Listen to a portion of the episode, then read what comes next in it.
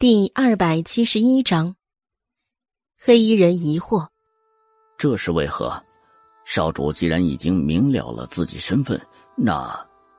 霍征打断他的话：“我已经决定了，不日起就要去镇北军那里历练。”这是他今天思考了一天的结果，就是刚才从阮府回来的路上，更加坚定了决心。他越是沉着冷静。黑衣人就越是着急，即便是蒙着面纱，霍征也能看出黑衣人的躁动，说道：“昨日晚上，纳兰子墨死了。”他沉声道，语气里透着浓浓的烦躁。“我的行动，你一向都是很清楚，不是？”他嘲笑着反问他。黑衣人惶恐：“属下不敢。”“哼，你还有什么不敢呢？”这件事的起因是由明星而起，而现在，而现在重要人物的一方死了，很快他们就会将注意力对准到明星的身上去。我不能让他身涉险境。黑衣人急了，顾不得尊卑，急冲冲的说道：“可是少主，这与您去镇北军有何关系啊？就算是您想要保护他，也不至于让自己当那个诱饵啊。”黑衣人浓浓的担心。霍征没有再理会他了，挥了挥手，赶了他出去。他确实是可以用其他的方法引开注意力，可是那些都只是缓兵之计，解决了一时之忧。等到那些人反应过来的时候，对待明星定然是将群起而攻之，到时候，就算是他能只手遮天，也无济于事了。只有如此，只能如此了。他是害死纳兰子墨的人，此仇已结，让那些人的目光先追着他走吧。翌日清晨，阮明星醒来的时候头痛欲裂，双手忍不住的敲击着昏昏沉沉的脑袋。外面素竹训话英子的声音朦朦胧胧的传了进来。阮明星将两人叫进来，问道。怎么啦？这大早上的你就训他？素竹上前回话，说是英子守夜，都日上三更了还不起来。他原本以为是小姐醒了，英子在房里伺候，才没有出来。哪知过了大半天，屋里一点动静也没有。素竹疑惑的进去一看，好吧，两个人一个睡里，一个睡外。都在呼呼大睡。素竹揪着英子的耳朵，把她拉起来，就有了外面的训诫。阮明星忽然想到，昨天晚上自己临走前，怕英子半夜醒来发现自己不见了，就随手点了英子的睡穴。他也不好跟素竹说什么，给英子使眼色。面对着自己生死大事的时候，英子向来就机灵。哧溜溜的就前去给阮明星拧洗脸的帕子递过来，讨好的笑着。素竹气顿：“小姐，您再这样惯着他，时日久了，他就当您好欺负，伺候可就……天大的冤枉啊！我对小姐绝对不是一心一意的，绝不会以下犯上，不尊重小姐的。”英子抱着素竹的大腿干嚎，素竹不耐烦的甩腿：“起来，起来！”看你像什么样子？阮明星看着眼前的大戏，对素竹说道：“你让他出去吧，乱糟糟的，像什么样子？”英子如蒙大赦，生怕再被素竹逮着说，赶紧说道：“小姐，素竹姐姐，奴婢就先下去洗漱去了，等会儿给您端早膳来。”然后就蹦蹦跳跳的跑走了。素竹无奈的摇摇头。小姐，你要是再这样纵容他们下去，咱们这院子里的规矩还有没有了？阮明星看着他说：“宿主姐姐，你也别太操心了，咱们只要守好这湖心院，别让外人有机可乘就好了。在这府里，大家都时时刻刻提着心行走着，这儿是咱们的家，在家里还要顾虑那些做给外人看的规矩干什么？生活。”还怎么能快乐呢？这一席话说的素竹内心感动，泪腺浅薄的她隐隐的拿了帕子压压眼角。奴婢知道，小姐待咱们宽厚，总不在这院子里太过约束他们，但也不能太放任不管了，不然出去了还改不过来，这不是给小姐招灾吗？阮明心笑了笑，没再说话。素竹也明了了他的意思，伺候他洗漱，心中也不无奇怪。小姐一向生活都是规律，这还是第一次晚起呢。这边素竹才刚把阮明星打理完，那边英子就提着食盒咋咋呼呼的冲进来了，还一路叫唤着：“小姐，小姐，不好了，不好了！”素竹刚泄下去的气焰。又被他这么轻易的给挑了起来，鼓着一口气瞪着他，看他不说出个子丑寅卯来。因此冲进来才看到，房间里还有一个宿竹姐姐，咧着嘴冲着他嘿嘿的笑。阮明心坐在桌边，看着他一边摆放食盒，一边看着宿竹，又看着他，欲言又止的憋得慌，说道：“说吧，什么事情这么惊讶？”英子得了命令，倒豆子似的把刚在大厨房听到送菜的小六子说：“霍大少爷宿醉怡红院，霍老侯爷一大清早知道后，暴怒之下将他赶去参军了。”宿醉怡红院，霍征，阮明心大惊失色，饭都顾不上吃了，就往门外跑。明明，明明昨晚跟他在一起的人是自己呀。怎么就变成跑到怡红院喝酒去了？他一路跑一路想，换了小厮牵马车就往码头追去。马车颠颠的往前跑，阮明心掀开帘子趴在车辕边上，脑海中全是昨晚跟他的影像。醉酒跳下灵官塔之后的他已经想不起来了，只记得昨晚自己表白的时候，他还很高兴的笑了。怎么一醒来就变了天了呢？那些念头纷纷杂杂，把最近的事情一连串，心里就有种隐隐的感觉。他这是做了自己的替身，他将危险全部牵引到了自己的身上，只为留给他一片安乐净土。天哪，何其的傻瓜呀！简直就跟前世一模一样。总是默默的做了，不让自己知道。阮明星焦急的催促着车夫：“快点，再快点！”大街上什么闺秀礼仪都注意不到了。然而，尽管他是如此的紧赶慢赶，去到码头的时候，那里早就已经空空如也。阮明星不死心，跺了一下脚，就转过身来，命令车夫把马车卸了，如之前那样。他骑着光溜溜的马背，沿着岸追赶，一个执着的信念支撑着他，他一定要见着他。马背颠簸，屁股被马背急坠得生疼，也一点都感受不到。拉着马缰绳，迎风狂追的凶猛，终于，终于见着水面上有了孤帆远影。他一边操控着马儿追，一边用手做拉棒状，对着小船喊。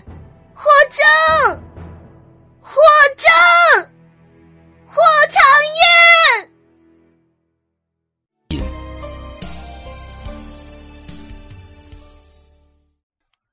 第二百七十二章，一声又一声，江水边的杨柳枝伸进了水里，迎风荡漾，划开了一圈又一圈的波浪，像是传递着某种消息。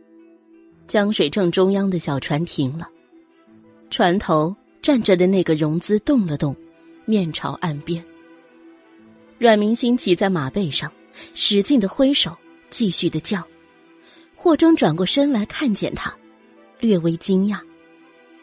阮明星却笑得很高兴，是很开怀、很开怀的那种大笑，灿烂到露出了洁白的牙齿，眼睛弯成了新月。都不忘睁得大大的，生怕错过他的一举一动，一不小心他又不见了。正巧，他的后面就是一八角凉亭。霍征远远的看见高高的匾额上正书写着“十里亭”。十里亭风波云，古道岸边晓风拂柳。这里常听送别处，无人送别。而今离别，只有他只身赶来送别。霍征低声的一叹，然后也对着他扬起灿烂的笑脸。阮明心看着江水中央独立的他，忽然想起前世，也是这样的一场离别，心中有些感慨。不论如何变迁。历史总是在随着大方向不变的前进着。他忽然就看开了，大声的问着他：“问君此去何时还？”对面的人沉寂一瞬，似乎想起了什么，很是愉悦的回道：“等有朝一日，霍长燕有资格了，一定第一时间遣媒人去你家提亲。”阮明心的笑容就没落下，眼眸晶晶亮。那就这样说定了，到时君来，莫徘徊。晓风烈日，再炙热的太阳也没有他们之间涌动的情愫热烈，那还是一种缓缓的、由浅渐浓的信任与期待，以及不舍的爱恋所交织的缠绵，四目相对。久久无言。霍征就这样声名狼狈的走了。京城中很是对这个公子谈论了一番，毕竟是少年英才，平日里再怎么纨绔，也没有干出什么真正出格的事情，甚至他还是第一次进入了怡红院那种烟花之地。没想到霍老侯爷这么冷酷无情。居然就直接将人赶去了那等苦寒之地，有叹息的，有不解的，当然还有幸灾乐祸的，譬如龙逸轩。时间悄悄缓缓的就溜走了一个月，夏季的尾巴已经过去，秋老虎正在路上。南庆本就地处南方，日子依然炎热。然而，就在这样一个炎热的时候，总有些人不消停，或者说，总有些后宅夫人、妇人们不消停。这里指的那些妇人，不论身份，更不论宫里宫外。阮明星总是搞不懂，为什么他们会有那么多的理由来举办宴会，特别是赏花宴，春天赏兰花，夏天赏荷花。秋天赏菊花，冬天还有冬梅，真是一年四季就没有他们找不到的花。阮明星把手上的帖子合上，甚是无趣的扔在炕桌上。素竹看着消瘦的阮明星说道：“小姐，你都一个月没出门了，真的要拒绝明妃娘娘的请柬吗？”担忧的话语中不免夹杂着害怕得罪上位者的恐惧。阮明星无精打采的说道：“不去，谁爱去谁去。可是您不回去，那些个小浪蹄子不就有机可乘了吗？您是咱们阮府的嫡小姐，没得您不去，却让那些庶女们出了风头。”白嬷嬷眼睛斜着门外，意有所指的说道，然后又苦口婆心：“宫里娘娘办的呢。”多少世家小姐们想去都去不了呢，小姐能接到邀请，那是身份的象征，可不能白白给他人做了嫁衣呀。还有白嬷嬷没说的是，这种上层人士举办的宴会，哪能是单纯的赏花呀？谁家里还能缺了那两盆花吗？自然是为了相看对象而举办的。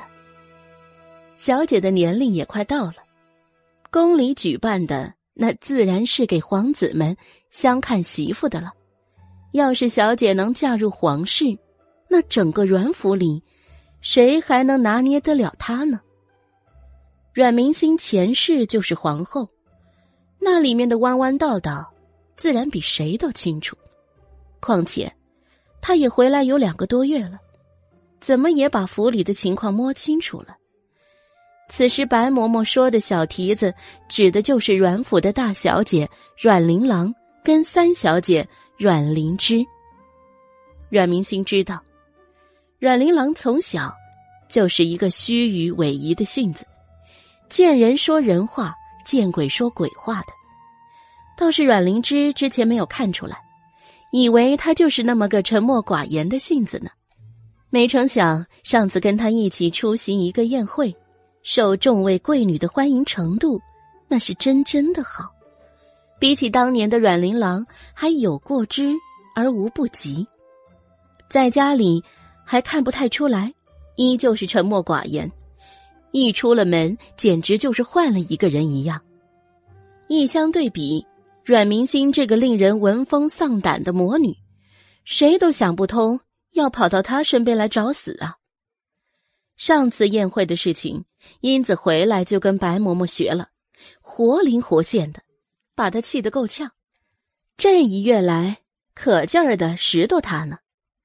阮明心甚是无奈，又是自己的奶嬷嬷，不好对他说话太重了，说话轻了吧，又打消不了他的积极性，就像现在一样。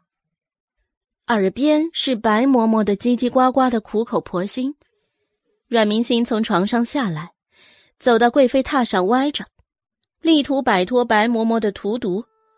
然而白嬷嬷的战斗力之强悍，跟着她在屋子里转来转去的说：“唉，阮明星实在无语了。”转过来，郑重的拉着白嬷嬷的两只手，有力的握着，那眼神儿，无力中带着恳求，又显示着重大决定似的，整的白嬷嬷。也收拾了一下情绪，与他凝视着，严阵以待，等待着他家小姐告诉他一个惊天的秘密。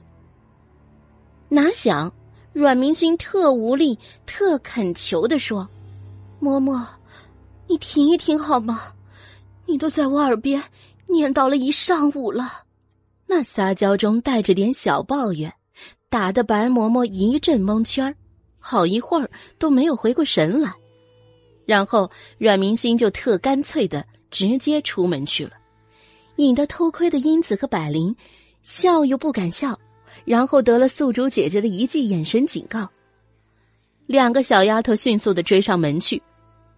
白嬷嬷回过神来，站在屋内冲外面喊道：“小姐，您去哪儿啊？”传回来的声音已经很遥远了。出门去。阮明星确实是好久没有出门了，然后他今天就临时决定出门去逛逛，然后没想到一出门就中了大奖。原本想着自己身体不舒服为缘由，在湖心阁闭关了很久，现今要出门了，怎么说也要去给老太太报备一声，说自个儿好了，免得被那些有心之人抓到小辫子，又要叽叽喳喳好久了。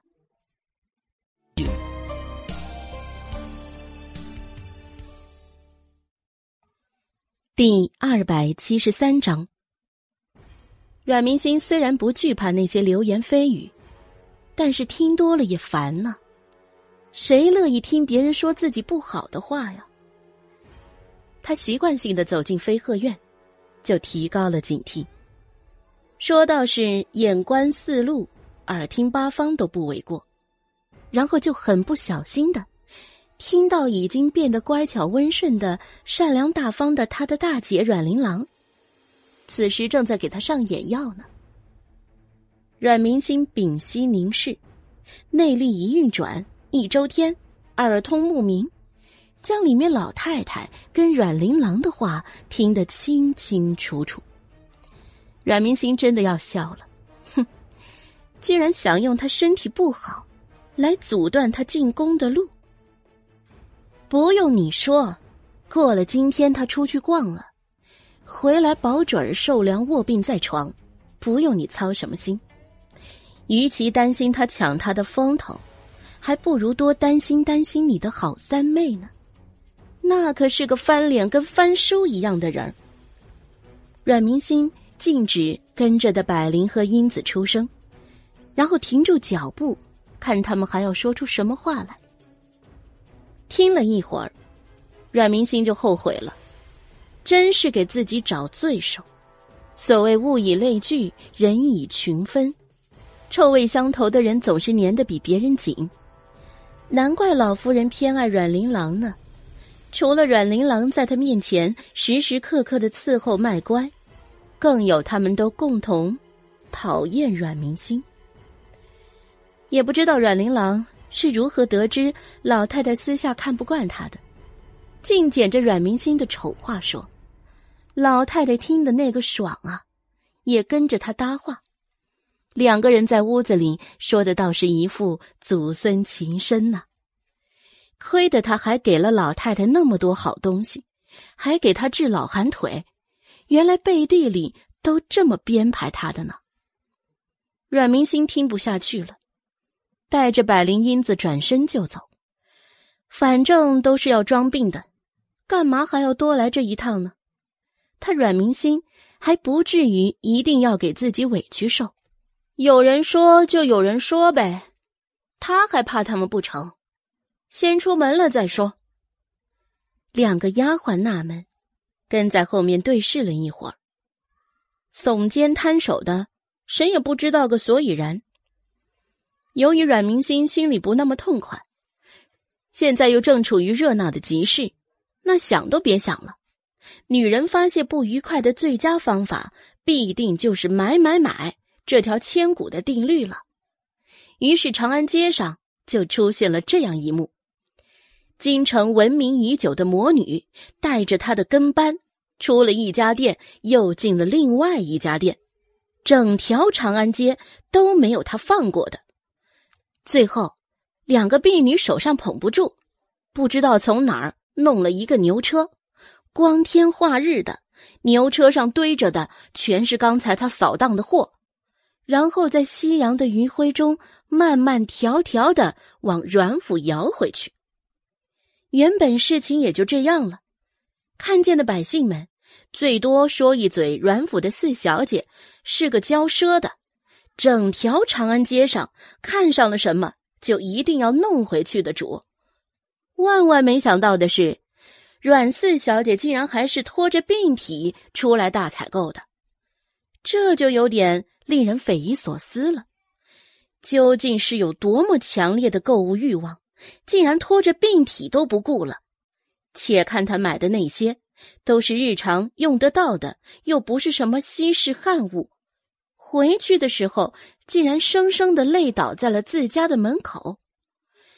阮明星是在那拐过弯儿，就是东筒子胡同的岔道上昏倒的，前面几步路就是阮府的大门了。百灵眼明手快，一把将他接住。原本他跟英子一起赶的牛车瞬间放开，英子没他力气大，老牛不听使唤，扯着缰绳往外走，这可引起了不小的骚动。接着，阮明星买东西累得昏倒的消息，轰的一下，就在京城传开了。接着没过一会儿，又有郎中进了阮府，加上没过几天。就是明妃娘娘的赏花宴了，阮明心这颗京城的明珠，当然一下子就沦为了各位即将赴宴的小姐们的眼中钉、肉中刺。凡是那些能够阻止他进宫的法子，他们丝毫都不会放过。阮明心病了一月有余的消息不胫而走，皇宫里的娘娘们都知道了，知道他不能来。明妃为难了好一阵子，倒不是担忧他的身子，而是想到自己准备的计划就此落空了。别提对阮明星那个咬牙切齿的劲儿了。由于前面的铺垫，所以四日后，阮府出门的小姐由原来的五人理所当然的变成了四人，分别是大小姐阮玲琅。一身鹅黄缠枝纹的锦裙，道不出的端庄优雅，大小姐的派头十足。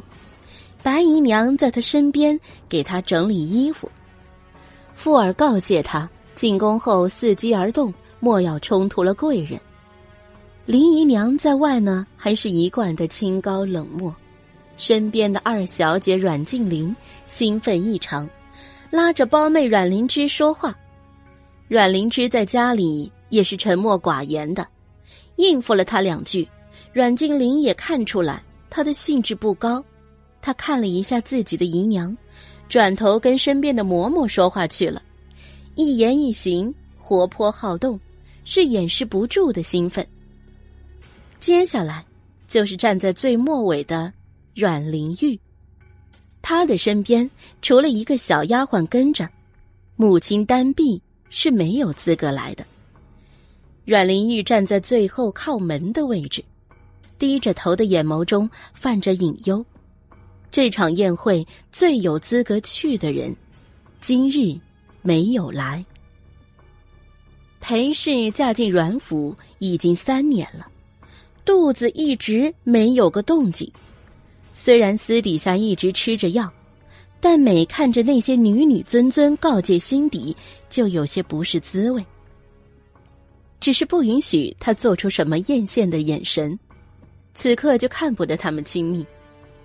站在大门口众人的最前方，他的身份尊严的说道：“时间不早了，莫要再停留，当心误了进宫的时间。”然后率先坐上了第一辆马车，几个姨娘放心不下，毕竟是几个女孩们第一次进宫，身份再尊贵如何，除了特召，姨娘从来就没有进宫的机会。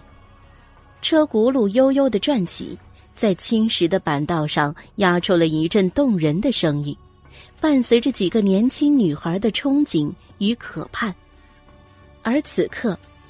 最应该盛装出席的阮明星，正靠在美人靠上吃着最后一茬的冰镇西瓜，西瓜籽吐在原瓷白的小碟子上，晶莹湿漉漉的。远处的白嬷嬷简直是痛心疾首，都不忍心看他那逍遥的样子。试问谁家的病人着凉了，还像他这样抱着冰西瓜啃的？试问哪一个病人病了，不是躺在床上满脸虚弱的？就算只要装病，至少也要装的像一点嘛！外面铺天盖地都是他病得起不来床的消息，起不来床的正主正靠在窗边吹着从湖上刮来的凉爽的风。百灵与英子两人蹲在窗外，终于等到白嬷嬷崩溃的出去。偷偷摸摸的翻窗进来。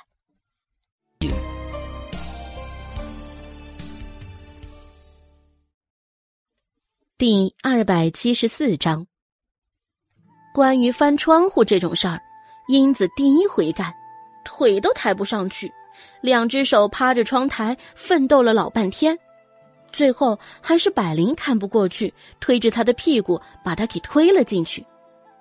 因此，看着百灵摸着屁股，不甚好意思的嘿嘿笑着。百灵被他看得直直的打了个冷战。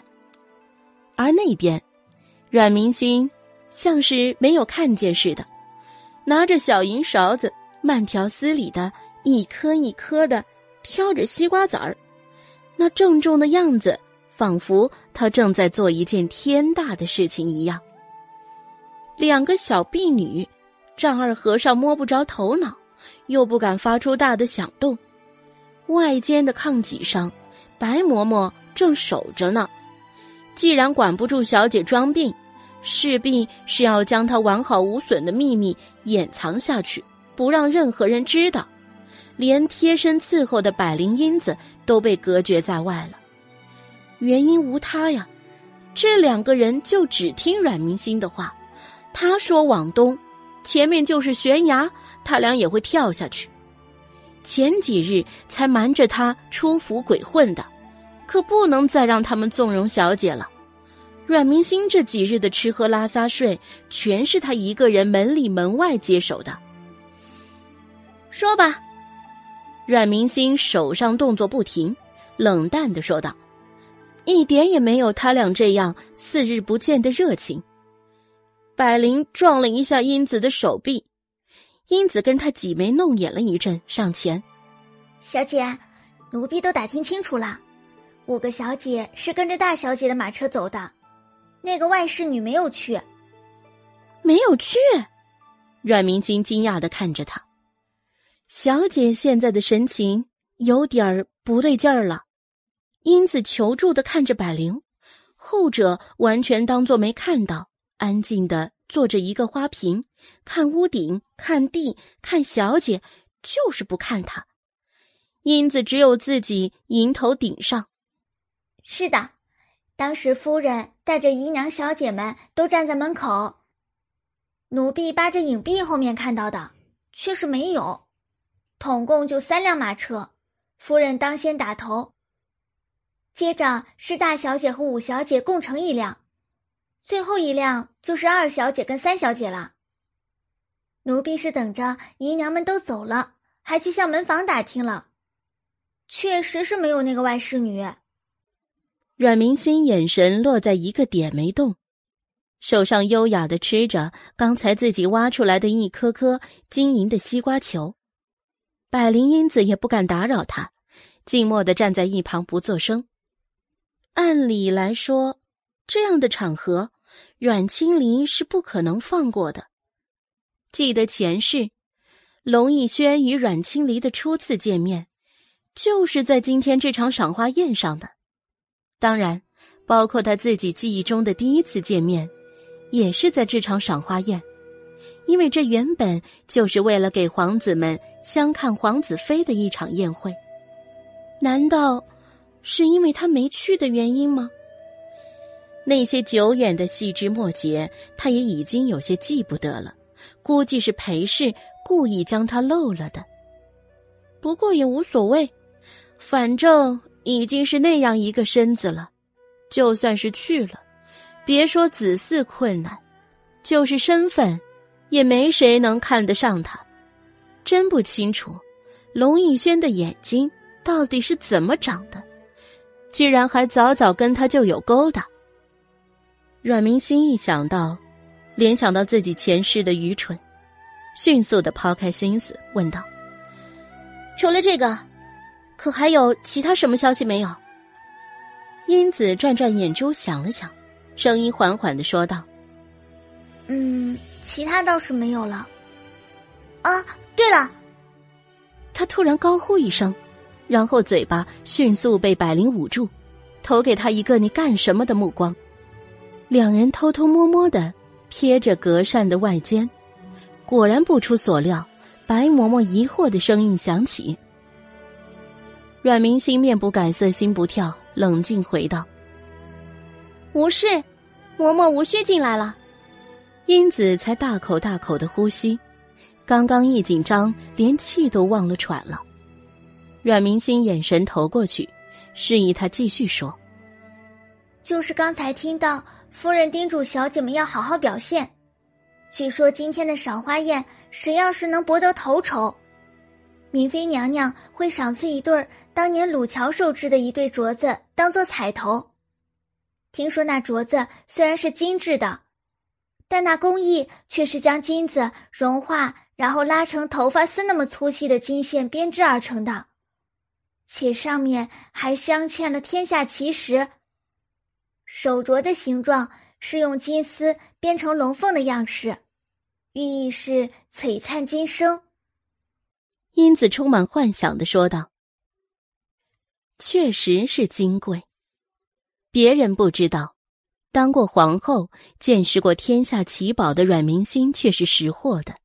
那上面的宝石固然稀罕，可是更加稀罕的却是那制作金丝藤编的工艺，且还要编成龙凤的样式。这样的手艺已经失传了。听说当年的卢巧手也仅仅只做成了这样一对而已。阮明心忽然有了兴趣。镯子固然好，但是他喜欢的还是那赋予的含义。阮明星站起身来喊道：“嬷嬷，进来帮我梳妆吧，我要进宫去。”百灵因此两人大惊失色，他俩是怎么进来的？小姐，您要出声，也先招呼他们一声啊！忙不迭的就往窗台爬去。这次不等英子爬，百灵跳了出去，抱起他的腰，就把人给抱了出去。惊得英子两只眼睛圆瞪瞪的瞪着他，好久都回不过神来，连对方在自己腰上捏了几把都没察觉。看着百灵的眼神，简直就是除了小姐第二崇拜，脸蛋还羞红羞红的。宫廷的规矩森严，无论是何人，午门外都要下马车。要是换了宫里品阶高的娘娘的娘家人，有一品诰命在身的，还可以乘坐一段轿子。身居地位的嫔妃，莫说娘家人乘轿子，就是进宫，都是不可能的。即便是有特诏，那也只能走着进去。就像现在。阮明心一个人由一个小太监带着走进去一样。他在皇宫里，既没有亲人，也没有诰命在身，所幸他身体素质不是一般人能比的。宫里小太监的小碎步走的虽然看着没什么特点，然而那脚步是迈得极快的。普通的妇人进宫，没有打点的都要追得气喘吁吁。这换到阮明心身上，就如同闲庭散步一般潇潇洒洒。翩跹的裙摆在广阔的午门直道上映出了一道招摇的身影。这皇宫里最不缺的就是红与黄，然而就是他这一袭水红色的烟蓑纱衣，在辽阔的白玉地砖上行走，令人目光瞩目。明妃的赏花宴举办在御花园，虽是名为菊花宴，可是这皇宫里的花哪有开尽了的？姹紫嫣红，各花各色，皆有所在，静静的端展着。在花园中心的空地前，被工人们用菊花围了一个大圈出来，挨着菊花盆栽的内里一圈，就是设宴的落座的案几。跟坐垫，阮明星还没有走进御花园，中间坐着的宾客知道他来的消息，就已经交头接耳了起来，甚至有些耐不住性子的，已经频频往后张望。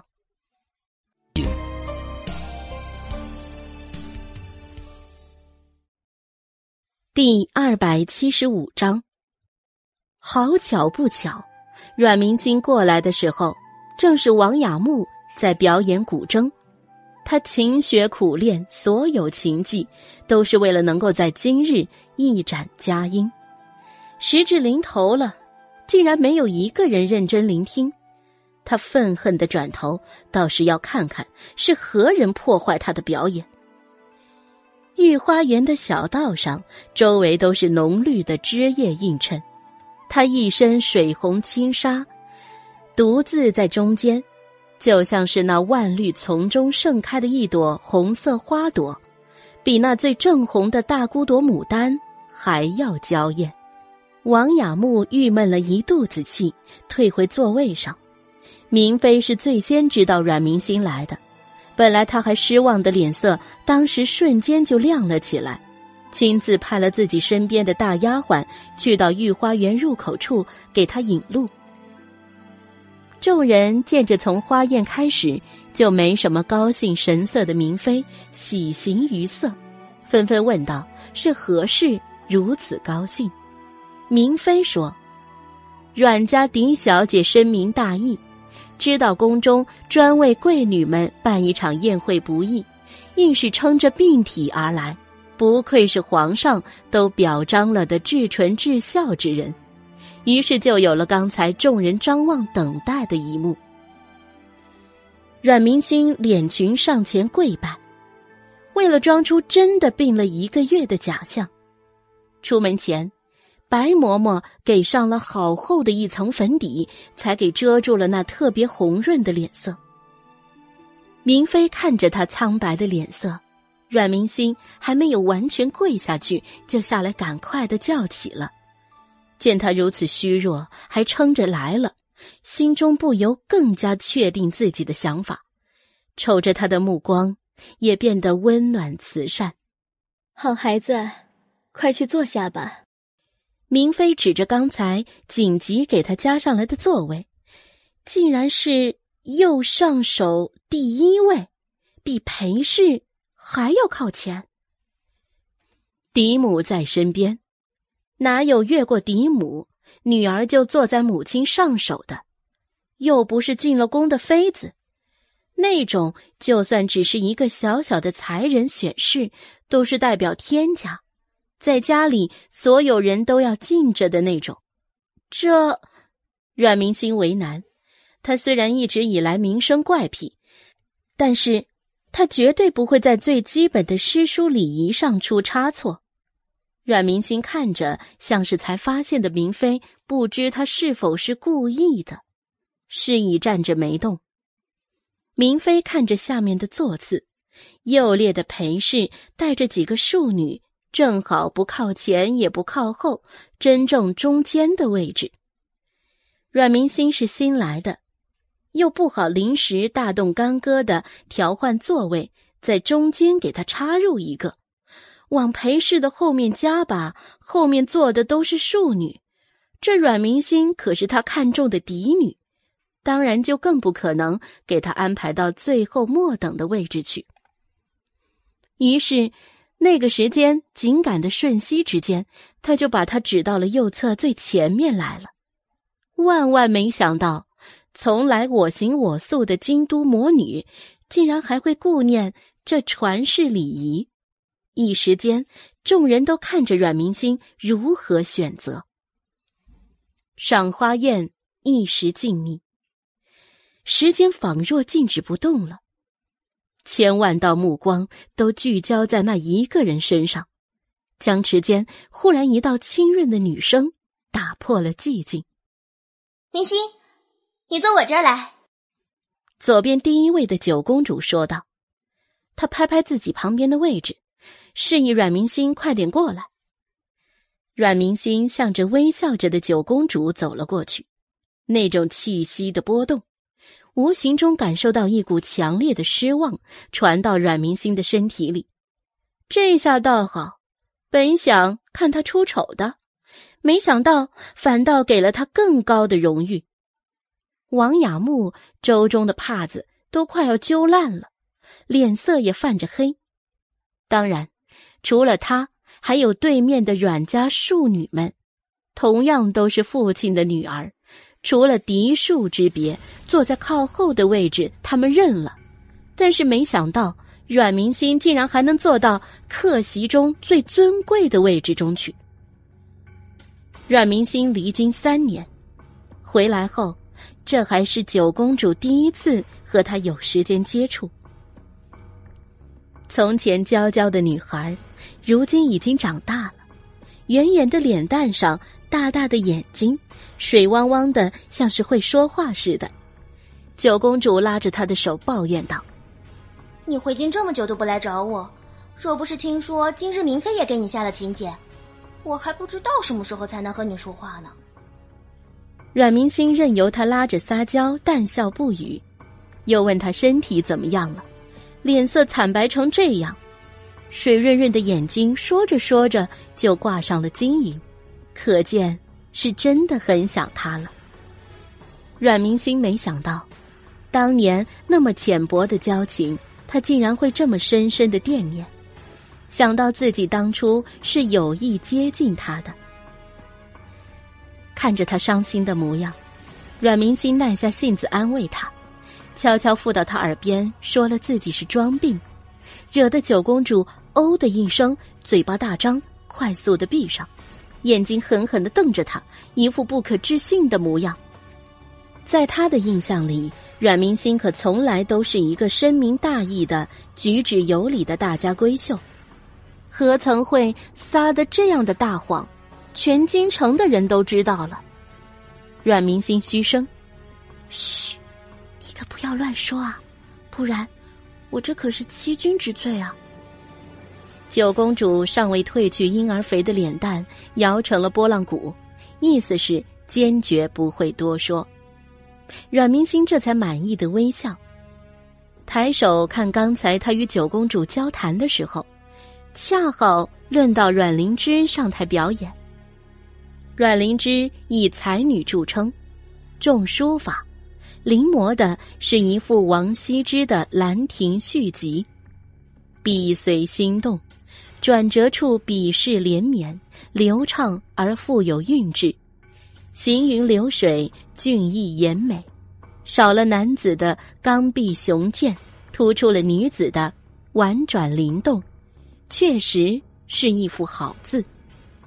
阮明清看着落笔的阮灵芝，周围那些懂些书法的命妇们纷纷点头，就连左相府上的文子贤都忍不住点头。阮明星第一次见识到眼前的这个人。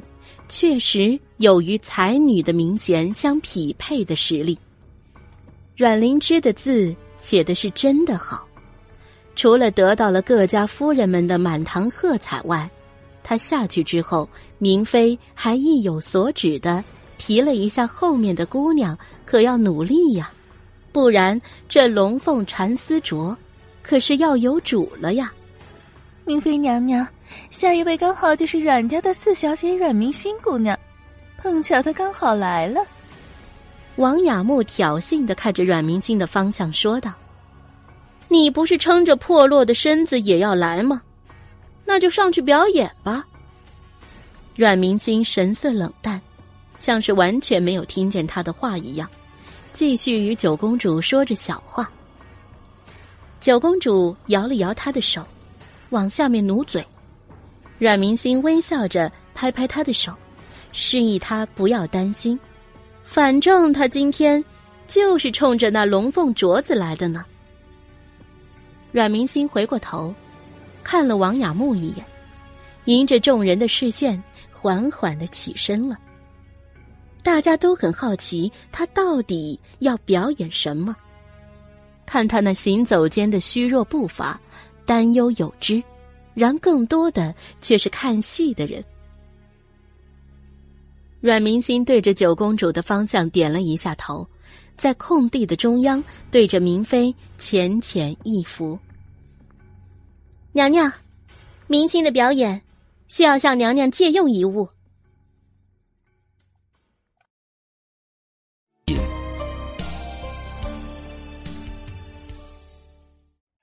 第二百七十六章。哦，这倒引起了明妃的兴趣。是什么东西？你且说来听听。在座的众人也凝神听着，俱都看他到底要个什么东西。剑，一字既出，满堂皆惊。请随意给臣女一柄剑就好。阮明心再次重复道。莫说是其他的夫人小姐了，就是九公主也被他的话所惊讶。刚才他问他是否做了万全的准备，阮明心却告诉自己就是毫无准备。他的原话是这样的：捏着个小瓷杯，看着自己，轻轻巧巧笑般的说道：“哦，我就是他们出门了一会儿。”我忽然觉得府上就剩我一个人，岂不是无聊？万一乱嚼舌根编排我呢？不行，我得亲自出来看看，不能让他们胡乱毁了我的名声。天知道，他都在这京城里消失了四年又三年，这时候重起自己的名声了，要亲自跑来看着了，早干嘛去了？九公主是完全不觉得她是为了自己名声来的。要说有准备吧，铁定也是没啥准备的，不然怎么会向明妃要剑呢？女儿家的比试，要剑登场，成何体统？但是铁铮铮的事实摆在眼前，不信不行啊！明妃还真的应允了。明妃正吩咐身边的婢女下去拿。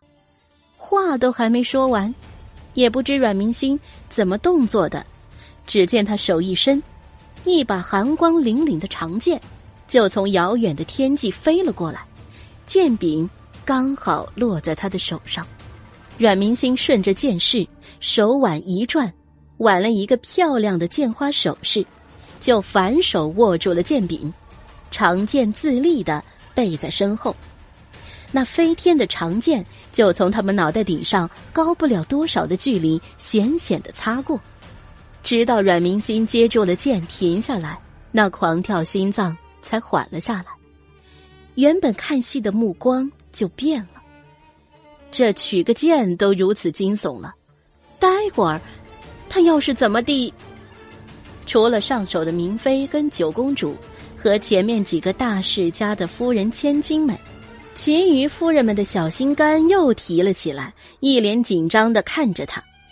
阮明心握着剑，环视一周，清冷一笑，手一挽剑，又回到了正前方，垂直向下，做了一个起势动作，然后手起剑舞，腰身旋转，身子缭绕，一袭红衣无风自动，一颦一笑间，俱是倾国倾城。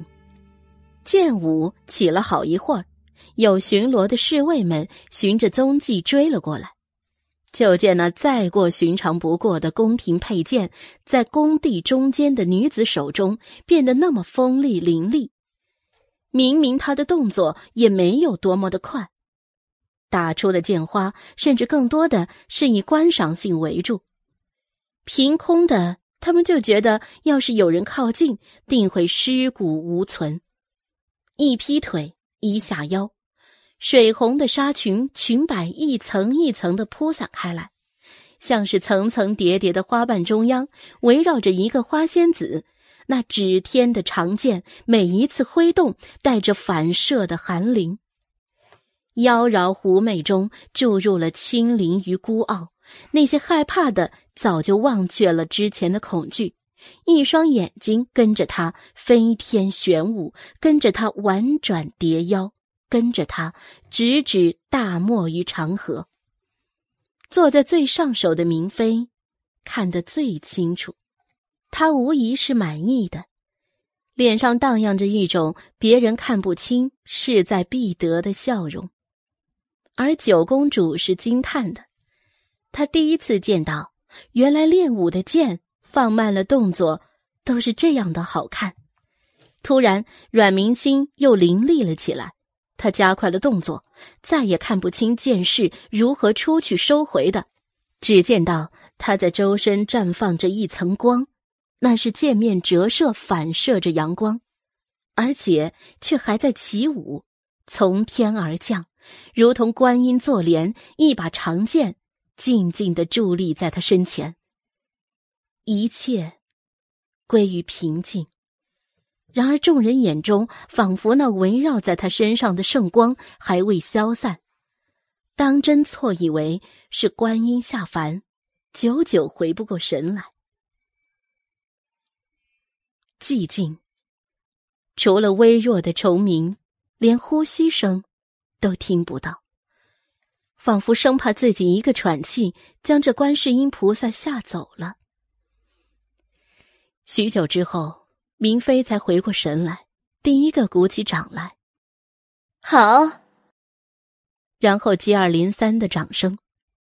王雅木咬着唇，应付性的轻拍，一下，一下，缓慢的动作根本就是一种另类的侮辱。他恨死了，不仅恨阮明心，还憎恨自己。竟然看这个小贱人的舞姿看得入了迷。另一边，阮府的几个也好不了多少，他们从未料到阮明金竟然是会跳舞的。倒是阮玲玉是真心为他鼓掌，手拍的啪啪响，然后被阮静玲狠狠一瞪，就又缩回了脑袋，轻声的跟着拍。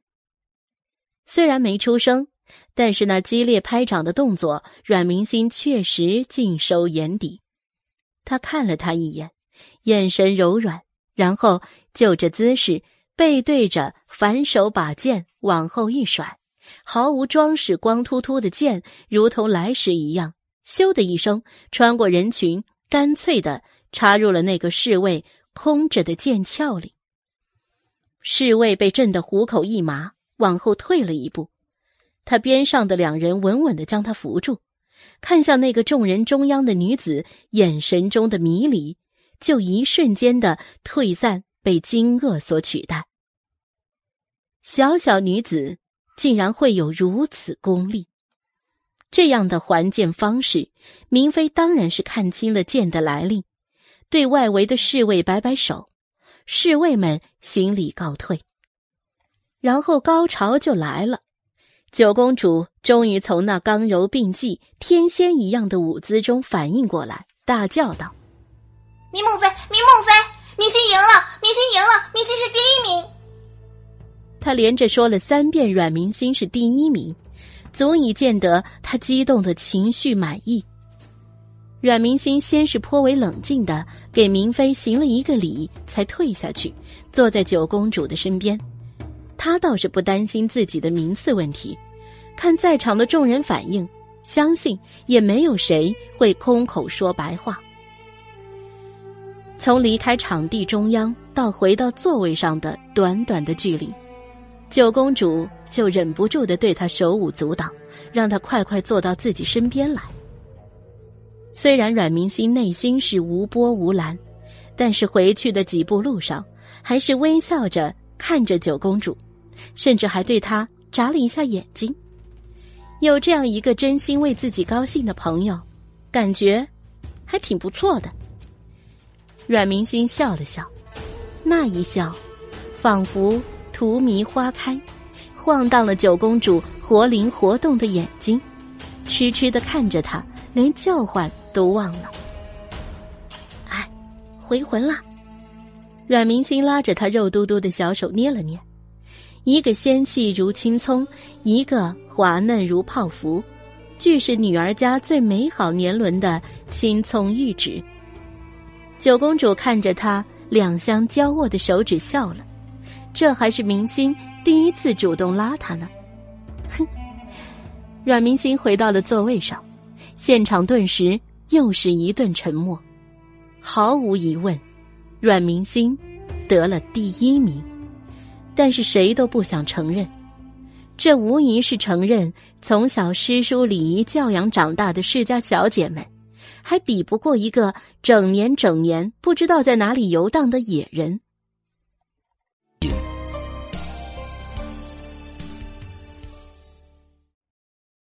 第二百七十七章，这让世家的面子如何下得去？然而明妃是承认的。九公主也是承认的，九公主带头了，他们又没有证据反驳。明妃顺水推舟的说道：“这第一名就是阮府的狄小姐了，诸位有何异议？”娘娘英明，齐声声的恭贺，再不愿意也是要说的。在九公主崇敬的目光中，阮明心再次出列。到了中间行礼后站着，明妃右手手掌往上一翻，身后的嬷嬷就恭敬的递上了一个锦盒，她亲自递到阮明心的手上，亲切的说道：“孩子，拿着吧，这是你应得的。”阮明心谢过，明妃示意他打开看看，于是，在众目睽睽之下掰开了锦盒的锁扣。红、绿、蓝、橙、紫各色的宝石光芒，在阳光下熠熠生辉。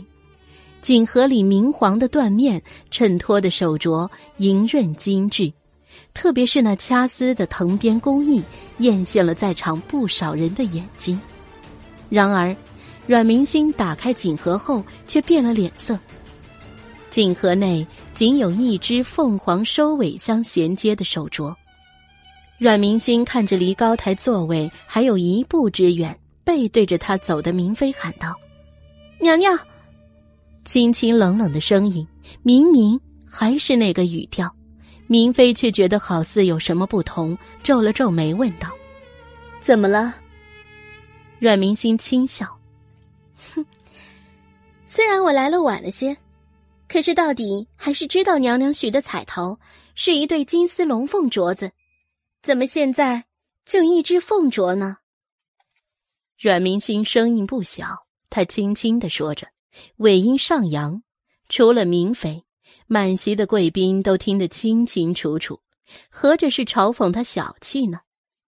莫说明妃了，稍微有点脑子的都恨不得自己变成地鼠，打个地洞钻进去，什么也听不见，来的清静。这样的话也是他们能听的。偏着阮明星还不死心，继续说道：“难不成娘娘忽然舍不得给了？”早就听说阮明星是个性子倔强的，可他万万没想到，刚刚还知理懂理的，竟然会不分时间、不分地点、不分场合的就叫嚣霸道的主。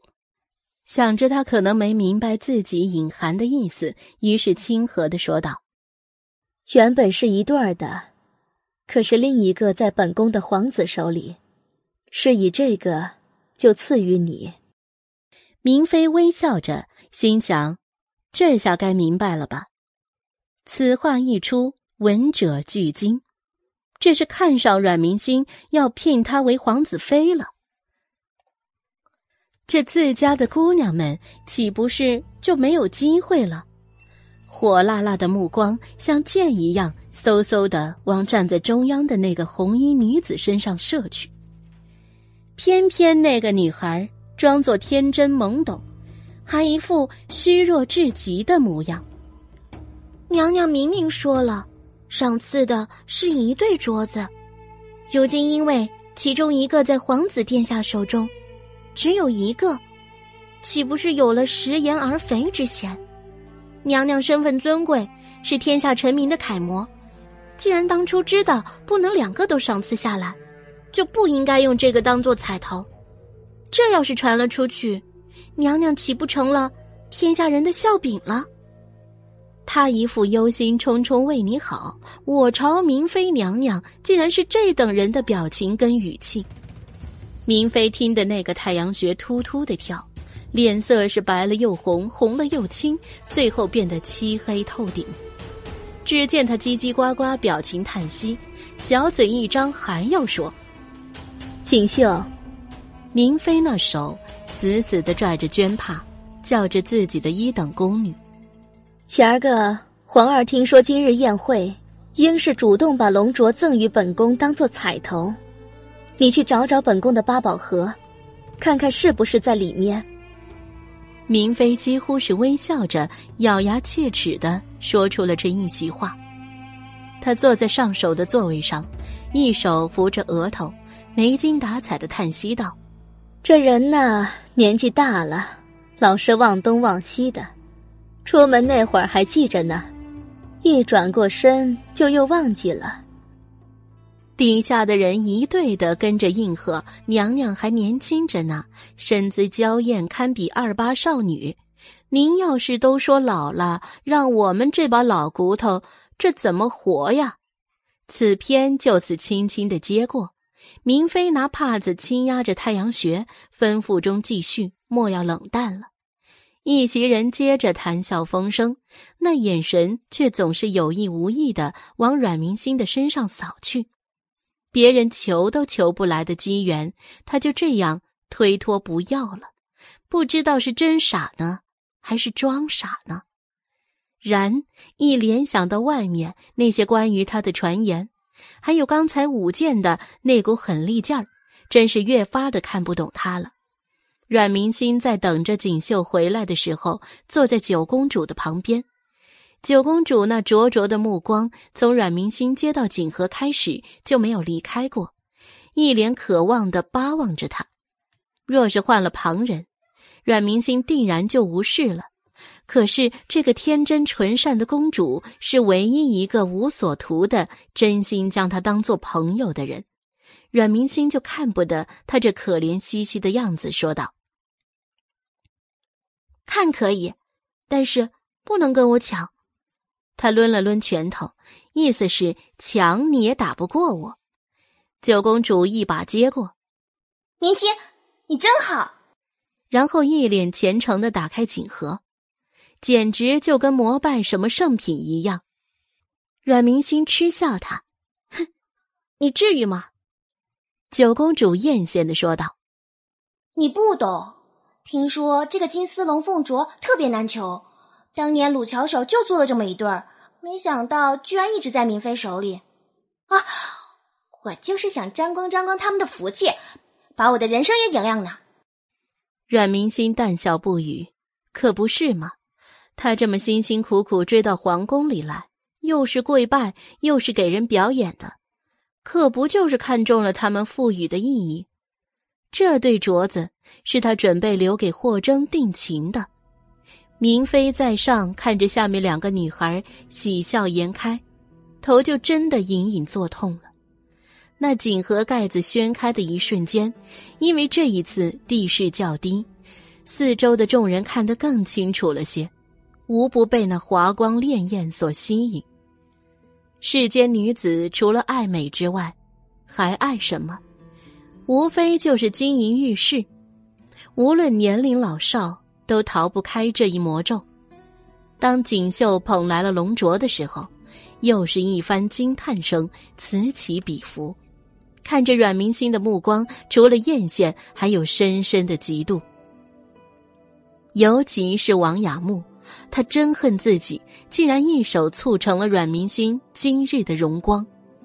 龙卓来了，阮明星接过对折后，明妃又谢了一番，那表情之真诚，气得明妃想拿了手边的茶盏摔到他脸上去。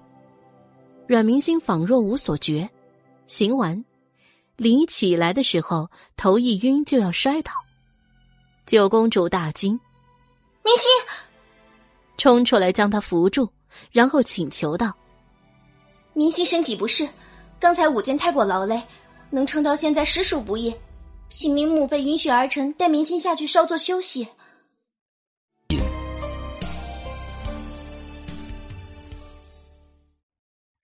第二百七十八章，明妃那个恨呐，两个活祖宗他都奈何不得。眼不见心不烦的挥手把人赶出去，两个青葱的少女顺势告退，出了御花园。九公主急切的说道：“，好明星，给我看一下龙卓长什么样，我要龙凤双全。”不给，刚不是已经看到了吗？阮明星开心的说道：“就那么一会儿，还是移动的，我哪看得清啊？好明星，快给我看看嘛！”小风吹徐，草儿晃晃，两条小人儿，一红一绿，一高一矮，一个抽条消瘦，一个圆润可爱，在红墙绿瓦的砖道上嬉笑怒骂，越走越远。尽管后宫里因为明妃举办了一场赏花宴，稍微缓解了京中紧绷的气氛，因为那最后阮明心的全然不买账，宫宴最后。也是草草落幕。整个上层圈子中，除了对阮明星榆木疙瘩般的执着，再多了一层谈资之外，再没有激起任何的水花。甚至因为近来北狄与南庆的和谈气氛愈加紧张了起来。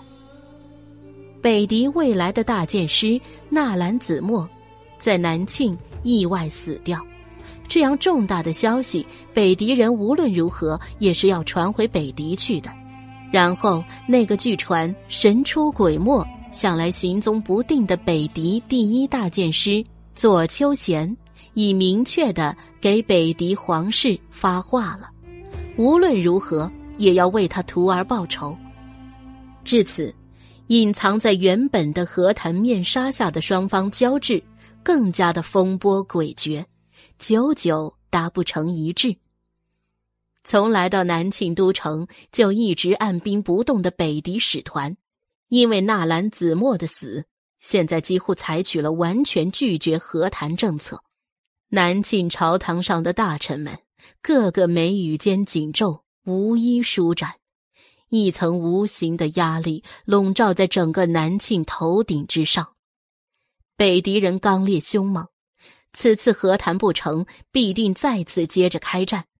龙腾几乎每日坐在金龙宝座上，看着下面的朝臣们你来我往，争论不休。同时，京城那些横行的北狄蛮人越加肆无忌惮。今日又向大人裴静提出了，还是要采用和亲政策才行。大半个朝堂的人纷纷应和。自古以来，两邦相交，除了一国收拢将另一方变成归属国外，只有和亲才是最为表达诚意与关系紧密的表现。翰林院林大人说道。此言一出，林大人门下的门人纷纷应和。翰林院各个诗书宝才，学问上研究最为精透，遇见这样的大事，脑海里就自动浮现出史书里记载的那些从古至今的邦交政策，几乎除了打仗、输了割地赔款、附属他国外，就剩下了和亲这一条选择。翰林院是做学问的地方。朝廷里，但凡新进官员，都要在里面历练一番。是翰林院士门下的学生不可谓不多，呼啦啦的整个朝堂都跪下去了一大半。龙腾也被他们吵了许多天了，头疼的顺势问道：“既然和亲，那众位爱卿可有合适的人选呢？”他想到自己后宫里的几位公主。合适的公主倒是有两个，只是会比较麻烦。众位朝臣们，自然是对皇帝的后宫构成了如指掌。即便皇帝面色不愉，也还是七嘴八舌的将两位适龄的公主的品性、才貌轮番夸奖，最后说道：“应当以江山社稷为重，请皇上定夺。”龙腾沉着脸不说话。众位朝臣们也知道自己是逾越了，皇上也是做父亲的，要将自己娇养着长大的女儿送去那个蛮荒之地，怎么也是不舍。裴静勾唇，看着那些说完皇帝女儿好话后就跪着纷纷沉寂下来的众位大臣，上前一步说道：“微臣以为，未必需要如此。”众位大臣看他，龙腾也将目光锁定在他身上。独属于中年男子的沧桑又自信有力的声音，落在众人的耳朵里，仿佛敲开了一道明光。既然此事是因阮民心所起，且是是由于他打伤，最后不治身亡的，理应由他担任起责任。裴静认真的说道。更何况，皇家公主尊贵，如何能嫁作那样的野蛮之人，去到那等蛮荒之地呢？龙腾皱眉，众位大臣也是瞬间都反应了过来。仔细说来，虽然和谈不顺是早就有的，但是进入到了如今这样举步维艰、北狄人刀枪不入的地步。不可谓不是因为阮明心错手杀死了纳兰子墨造成的。那晚北狄的众位使臣也都是在场的，阮明心的那句“只论生死”可是历历在耳。他们看着看着，裴静的眼光就变得意味不明了起来。这明显是要用阮明心一人去平息北狄人的愤怒啊！泱泱大国，一个个还都是七尺男儿，用一个女人去换取国家的和平，到底是为人不耻。朝堂上自从裴静退回去之后，就寂静了下来。等了一会儿后，众人都无所言语。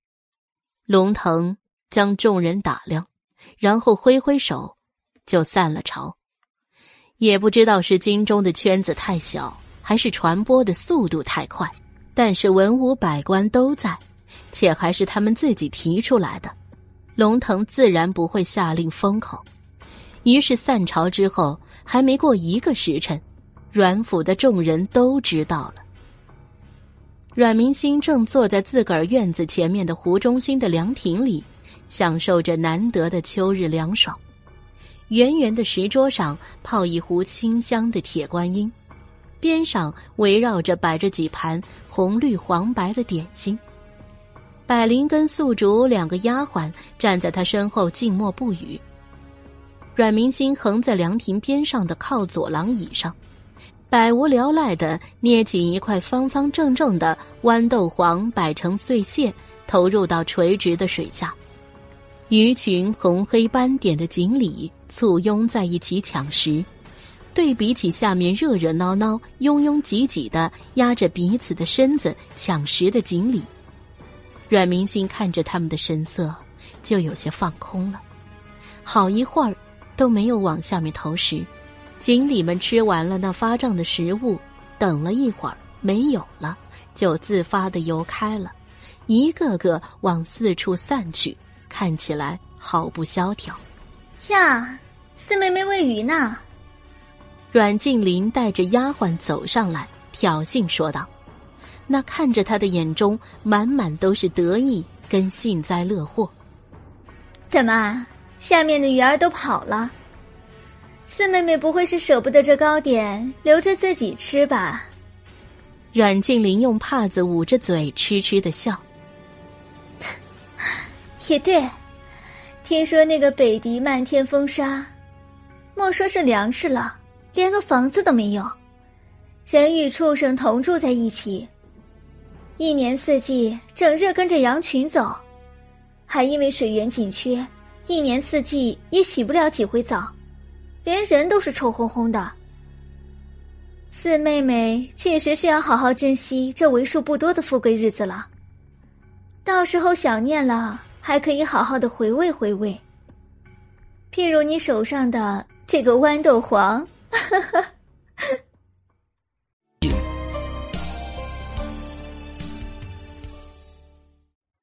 第二百七十九章。阮静林条条活泼的尾音，道不出的张扬与轻佻。你，你胡说什么？我们家小姐才不会嫁去北狄呢，要去也是你去。不，你连被嫁去北狄的资格都没有。百灵气呼呼的说道。阮静林冷笑道：“哈，这可不是我说的，整个京城的贵族都知道了。”朝臣百官奏请四妹妹去北狄和亲呢，哈哈。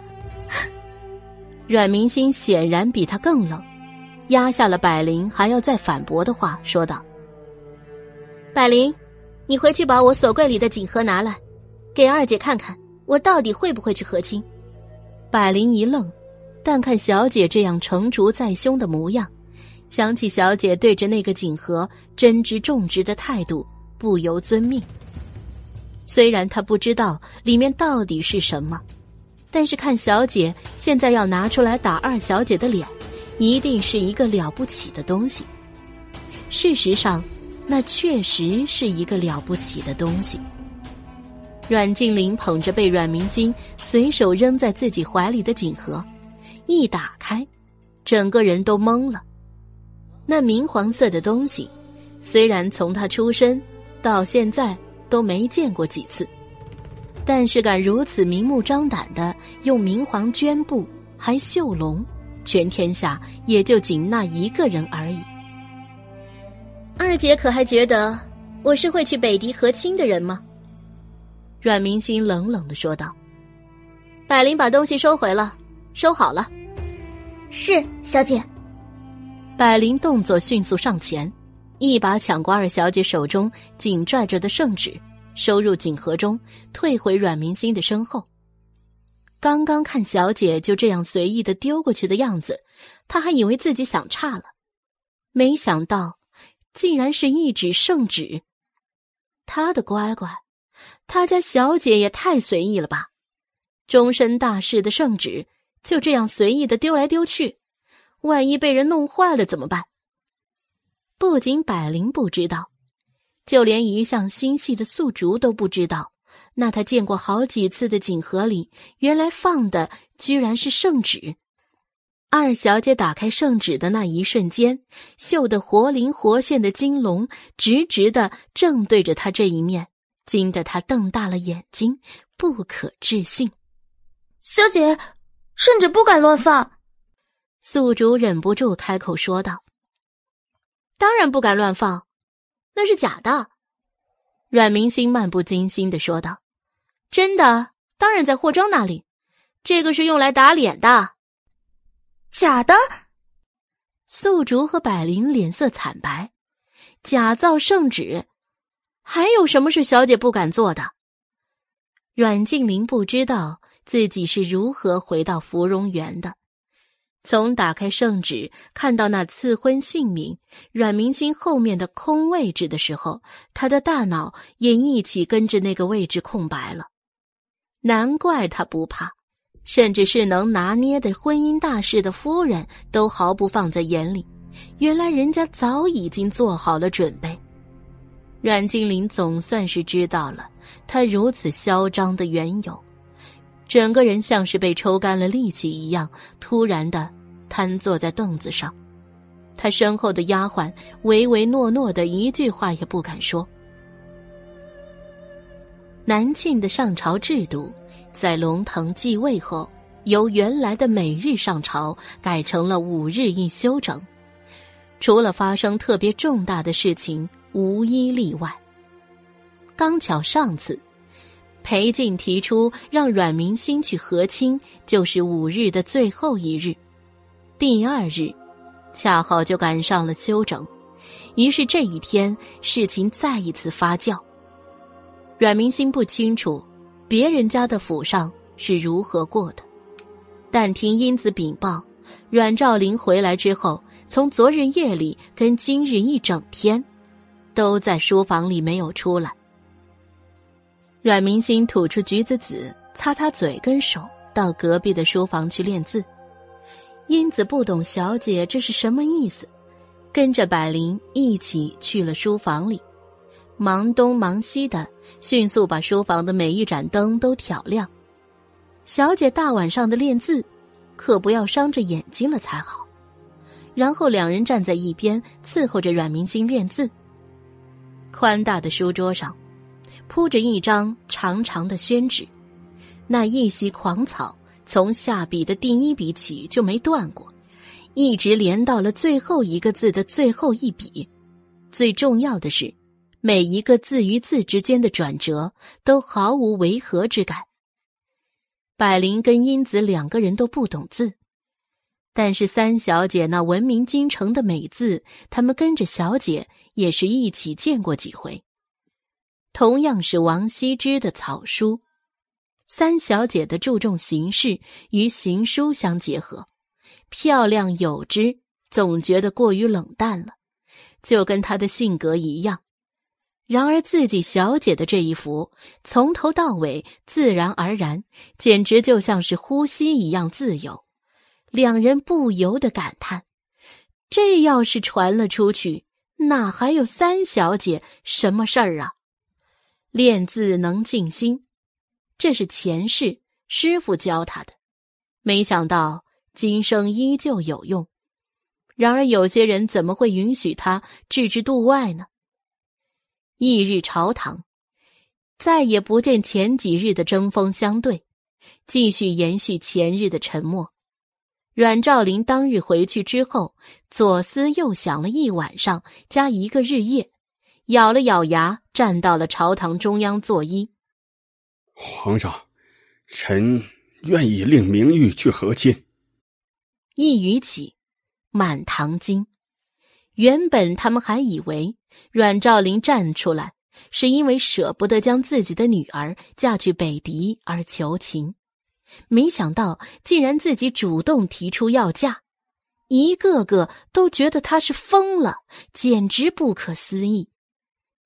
龙腾也是颇为惊讶，只是他到底是皇帝，威严在那摆着，即便是心中各种翻腾，面上依旧不动声色。冷静的说道：“阮爱卿所请，朕恐怕是不能赞成了。父母之命，媒妁之言，要和亲人的父亲都同意了，皇上为什么还反对？众大臣们比刚才阮兆林说愿意嫁女儿时还要惊讶。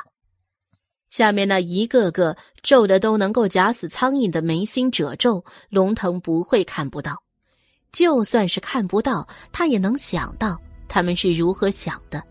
解释道：“三年之前，朕已经赐予了阮四小姐一纸圣旨，她的婚事由她自己做主，朕与其他人均不得干涉。”此言一出。满是哗然，这好不容易看着有了进步，原来这从头到尾就是一条死路，难怪那日皇上不说话。阮兆林也是惊讶的后退了一步，他并不知道圣旨的事情。那日回去之后，他就把自己关在了书房，平衡将阮明心嫁去北狄的利与弊。连着两天晚上都是睡在书房里，后院都没进，更别提去到林姨娘的芙蓉园了。而一向心思简单的阮静林，这次稍有的多转了几个弯儿。他见圣旨上的落款年月是三年前，而京城都在传大臣们要让阮明心去和亲，父亲回来竟然没有去找他，而是把自己关在房里。这显然是知道去了也是做无用功啊！明显就是知道阮明心有圣旨这一回事，他还去干嘛呢？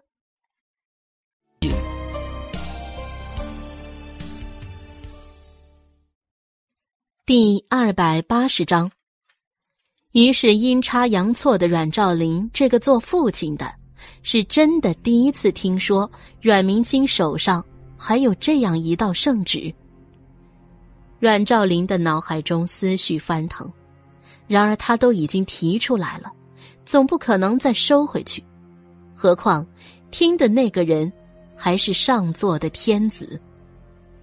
常言道：“伴君如伴虎”，对天子开玩笑，那就是欺君之罪。自己挖的坑，无论如何也要跳下去。阮兆林稳住心神，继续说道：“皇上，微臣会回去劝说明玉，以江山社稷为重，放下个人执念，为国效力。”阮兆林小心窥视着龙腾的神色，看到对方满意的看着他，长吁了一口气。果然，皇帝是满意他这样的回答的。下朝后。红色朝服、蓝色朝服、紫色朝服的众位大臣们相拥而出，走在他们最中间的，赫然就是刚才大义灭亲、为国为民，话说要慷慨献出自己嫡女的礼部尚书阮兆林。阮尚书，阮兆林迈着步子，那是止不住的意气风发，面上的表情却是一副伤心痛手难舍。仿佛贡献出自己的女儿，就宛如在自己心口上剜去了一块肉一样的难受。谁说不是呢？除了凤府的那父子几个例外，那些大臣们谁人不是妻妾成群？家中就算是女儿众多，但那嫡女可是众心培养的，就这样便宜了北狄，自然不舍。于是，几个与他交好的大臣一副我能理解的神态，拍了拍他的肩膀。其余的众人也是无不劝说，这是为国争光的事情。阮大人是为国出力，值得人敬佩。阮小姐知道了，定然也会心甘情愿的嫁去北狄的。阮兆林一副即使伤心也要强打起笑脸的样子，对他笑笑。那个说话的大人见到自己已经安慰过他了，也拱拱手，率先离去。凤追跟三个儿子看着人群中虚与委蛇的阮兆林，气不打一处来，愤恨的一甩袖子离去。凤泽天行事冲动，要不是刚才大哥凤泽涵拉着他，早就在朝堂上冲了上去。此时紧追着自己老父亲的脚步，说道：“哎，父亲，难道就这样，真的让星儿嫁去北狄了不成？”凤府自从上次阮明星给他们提醒了之后，在朝堂上就渐渐的沉寂了下来，什么事情也不出那个头。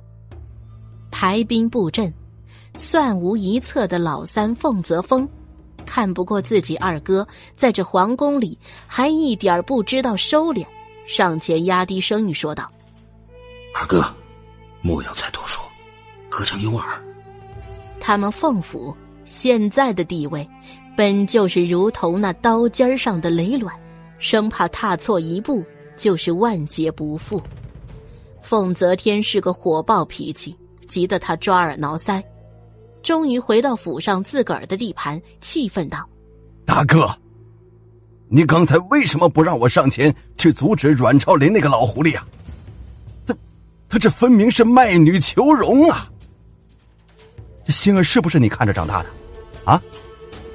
你难道就真的狠得下心，让他去那北狄受那个苦？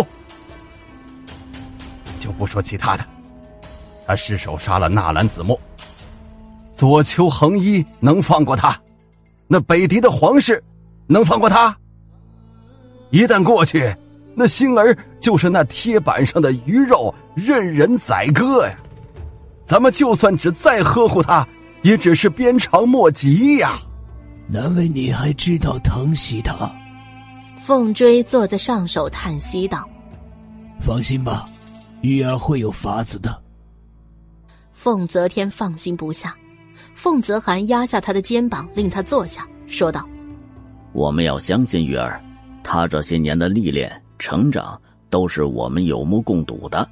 一个小小的阮兆林还压不住他。”他感叹的继续在他肩膀上拍一拍，如今是连妹婿也不叫了。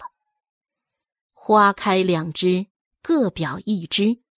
另一边，阮兆林坐在马车里，一路上那神清气爽啊，是他久违了的骄傲。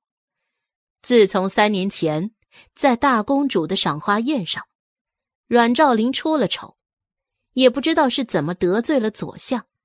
百般看他不顺眼，三年来在朝堂上总是如履薄冰的尴尬，今儿个可算是扬眉吐气了一回。回到府里，刚跨进大门，边走边吩咐来接他的管家说道：“去，将四小姐叫到我的书房里来。”事实就如同凤泽涵一样的说法，阮兆林确实是压不住他。阮明心一听到英子形容阮兆林回来时的神情，就猜想出他在皇宫里干了什么事。前世为了他的荣华富贵，在他不知不觉的时候，就将他请奏嫁给了远在北狄、身为质子的龙逸轩。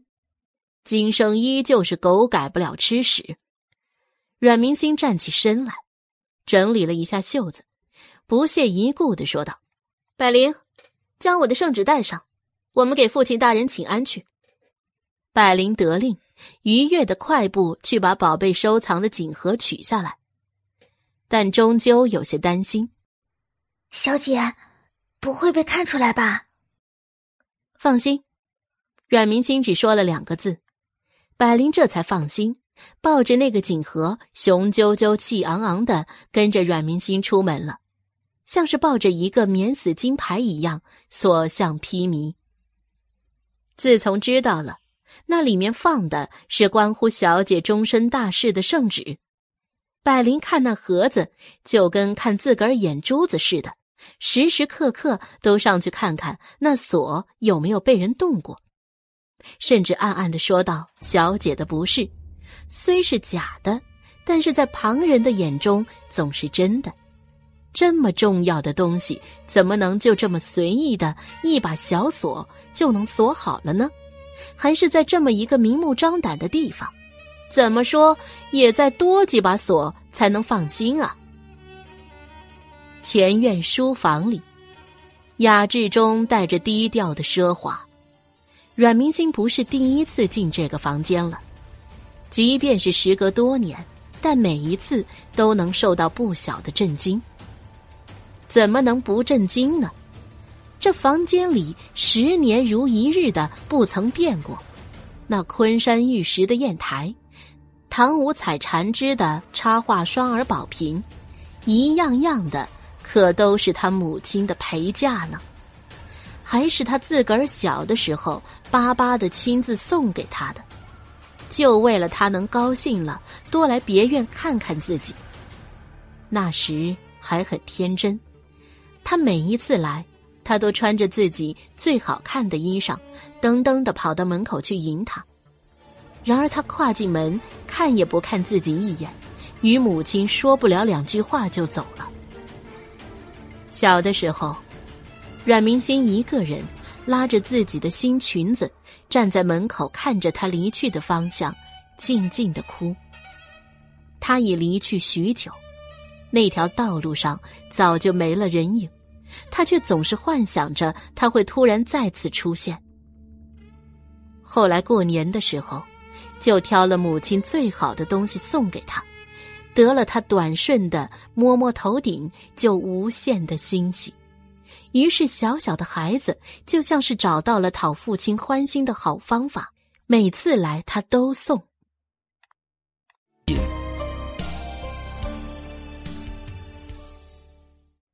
第二百八十一章。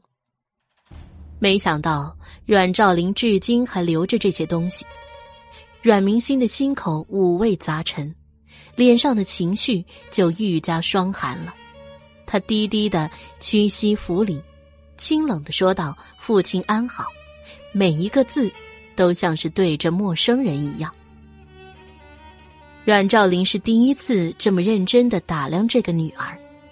他自然是知道，这个女儿无疑是漂亮的，只是没想到，如今已经出落得如此勾人夺魄。从前凤凝香就是京城第一美女，遗传了她的容貌的阮明星甚至是更胜一筹。清灵的面容上是赛雪凄霜的冷漠严峻，倒叫人忽略了她的容貌了。阮兆林做出慈祥的样子，先是感叹了过往种种，将他忽略，没更多的关心他，为父甚是后悔等等。阮明心就这么静静的看着他，连一根眉毛都没有动一下，神色一直保持进门的冷淡。阮兆林看着自己说了半天，他都无动于衷，心里有些冒火。闭着眼睛，深吸了一口气，强压着心中的怒火，说道：“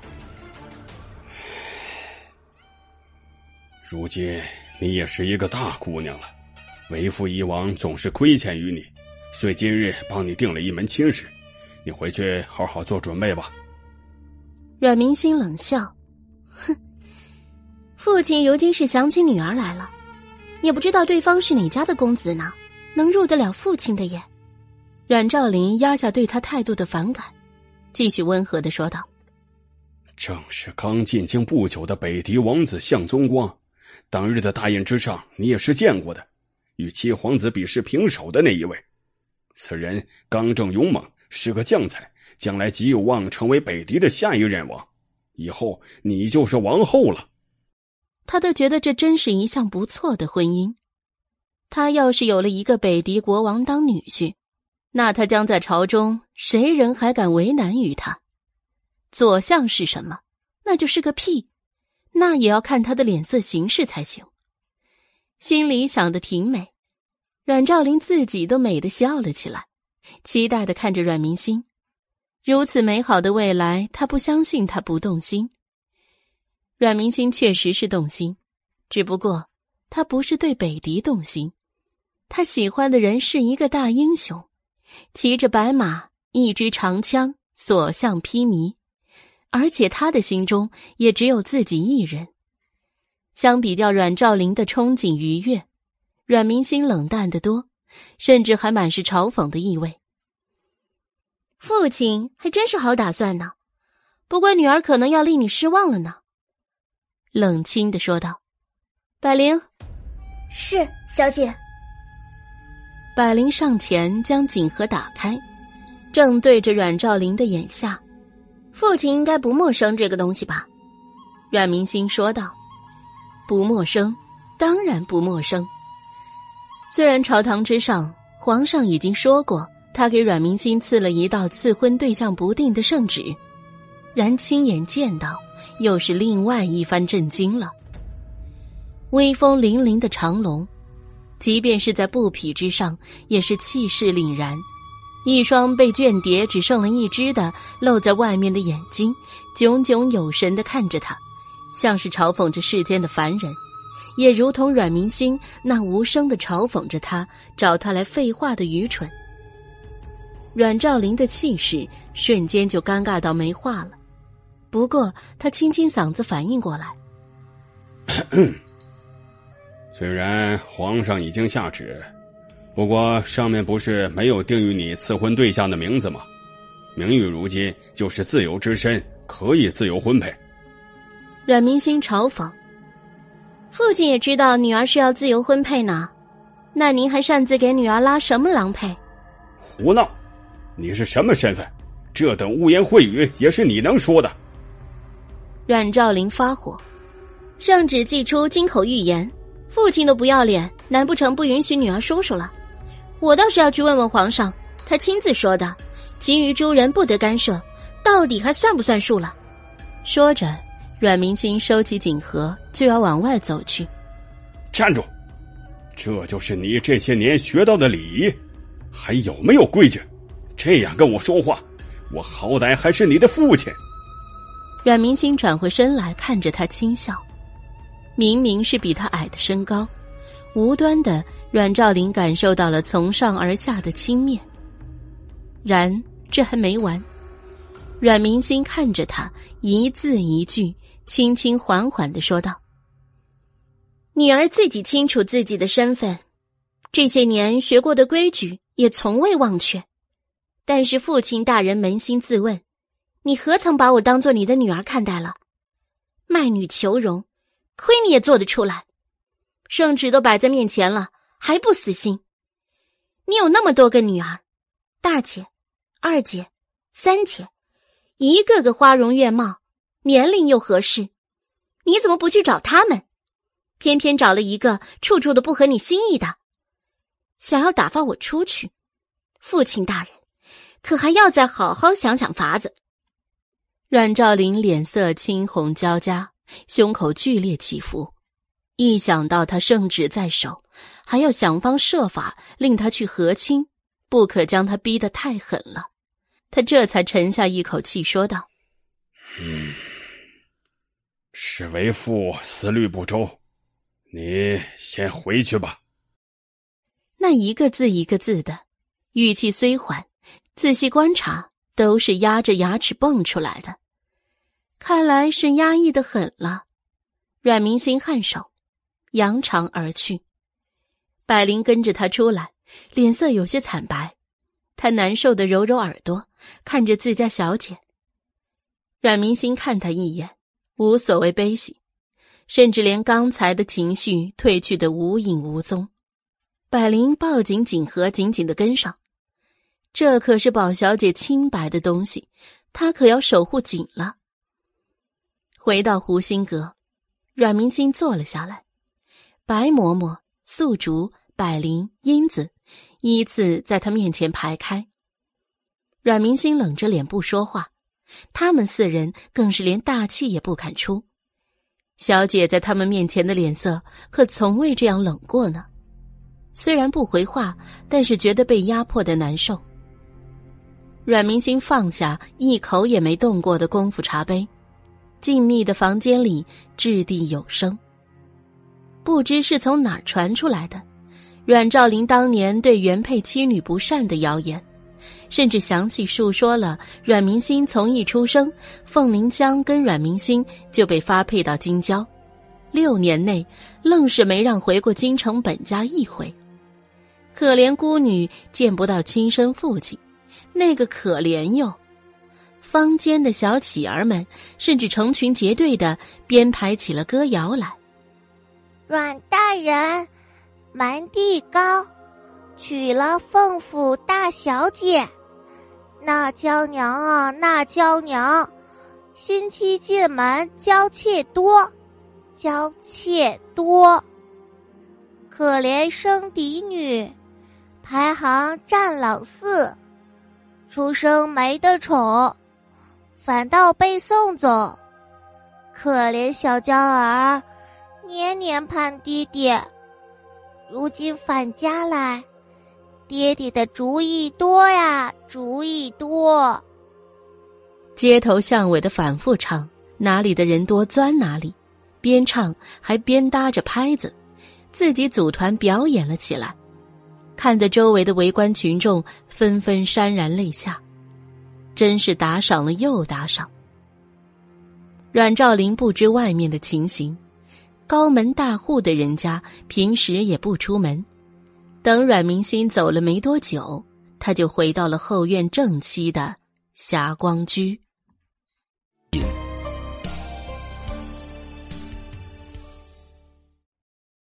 第二百八十二章，霞光居是裴氏进门后改的名字，原本是叫做夕阳阁，因为坐东朝西，傍晚能看到夕阳照射进来的盈盈橘亮。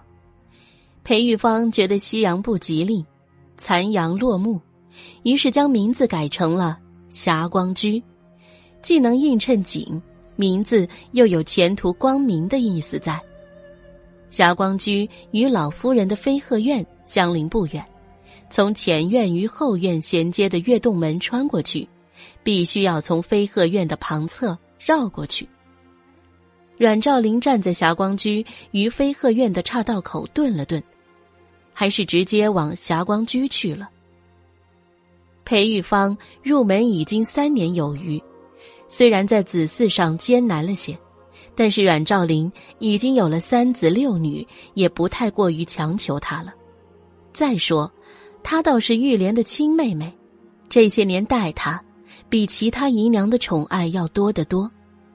最重要的是，相比较于其他姨娘的年华，她真的算是很年轻了。老夫少妻恩爱多，不是没有缘由。另外，裴玉芳还是裴府的嫡女。在教养上，总是比起那些庶女丫鬟出生的姨娘们高尚许多，在一些大事情上也能帮他出出主意，就如同现在一样。阮兆林进门，就看到裴玉芳靠在美人靠上，焦虑的心情不由就有些放松了，上前在他旁边亲昵的拉起他的手揉捏着。裴玉芳一见他这个神态，就知道有事。阮兆林也不推脱，将刚才与阮明星的谈话与他说了，最后还提了自己在朝堂上文武百官面前的许诺。这要是搞砸了，不说阮兆林的脸面问题，就是他们阮家也有吃不完的挂落。裴玉芳听他说话，全程都皱着眉头。这个小浪蹄子，果然是个狠角色，连这么重要的圣旨都被他早早的弄到手了。老爷实在不该操之过急。要知道，阮明心就是个茅坑里的石头，又臭又硬。你跟他鸡蛋碰石头，吃亏的还是自己，反把自己给气着了。裴玉芳一边轻轻安抚着阮兆林。一边眼神阴冷的说道：“既然软的不行，那咱们就来硬的。硬的，他的武功那么高，总不能将他打晕了扔到花轿里去吧？”裴氏轻笑：“哼，老爷说的哪里话？论武功，莫说是咱们了，就是皇宫里那一等一的高手，也不一定是他的对手。妾身说的是。”他在这里停了，看看阮兆林。阮兆林的心被他提得高高的，着急道：“你跟我还有什么不可说的？不怪你。”裴玉芳这才继续说道：“老爷想啊，女儿家最重要的是什么？名节啊。正是，只要这女人的贞操没了，她就是不嫁也得嫁了。”两个人，四只眼睛对看着，明明是柔情蜜意的动作，那传递出来的气氛却带着诡秘。阮明星接到继母说带他一起逛街的消息时，就知道幺蛾子又来了。裴玉芳和阮兆林绝对是一条绳上的蚂蚱，所以这种奇特反常的举动，肯定是因为阮兆林。不过兵来将挡，水来土掩，这种事情很正常，所以他也就跟着去了。但是终归他到底还是轻视了阮兆林的无耻。一路逛着，也没见到继母说起正事。到茶楼休息的时候，他心底自有提防，但是继母却说父亲约见了北狄皇子一起商谈，这倒没什么。但是房间之内，就算是他专门小心着，却没想到防了吃食茶水，却没提防到从进房间那一刻的门帘。原来从一开始就已经中招了。阮明星脸色潮红，扶着自己的胸口想到，手心下面的位置砰砰砰的跳动的剧烈。阮明星浑身燥热，恨不得将衣裳一件件的全部撕碎，整个人泡到冰桶里才好。身体一样的感觉，全身的每一滴血液都在沸腾着，一种灼热、抓心挠肺的空虚笼罩着他。前世已经成婚八年的阮明心，怎会不知道这是被人下了合欢之毒了？并且凭着他多年医学的成就跟自身的感觉，如何不知道这毒性之霸道？哪里是一般的合欢散可以比拟的？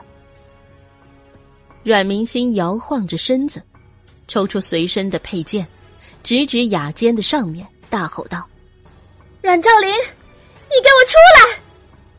那手上的清风剑，是取自天上的寒铁炼铸而成的。一出鞘，就是深深的寒气袭来，那幽幽闪闪的寒光，看得阮明星雅间正上面偷看的阮兆林身子一趔趄，惊吓的稳住自己的身子，好险！他再去戳破门纸，看看对面的房间，里面向宗光已经脸红的滴血，神思不清了，手指是迫切的往腰间上扒拉着腰带。阮兆林招来小二下去给阮明星传话，说他就在楼上的天字号房。小二疑惑，这不是地字号房吗？但是看他那不容置疑的目光，认出这是经常光顾的阮大人，自然不敢多问了，拿了银子就下去传话了。阮明星用内力压制着毒性，勉强还保持了清醒，手上拿着剑。跟着小二上楼了，一脚踢开了天字号的房门，里面的向宗光早已经衣不蔽体，在屏风的后面泡在水中，一剑劈开，看清后面的人之后，愤怒的问道：“小二，说，阮兆林在哪里？”“呃，这这这这这这这这边，阮大人刚才是在这个房间。”小二颤颤抖抖的指着背后的房门。阮明星甩开他，踢开房门，空空如也，哪里还有半个人影？亲生父亲给他下药，而且下的还是媚药，这种事情也算是没谁了。四处观望，一转身就看见了慌慌张张往楼梯口下去的那个背影，正是阮兆林无疑。阮明星二话不说的飞过去，截住了他的去路。左手拉着他领口的衣裳，右手上的剑放在他的相侧，紧紧的再用力一分，就陷入了皮肉里。我原以为你还有一点人心，没想到竟然是这样的无情无义又无耻，竟然会对自己的亲生女儿下合欢之毒！你还是人吗？阮明心的声音很大，几乎是声嘶力竭的喊了出来。将他这两生两世对父亲的那点奢望喊了出来，那样的无助与彷徨，最后通通转化为了气愤。阮兆林害怕的不敢动，小心的僵硬着脖子要避开，但是无论他怎么避，那剑就如影随形的跟着他，最后还划破了皮肤。这一举动吓得阮兆林以极大弧度的歪着脖子，不敢乱动。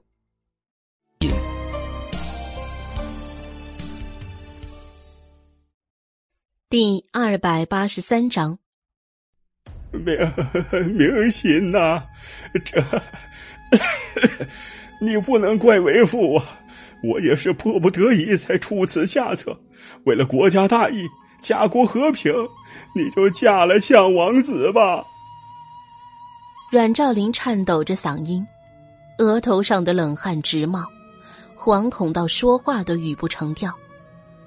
阮明星浑身都在颤抖，气愤的吼道：“你的家国大义，就是把自己亲生女儿往火坑里推；你的家国大义，就是把南庆的下一任大剑师驱逐出国门。”阮明星终于崩溃，抽回剑就要往他的心脏刺下去。此情此景，阮兆林终于软了腿脚，站立不稳。下面听到的声响，围观过来的众人也是瞪大了眼睛，不可置信。这可是弑父！那长长的剑尖刺破了阮兆林的衣裳，紧紧的贴着他的肉。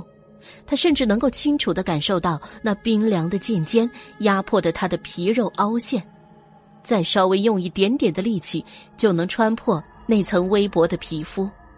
阮明心死死的看着他。许久许久，然后拉起他的衣领，纵身飞下楼。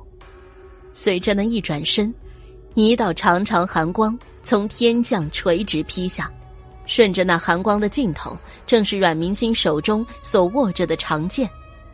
这是他含恨出剑，直接一剑劈向茶楼。阮兆林跌落在地上，站立不稳，好不容易回神的看着那三层高的茶楼。从正中间一点一点，咔嚓咔嚓的，从上往下的闪现出一道锋利的黑色缝隙，缝隙越来越大，慢慢的，从缝隙的背后透出对面的亮光来，竟然是生生的将一栋三层高楼一剑劈成了两半。街头上的众人这才反应过来，大喊道：“楼要塌了，快出来！”此起彼伏的呼救声，轰轰烈烈的脚步声，那条黑色缝隙从见光后，两边的建筑就迅速的直直的往下倒去。伴随着一群狼狈冲出来的众人，背后是向两边轰然倒塌的漫天尘埃，久久都看不清视线。狼狈中，向宗光已经毫无力气，灰头土脸的被手下不知道哪里扯来的床幔裹着，带离人群。临走之前，还警告阮兆林父女：这笔账他们来日再算。长安街上一片静默，众人的视线再次转到了那肇事者的身上。阮兆林即便是爬了起来，依然是踉跄的腿软。被府上的小厮搀扶着，看向阮明星的目光满是恐惧，颤抖的嘴唇说不出一句话。这样雷劈的一剑，刚刚要是真的落在了自己身上，恐怕比起这坍塌的天鹤居还要尸骨无存。那种从地狱而出的目光狠厉的看着他，扶着阮兆林的小厮都吓得腿抖，眼神甚至不敢直视眼前。这个伶俐的女人，他真的怀疑面前的这个女人，甚至不是我们阮府的那个清高冷峻的四小姐，而是被厉鬼上身了。但是他们家老爷打破了他的幻想，阮兆林蠕动着嘴唇，颤抖的说道：“女女儿。”那小小声的，带着恐惧与恳求。你现在想起我是你女儿了？当你给我下合欢之毒的时候，怎么没有想起我是你的女儿？我告诉你，晚了。阮明心颤声，他摇晃的身体用清风剑支撑着地面。阮兆林，从此以后，我们恩断义绝，你我再不为父女。阮明心用内力加持，洪亮的声音传遍京城每一个角落。长剑一划，阮兆林跟小厮两个吓得颓然倒地，一块青色的颈部随着风缓缓飘落。那是阮兆林斜经长衫的前摆，从腰际往下平整切断。接着，他缓缓转身，看着那一群恐惧的看热闹的围观群众，冷声的说道：“从今以后，谁还要再想娶我阮明心，就先问问我手上的清风剑，到底同不同意？”少女持剑当街，面色绯红，眸光凛冽。衣袂飘飘，激荡的声音回荡在京城的角落。这一刻，这一幕，深深烙印在京城的百姓心中。接着，他没有犹豫，提绝运动飞身而起。他已经很难压制住自己现在的药性，直接飞身到了法明寺的关灵塔的塔顶，盘膝而坐。法明寺，上寺需登山。这里有国内最有威望的方丈在，也是他此时唯一想到算是安全的地方。如果他不能克制自己，哪里都算不上安全。阮家恶人环伺，凤家很可能直接把他和表哥送成堆，皇宫更是步步危机。霍长燕，霍长燕，物事依旧在。人已不可追。前面的京城依旧是那个夜的京城，身边除了猛烈的风，再也没有了那日的温馨。他失落的低下头，看看旁边的位置，一颗晶莹的泪珠终于随风滑落。远在北方的霍征似是有感应一般，忽然心口一疼，他遥遥望向京城的方向，久久。身边的黑衣人担心的问道：“少主，没事，你继续吧。”心跳的很快，注意力再也集中不回来。皇上向王子那边已经派人送人去了。贵盛微垂着头说道：“即便是对太监如此色情的事情，他的声音依旧平静。”这个经历三朝、一步步爬上来的老太监，仿佛任何事情都再引不起他的波动。龙腾的气息稍顺，牙牙切齿的问道：“京城的百姓怎么样了？现在？”贵盛微微弯着腰，回禀皇上：“因为天鹤居轰然倒塌，虽然没有造成性命之忧，因为是向两边倒的。”倒是旁边的房屋连着受了累，砸到了几个人，基本上都无碍。桂胜缓了缓，继续说道：“还有就是，现在京城的百姓们都知道阮四小姐是下一任大剑师传人，是以她中了合欢之毒后，京城里有些不太平。不太平，在这偌大的京城，虽然是南庆的都城。”现在除了北狄的使团驻扎在驿站，暗地里还不知道有多少别国的探子。如今霍征远走，隐藏的秘密公诸于人前，接下来还得有的乱呢。龙腾刚缓下去的气有些不顺了，问道：“那个栾兆林怎么样了？”老太监弓着的腰身就没有起过，依旧垂着头。看着地面无波无澜，仿佛他说的就是吃饭睡觉一样平常的事情。外面的现任禀报说，阮大人已经刚被人送回去了，当时脸色很不好。何止是不好，简直就是面无血色，魂都没了。扶上轿子的时候，那都是一滩烂泥了。混账！龙腾烦躁的把折子扣上，力气之大，奏折的壳子都快开裂了。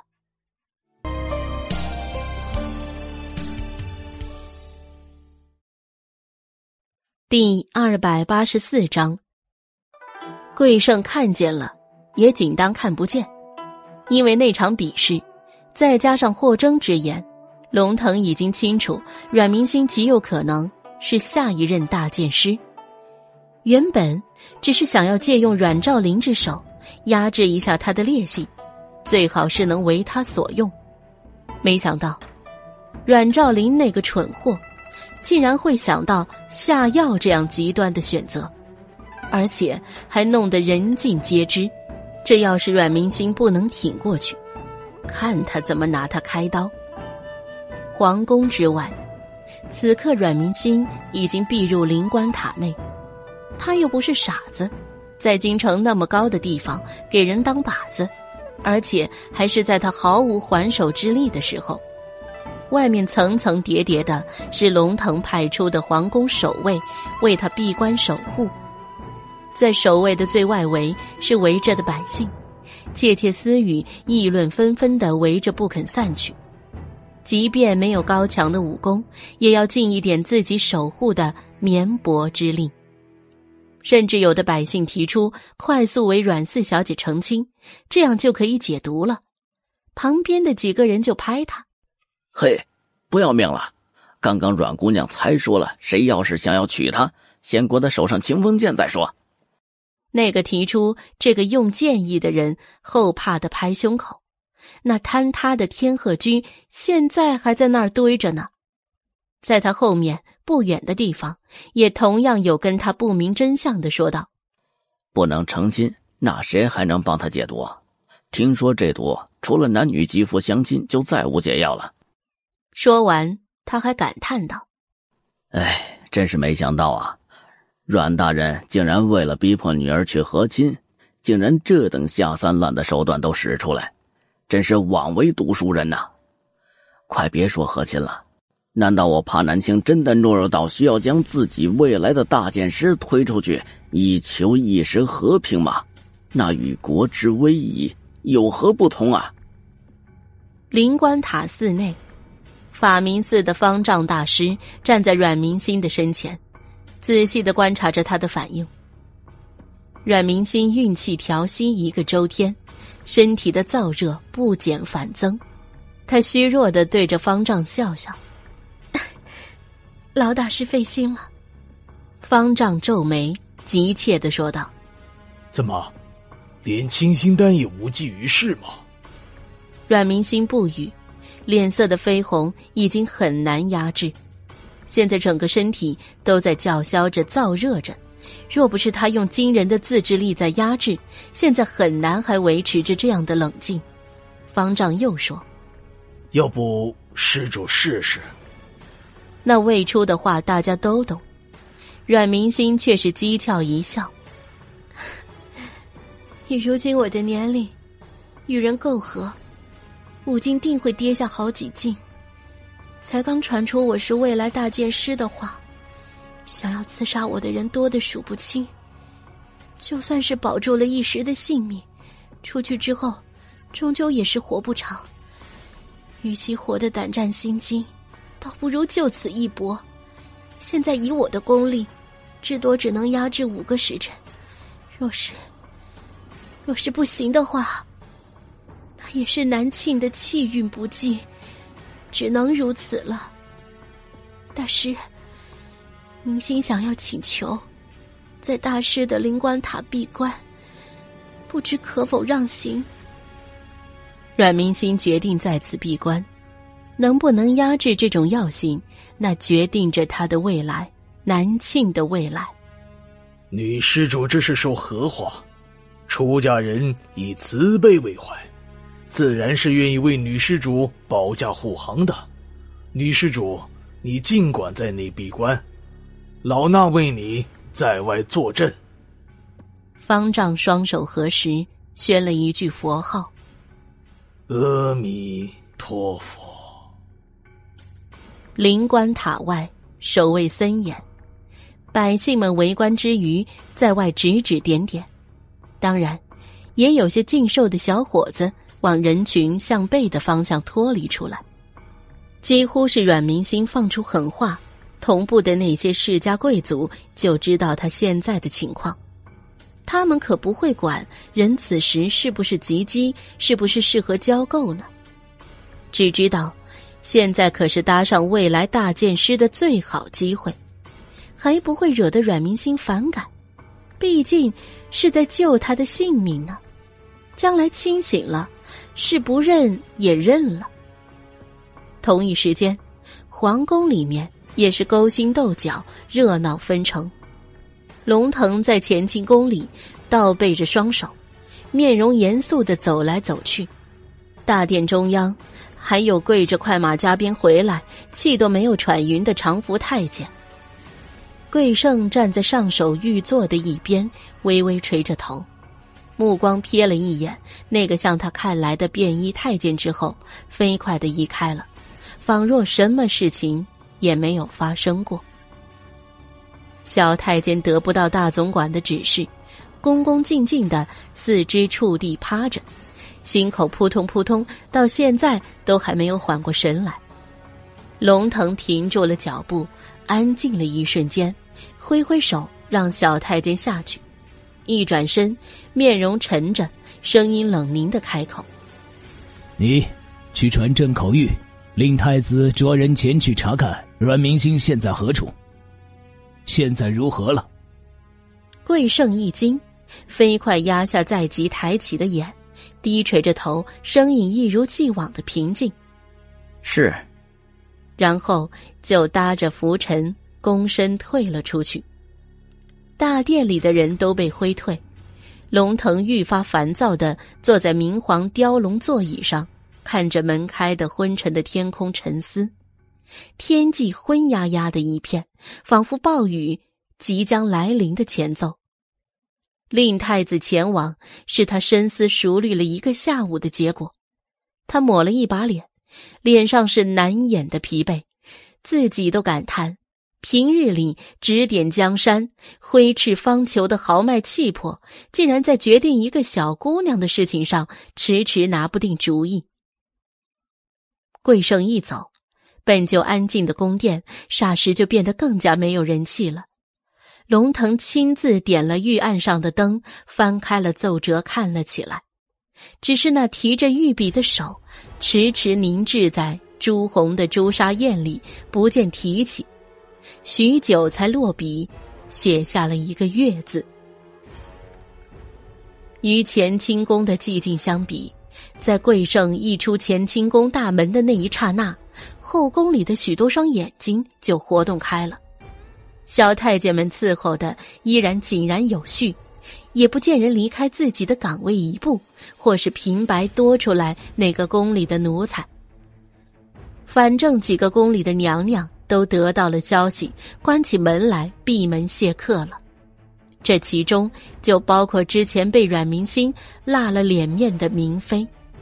四皇子、六皇子的生母柔嫔，三皇子的生母淑妃，五皇子的生母惠妃。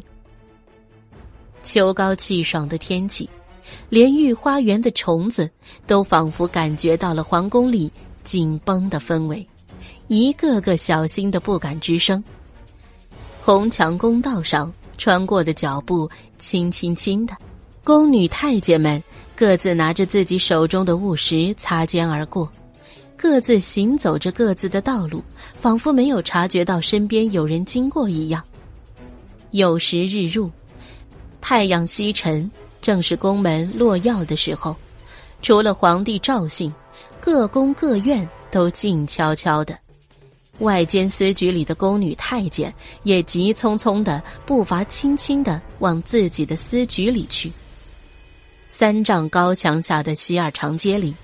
一个耷拉着太监森青夜飒的小小少年，鬼鬼祟祟的从咸安门内穿出，趴着门槛儿，鬼鬼祟祟的四处张望，然后就混入了最后一批出宫的太监的队伍里。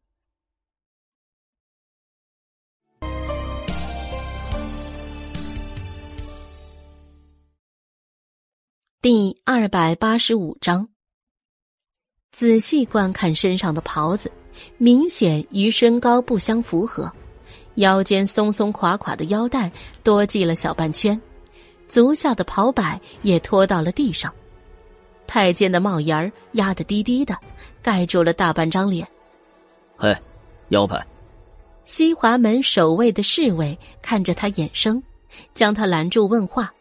小太监低着头，在怀里滔滔的摸出来一块黑木牌子。侍卫拿着，反复看了又看，视线上上下下的将他打量，将腰牌还给他。出去吧。然后，就落了宫门。这批出宫的太监，虽然穿着太监的衣裳，实际上不算是正宗的太监。有时候皇宫里忙，各宫各局人手不够，就会从宫外聘请些帮工进来帮忙。尤其是御膳房，分为外宫局和内宫局。顾名思义，外宫局就是每日天亮进来，天黑出去的帮工们。每日进出就凭借着腰牌出入，事宜有些衍生，侍卫也是辨认腰牌辨认不出人的。龙思远，就是顶替了今日御膳房的一个小太监出来，一出宫门就往城西的法明寺赶去。天色已经昏暗，今日没有落霞，他健步如飞的穿梭在明明暗暗的各个巷道。躲在灯火通明的灵官塔的后面。灵官塔前面，太子正带着人鱼方丈交涉。大明寺的方丈一夫当关的盘膝坐在灵官塔的前面，闭着眼睛拨动着佛珠，如入无人之境。太子在他面前焦急的晃来晃去。果然，父皇是偏心的。龙思远撇嘴，一撩袍子。双手揉搓，就在阴暗的背后往上面爬。灵官塔最上面一层的小窗上，龙思远几乎挂不住。他瞪圆了双眼，看着里面那个躺在白色布匹做的简易吊床上一晃一荡、悠闲的看画本的红衣女子。地上的烛火明了，映衬着她的睫毛，在眼下落下小小的扇形阴影。更显得看书眼睛黑亮水润，一溜小风吹来，荡涤着他的灯笼萨叶袍子，身子下面凉飕飕的，心也凉飕飕的。他气愤极了，气息也不稳定起来。自己穿了这么下三滥的衣裳，巴巴的出来看他，他倒好，在这里悠闲度日，甚至还过得有滋有味的。你这个骗子！龙思远指责他，他的一颗担心真是喂了狗了，一路上狂奔都没带停歇的，哪知道他竟然如此欺骗他。阮明心正脸红心跳的看到，穷书生于千金小姐破庙里要私定终生，贴身丫鬟小红正在外面守夜，屋里时不时的银额传出。正描写小红的心里幻想的激动之处，忽闻耳边冒出来一个男生，吓得差点把手上的书给扔了出去。毕竟这虽然是一个画本子，可是里面写的某些东西实在是露骨。她虽然嫁过人，可那都是上辈子的事情了，这辈子可还是一个纯情小姑娘呢。都怪谢寒韵，既然带这样的本子给她。都将她带坏了。阮明心一把将画本子合拢，捏在手心里，受到惊吓的心跳还没缓过神来，脸红红的，犟嘴道：“谁骗人了？我骗你了吗？年纪轻轻，没想到竟然如此血口喷人，一样是上书房出来的，怎么就出了你这样的无赖？”他一着急，一心要隐藏自己的秘密。说话都不经大脑，口不择言。龙思远被他说的面色青红交加，跳进窗户，信誓旦旦的说道：“还说你不是骗子？你自己亲口说的，自己只能压制毒性五个时辰。可我一上来就看见你什么事都没干，就躺在那里。阮明心，把整个京城玩弄于股掌之上，很好玩吗？”龙思远想到母妃一再阻止他出宫。四哥也规劝他，就觉得受到了深深的欺骗，语气越说越急。就差明指着阮明星的鼻子骂他不知廉耻，竟然用这样的毒来开玩笑。见他没有注意到自己手上的画本子内容，阮明星将双手倒背在背后，脸也冷了下去，反驳道：“龙思远，你搞清楚，就凭你片面之词就说我是骗人的，就算是假装中毒，我会蠢到对外说自己中的是这种最烈性的合欢之毒吗？然后引来下面成千上万人的围观，还有引来你们这些一个个的龌龊心思之人。”还是你说我无法抵抗药性是假的？他的语气深深然，自有一股威严的气势。龙思远被他唬住，愣怔在原地不能动弹。一想起之前满宫里谣传的阮明心中了合欢之毒，五个时辰内不解毒就会爆体而亡的谣言，连父皇都深信不疑，立马担心的看着他，连他骂自己卑鄙龌龊。都不计较了，心疼的说道：“那，那你现在解毒了吗？如何解毒的？”阮明星回到吊床前，翻身就坐了上去，斜靠在上面，层层叠叠的红纱裙摆一荡一荡的，四下里都是蜡烛点照在周围，围成一个里三层外三层的圈。龙思远看着他吹弹可破的几乎。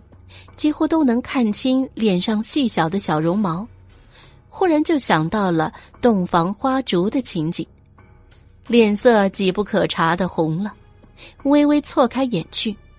过了一小会儿，忍不住又转回来看他，迎上他的目光的时候，又羞涩的转开，因为龙思远的到来，画本子也不能看了。阮明心自觉还没豪放到可以孤男寡女共处一室，自己还能无所畏惧的自顾自的看小黄书，心情立时有些烦躁，干脆把脚也提上了吊床去躺着，身子转向了另一边，垂下层层纱幔裙摆，在地上划拉出浅浅的弧影。龙思远瞪了半天，没找到答案，正想再问。这时，楼道里传来轻微的脚步声。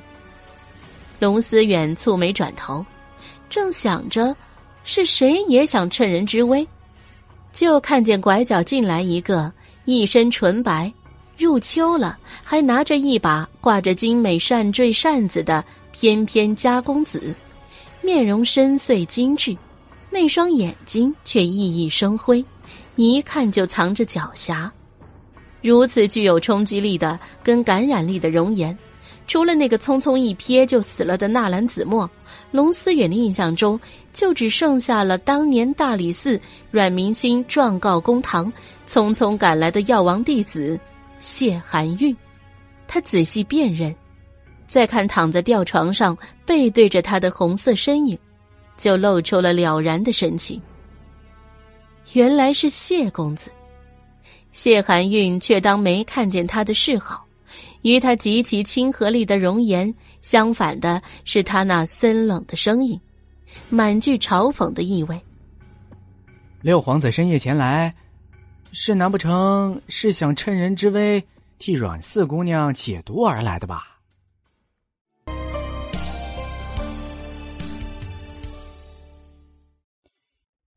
第二百八十六章。明明该是疑问的话语，谢寒韵却说的是陈述语气，其中的意义不言而喻。龙思远不知是刚才生出了那等想法，还是什么，明明自己堂堂正正的来，却是像被猜中尾巴一样，气得脸色通红。你休得胡说！一甩袖子就要走，谢寒韵扇子一合，往左手上一搭。啪的一声，与他挡在龙思远身前的脚步声完全吻合，蓦地给人心跳一紧的感觉。你这是什么意思？龙思远质问。谢寒韵轻笑一下，清和温润的面容骤然冷了下去。来时容易去时难，六皇子没听说过吗？那上扬的语调，莫名夺人性命的威胁。阮明星惊讶的转身，龙思远，你什么意思？谢寒韵扇子一搭一搭，像是敲击在人的心跳之上。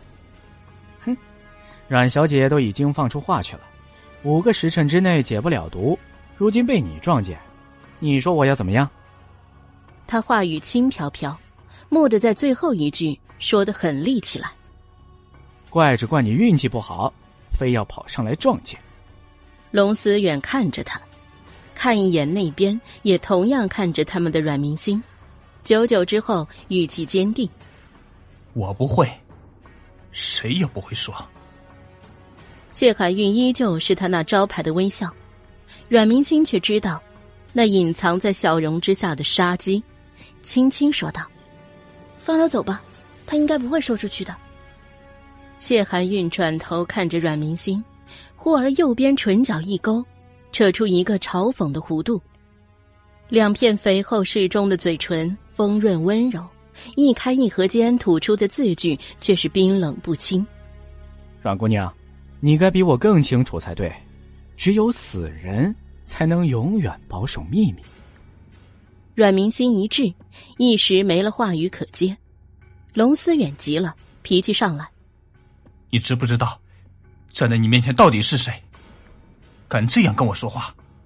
京城的六皇子嘛，龙腾最宠爱的六儿子。谢寒韵无所谓的说道，仿佛指着路边的野草有了名字一样，无足轻重。既然知道，还不给本殿下闪开？谢寒韵依旧不为所动，扇子敲击手掌心的声音一搭一搭。龙思远忽然面色一凛，退散开去，随之而来的是他面前谢寒韵的扇子，直指他咽喉，步步紧逼。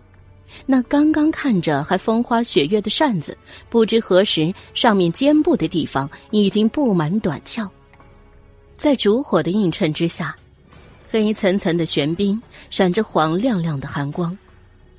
龙思远本身是无意与他对立的。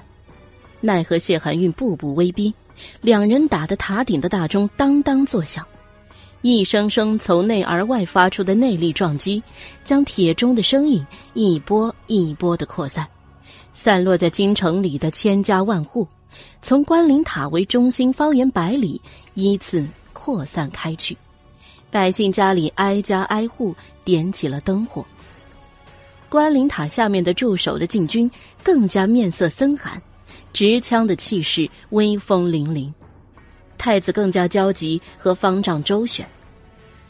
如今阮明心不仅是父皇派给他来探望的任务，更加是他必须要牢牢握在手上最重要的砝码之一。当初随意的一个决定，没想到他真会成为下一任的大剑师。如今机会就在眼前了，怎么能看着他溜走呢？方丈长长的叹气，闭着眼睛宣了一句佛号：“阿弥陀佛。”他擅自将阮施主与人合欢的后果隐瞒了下来，也不知是对是错，只盼望他能平安度过此劫难。老和尚手中的念珠转动的越发快了，嘴里咪咪妈妈的念念有词。太子说不动他，又不能强攻。一手为定，在另一只手掌上不停的敲击，看着塔顶的灯火转来转去。塔顶房间里的两人被阮明星强行的分开，两个人的武功在阮明星面前根本就不够看，一招就将两人制服。龙思远还没气过头，就要走，谢寒韵一把上去拉住他：“你不能走，我不杀你。”但是在这五个时辰之内，你必须留在这儿。龙思远瞪大眼睛，生气道：“本皇子说了不会说出去，就不会说出去。你这人怎么这么烦？”阮明星难得对他放软了话，说道：“听谢公子的，今晚你就留下来吧。”龙思远就算是有气，对着温柔的阮明星也化成了绕指柔，深深的吸了一口气。最终还是忍不住的问道：“哎，你们知不知道，外面现在已经乱成什么样子了？”龙思远站在窗边，看着满京城的灯火通明，说道。阮明星也站起身，与他一同看着眼前的繁华，目光深远。好久之后，才看着龙思远，认真的说道：“那你又可知晓，如今我在这里到底是为了什么？不就是因为，你父亲给你下毒吗？”龙思远本能的反应，颇有些心疼的开口说道：“有这样的一个父亲，也难怪。”他要与他断绝父女关系了，阮明心轻笑：“哼，你到底还是想的太简单了。这只是一个开端，牵一发而动全身。正因为如今这样的局势，我才更要待在这里。”阮明心看着他疑惑的表情，没等他开口，继续说道：“在这里好好的看清楚。”他看着下面闻讯赶来的越来越多的人。看清楚如今的局势，是谁真的要我死？谁又是真心为我好？他看着龙思远的眼睛，玩笑般的说道：“哼，不然哪天真的被害死了，都不知道仇人是谁。”龙思远看着他云淡风轻的样子，忽然就觉得有些悲凉，也有些可怜，更多的还是心底那隐隐的钝痛。他这样美好的人。就不应该受到世间上任何的折磨。忽然唾弃起了从前的自己来。阮明星说完后，灵官塔的塔顶又陷入了之前的沉静。下面人声嘈杂，嗡嗡嗡的，越发衬得上面安静了。龙思远与谢寒韵眼神厮杀一阵，瞪得眼睛都累了，一撩袍子，找个地方坐下来不说话。谢寒韵无可无不可的嬉笑一下，看了一眼床边的阮明星之后，也坐了下来。龙思远看见那家伙竟然直接坐在自己的正对面，真是抬头不见低头见的，哼的一声，侧过身子去。阮明心不知道谢寒韵瞟他那一眼是什么意思，然而见着了龙思远这一举动，只令他越发的觉得他幼稚。无奈，面无表情的也回到了自己的吊床上去坐下。三人各占据一方，形成一个正正的三角形状，谁也不看谁，坐着默不作声。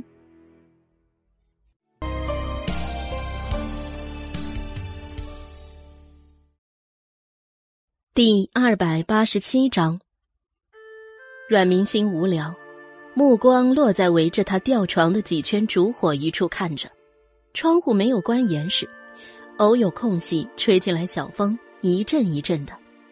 蜡烛尖尖上的火光也跟着一跳一跳的东倒西歪。往日总觉得光阴弹指一挥间，今天却觉得时间怎么那么难熬呀？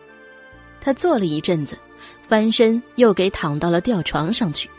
引得吊床如鬼魅般晃荡晃荡，闭上眼睛，听下面的声音，听得越发的清晰了。吵吵嚷嚷的，真是烦人。阮明星翻了一个身，背对着那两个男人睡觉，心中感叹：果然还是这百年古寺的方丈靠谱，至少拦着那些借着身份。想着乱七八糟的理由，想要上来的那些自视甚高的家伙，其他还没来得及多说，至少太子是无论如何也上不来的。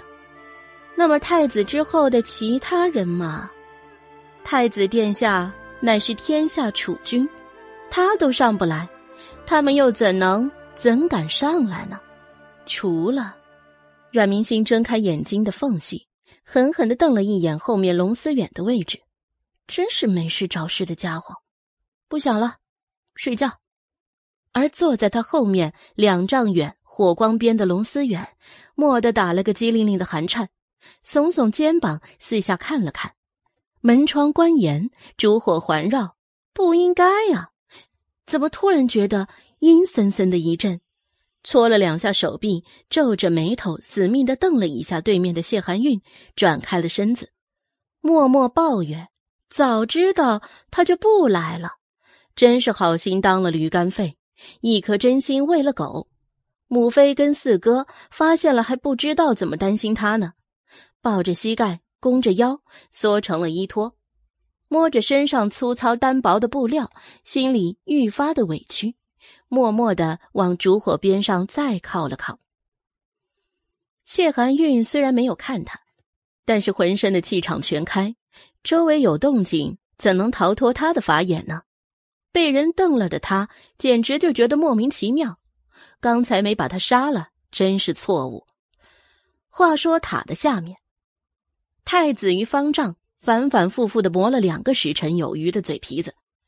老和尚除了刚开始的时候跟他说了一下不能上去，念了两句阿弥陀佛，就再也没有说过话了，生生的让他像个相声一样，单方面对牛弹琴了半天。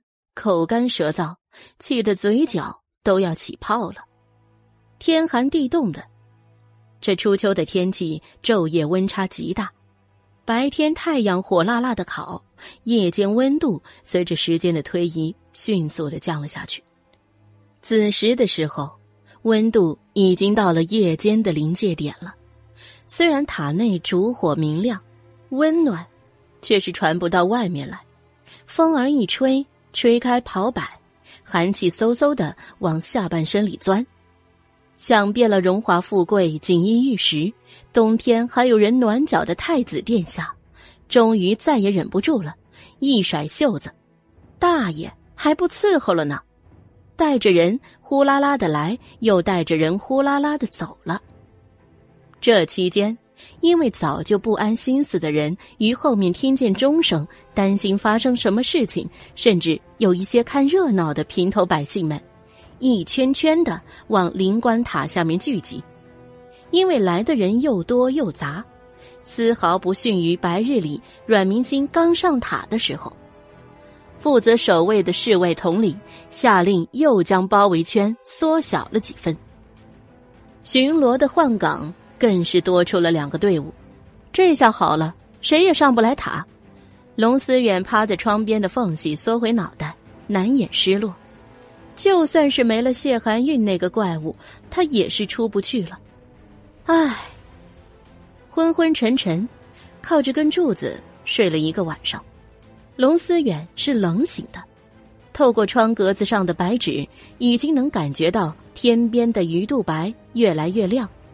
蜡烛早已经燃尽熄灭，他摸着黑，从昨天晚上找到那个放蜡烛的地方，又摸出来一把，点在自己周围昨晚残留的烛泪边上，把自己的一方小天地照得暖融融的通亮。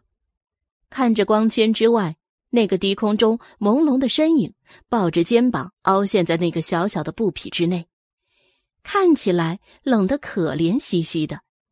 不忍心又过去给他把周围的蜡烛也点上了。至于那个讨厌的家伙，他才不管他呢。龙思远一边点一边恨恨的想着，然后不经意转身的眼角余光扫过去，仿佛看花了眼一般，揉揉眼睛，仔细看过去，真的是空空如也，那个位置什么也没有。他不死心。拿着蜡烛走过去，真的没有。龙思远在原地转圈，将周围能够藏人的地方都扫视完了，就这么一个空旷的地方，除了他跟阮明星，都是些萧条条的死物。你在干什么？声音从楼道的转角过来的地方传来，龙思远就看见那个白衣长条从黑暗中一步一步的走出来。速度不快，要不是听出了是谢寒韵的声音，他这会儿还以为是哪个鬼魅呢，心口砰砰砰砰砰的跳。等到他出现在了光影里，看清了真容面貌，才总算恢复下去。你手上拿的是什么？龙思远看见他手上几个层层叠叠的油纸包，被一根麻绳绑着，在他身边极其不协调的一晃一晃的过来。鼻尖儿还隐隐有着香酥鸡的香味儿，不自觉的就抿了一下嘴唇，吞下几口口水。龙思远摸着空瘪瘪的肚子，眼神一路尾随走进来的谢寒韵，准确的说是谢寒韵手上提着的油纸包。身为练武之人，阮明心自然警醒，在谢寒韵还在楼道里走的时候，就已经听出来人是谁了。这会儿闻着香味儿，也是自然而然的醒来了，面朝着他。谢寒韵对他轻笑，走到角落，耷拉出一块木板，做成简易的桌子，将这个油纸包依次展开，香酥鸡、葱油烧饼、炸油圆子。糯米八宝鸭依次的展开了，龙思远揉着肚子，眼神直勾勾的盯着桌子上，想上去又觉得自己不能那么没有骨气，怎么能为了几口吃的就拜倒在了谢寒韵那个得瑟家伙的白袍子下，坚决不过去。奈何那两个人吃的喷香，引得他的肚子咕咕咕咕的叫着。眼角的小余光瞥着，整个空间又小，只觉得处处都是勾引他的味道。闭上眼睛，一个人闷闷的坐在那，他昨晚睡觉的角落里，只要自欺欺人的想着，只要睡着了就不饿了。他看不见，闻不见，这天还没大亮呢。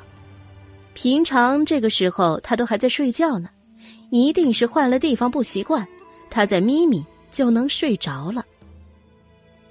只是他的精神可以假装，身体可假装不了啊！那个诚实的五脏，咕叽咕叽的叫唤着：“我饿，我饿，我饿呀！”阮明心目不斜视，自顾自的吃的香，但是他旁边的人可就嘚瑟了，拿着个鸡腿，扑哧的笑了出来，赤裸裸的嘲笑啊！龙思远悲愤欲死。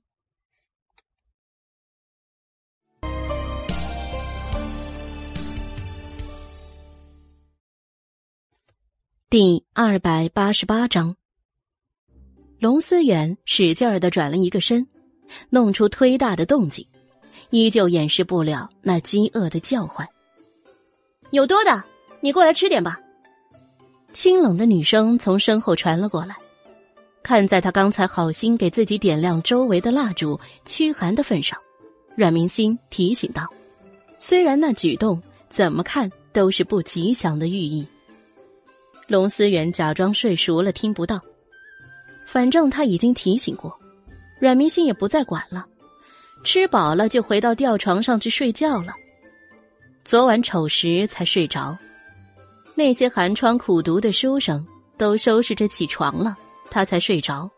到现在也不过才过去了一个多时辰，又逢上吃饱了就想睡的这个自然规律。阮明心简直就是睡得慷慨到光明正大，谢寒韵自然也如他一般没有睡上好觉，又一大清早的跑出去找吃的，累了一圈很快也睡去了。唯一剩下那个最早开始睡觉，到别人都呼吸均匀又绵长了，他还精神奕奕的龙思远，揉着肚子。小心翼翼的窥视着桌子上那堆残羹剩肉和饼，眼睛水润润的，带着饥渴的欲望。说白了，十四五岁的少年儿郎正是身体猛窜的时候，平常的饭量本就大增，又加上从来是锦衣玉食，没有被饿过，陡然被这么一饿，就觉得怎么那么的痛苦难忍。龙思远眼尖的看着看着，就看见那边上还有两个稍微包裹完整的油纸包，凝着神一看，还真是包好的，用绳子捆着。难不成是留着做午膳的？他犹豫着，最终，饥饿感战胜了其他一切牛鬼蛇神的思想，藐视着那两个熟睡的身影。猫着脚步，一步一步的往桌边靠了过去。两个烧饼，半只鸭子，龙思远的嘴唇不自觉的勾了起来，一屁股坐下，左右开弓，猛吃特吃，呛着了也不敢吭声。虽然知道这是特意留给自己的，但是就这样偷偷摸摸的吃着，总是有股浓浓的羞耻感呢。闷闷的咳嗽声中，阮明星的眼睛睁开了一下，又悄无声息的闭上。谢寒韵翻动了一下身子，吓得龙思远咳嗽的更加猛烈了，捂着嘴呜呜呜呜的，不可察觉的脑袋偏了一偏。龙思远吃完，自觉的收拾好桌上的骨头和油纸纸张，还没走到门口，身后就悠悠的传来一句：“去哪儿？”那是威胁的声音。龙思远无奈的叹出一口气：“哎，我是想要去把这东西扔掉，不会逃跑的。放在哪儿？我晌午下去的时候自然会带走。”冷硬的声音传了过来。所谓吃人家嘴短，再加上灯火通明，又跟谢寒韵相处了一晚上，龙思远对他也没那么抵触了，把垃圾放下，回到自己的位置上去。你翻来翻去的做什么呢？谢寒韵不耐烦的打断在那里继续落烧饼的龙思远。没有，我睡不着了。地上冷冰冰的，又硬的慌。龙思远的声音透出一些不自然的委屈之感。谢寒玉没有办法，翻出了一副棋子来，拾了两根蜡烛放在桌子的对角线上。下棋。龙思远提起太监叶萨就过去了，首先端起白子碗中，就端到自己右手边去。啪嗒啪嗒，静谧的空间里有了落子的。清脆之音。阮明心再次醒来的时候，谢寒韵又离开了。他看着龙思远还坐在矮凳上，琢磨棋盘上的棋局，一个人无聊想着自己的画本子还没看完呢。正好龙思远都没注意到他这边，索性就翻出来背对着他看了起来。小姐书生。破庙相会那一段看得尤其快速，烧的脸儿通红通红的，很久都没有缓过到正常的肤色来。如此几日，龙思远愈来愈坐不住了。他住在这里没关系，但是宫中想必必定是翻天了。还未出宫见府，在宫里如不告假，是每日都要到上书房去上课的。而今。他已经整整消失了三天，又没有与四哥通气，母妃必定是急红了眼睛。事实也确实如他所料，第二天，龙玉川就发现老六不见了，一联想到他昨日的举动，立即就通知人去柔平的宫里通了信，又强自镇定的在课上给他请了假，只是先生那里好瞒。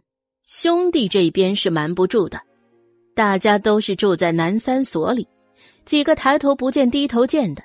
弟弟病了，没有理由不来探望。还有柔平宫里也是一团乱麻，还要拖着皇帝不让他知晓，私下里全都乱了套。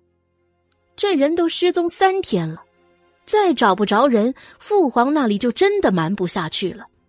依照父皇对老六的宠爱。到时必定又是一场腥风血雨，这样一来引发的蝴蝶效应，自然就是灵官塔下皇子们隔三差五的往这里钻呢。还有那跃跃欲试的要往塔上一探究竟，最后那关自然就是老方丈那里。老方丈德高望重，又不顾年老体衰，亲自护阵。太子都闯不上来，遑论是几个皇子。这日，龙以沫、龙玉川都来了，还有虽然跟他们不是很交好，但是也莫名其妙跟来的龙逸轩。几个人笃定了老六就是在这个塔上面，甚至因为之前老方丈所说的阮明星凭借自身的功力，顶多只能压制五个时辰的毒性。现在都已经过了三天了，还依旧毫无动静，而猜测，不会是让老六那小子得手了吧？几个人虽然都是表面焦急，但是内心如何想的，就只有他们自己知道了。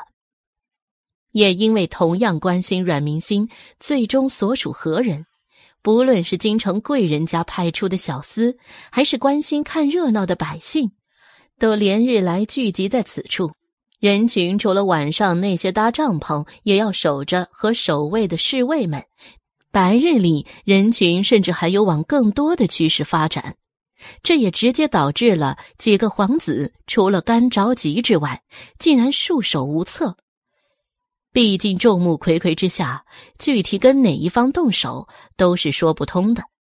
他们可是清楚的知道，当初太子哥奉了皇命而来，无疾而归的时候，父皇也顶多叹息了一下，并无任何责备。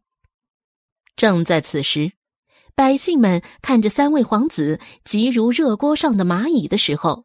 天空忽然一阵飓风，竟然将漂浮着的白云都硬生生的吹走了。抬头一看，那几年前独有的白雕长鸣由远及近，百姓们感叹：不知是否是阮四小姐要出关了，亲自召唤了坐骑。然。等到那明显又膨大了两圈的白雕停留在了灵官塔顶上的时候，遥遥的看见雕的雪背上滑下来一个黑色身影，孤清冷傲。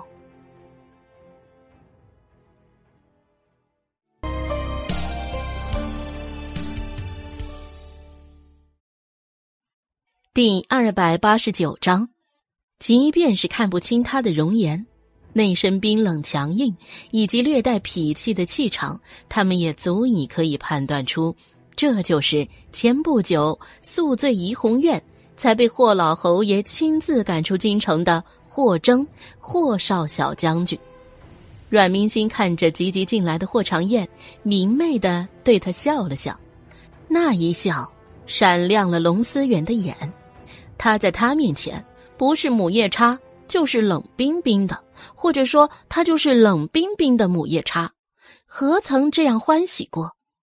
也正是这一笑，朦胧的龙思远看着他与霍征之间的对话，都觉得不真实。那个温柔缱绻的女子，还是他认识的阮明星吗？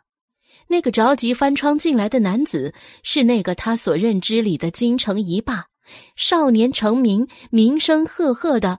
霍小将军吗？他很担心，他担心个什么劲儿啊？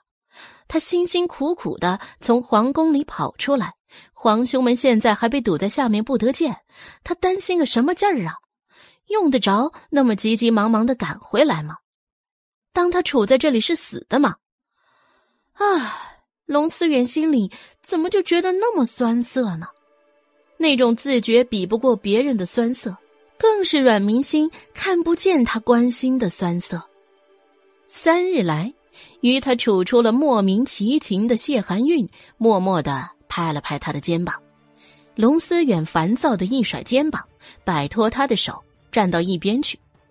阮明心面对霍征语无伦次的关心问候，巧笑嫣然说道：“哼，因为我是在等你呀。”清扬的尾音透出他无与伦比的愉悦，霍征见到他这个样子也笑了。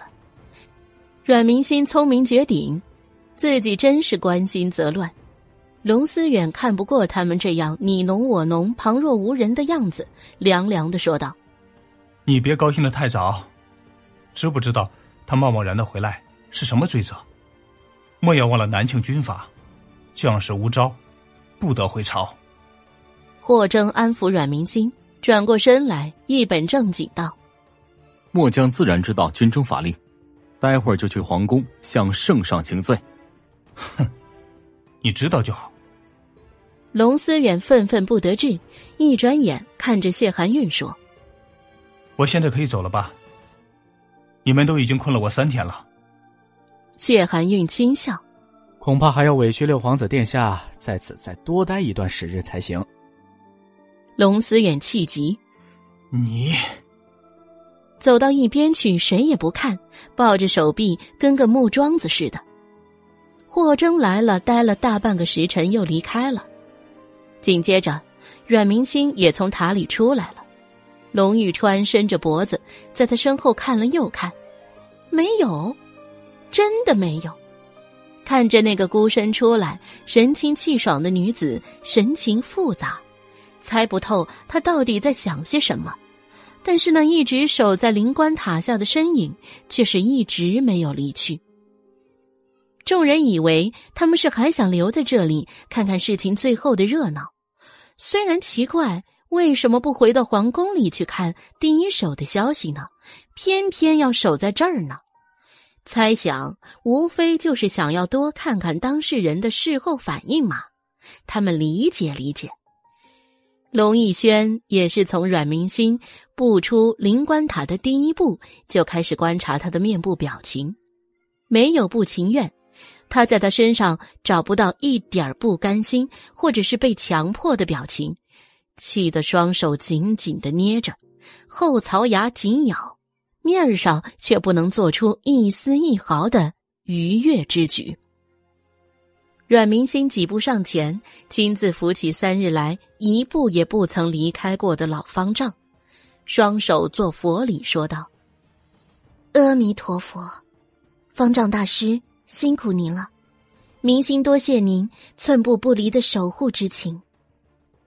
老方丈年老，身子骨本就不是很硬朗，又经过了三日夜极热极冷的昼夜温差交替，跟露水清润，起身的时候腿脚都不利索了，还是旁边的两个小沙弥一左一右的亲自搀扶，回去之后就病倒了。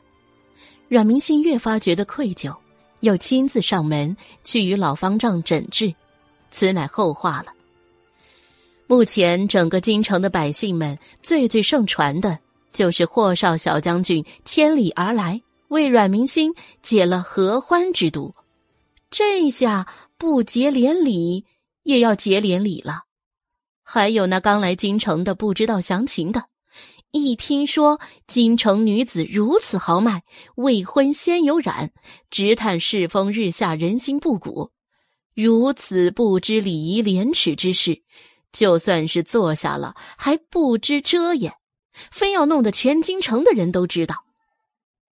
这一杆子打翻了一船人的，可把京城土著百姓给惹急了，一个个的蜂拥上去，七嘴八舌的解释和亲的事宜。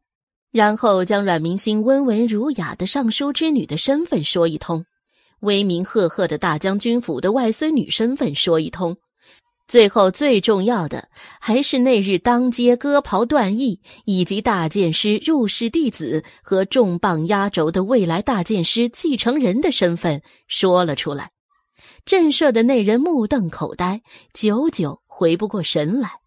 竖起大拇指，夸赞此乃巾帼不让须眉，结此良缘是他南庆之幸，好极好极呀！以至于他们谈论的焦点都忽略了那个最后被龙玉川等出来的龙思远，以及药王传人谢寒韵的存在。两人出来的时候，外面的众人因为霍征与阮明星的先后离去，已经走了一大半了，以至于剩余的那一小部分都是些底层无所事事的小老百姓们，看热闹的，走得慢的。同时，他们的声音也是最没有说服力的，因为那些官老爷们派出来的小厮们，早就眼见为实的迅速回去给他们家老爷夫人报信去了。以讹传讹的结论就是，渐渐的，就连他们自己都有些怀疑起来了。当初他们看见后来出来的两个人，到底是不是真的从灵官塔里出来的？好像从后面走过来也说得通呢。你想啊，三个皇子都站在塔下面，总不可能是在专门为了等一个里面伺候的跟班太监吧？小老百姓们。哪有机会接触皇门贵族子弟呢？他们也是听说那三个人是皇子而已。皇宫内，龙腾看着下面跪着的霍征，许久没有说话。霍老侯爷一听说自家的不孝子孙又给悄悄的溜了回来，紧赶慢赶的往皇宫里赶来。桂胜领了龙腾的眼神，示意亲自去把人给迎接进来。皇上英明，这臭小子，老臣定会好生教训，还请皇上宽恕则个，擅自回京之罪。身为将军，无诏回京，说轻了那是不遵圣意，要是往重了说，那是形同谋逆。霍继光不能不急呀。老侯爷这是做什么？快快请起。龙腾示意下面的人将霍老侯爷扶起来，赐座。皇上，微臣之罪。霍征二话不说，默然认罪。看着自己的祖父一把年纪了，还要为他的事情操心，心里极为过意不去。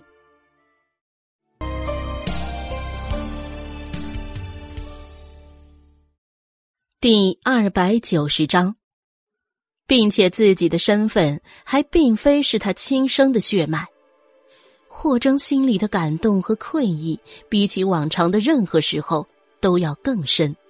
此时此刻，乖巧的不得了。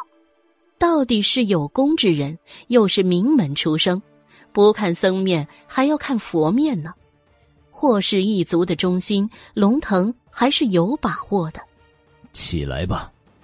龙腾说道：“谢皇上不追究之恩。”霍征道：“你不远千里来替阮明心解了毒，且他手握一道无姓名的赐婚圣旨，如今生米已经煮成熟饭，朕今日就为你们赐下婚姻。”龙腾想着，既然自己的儿子得不到，那就直接指给忠于皇室的霍家，也是不错的选择。阮明心现在就算是手上有了那一道圣旨，除了霍征，又嫁得了何人？于是痛痛快快的下了赐婚圣旨。这，霍征凝眉，宙斯沉默，没有立即的接下。臭小子，还不快领旨谢恩！霍继光抬腿踢他一脚，暗暗给他使眼色。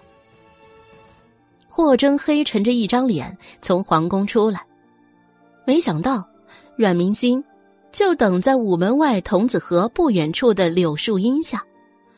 忽然想起那天他们也是在十里亭外的柳树江边分别的。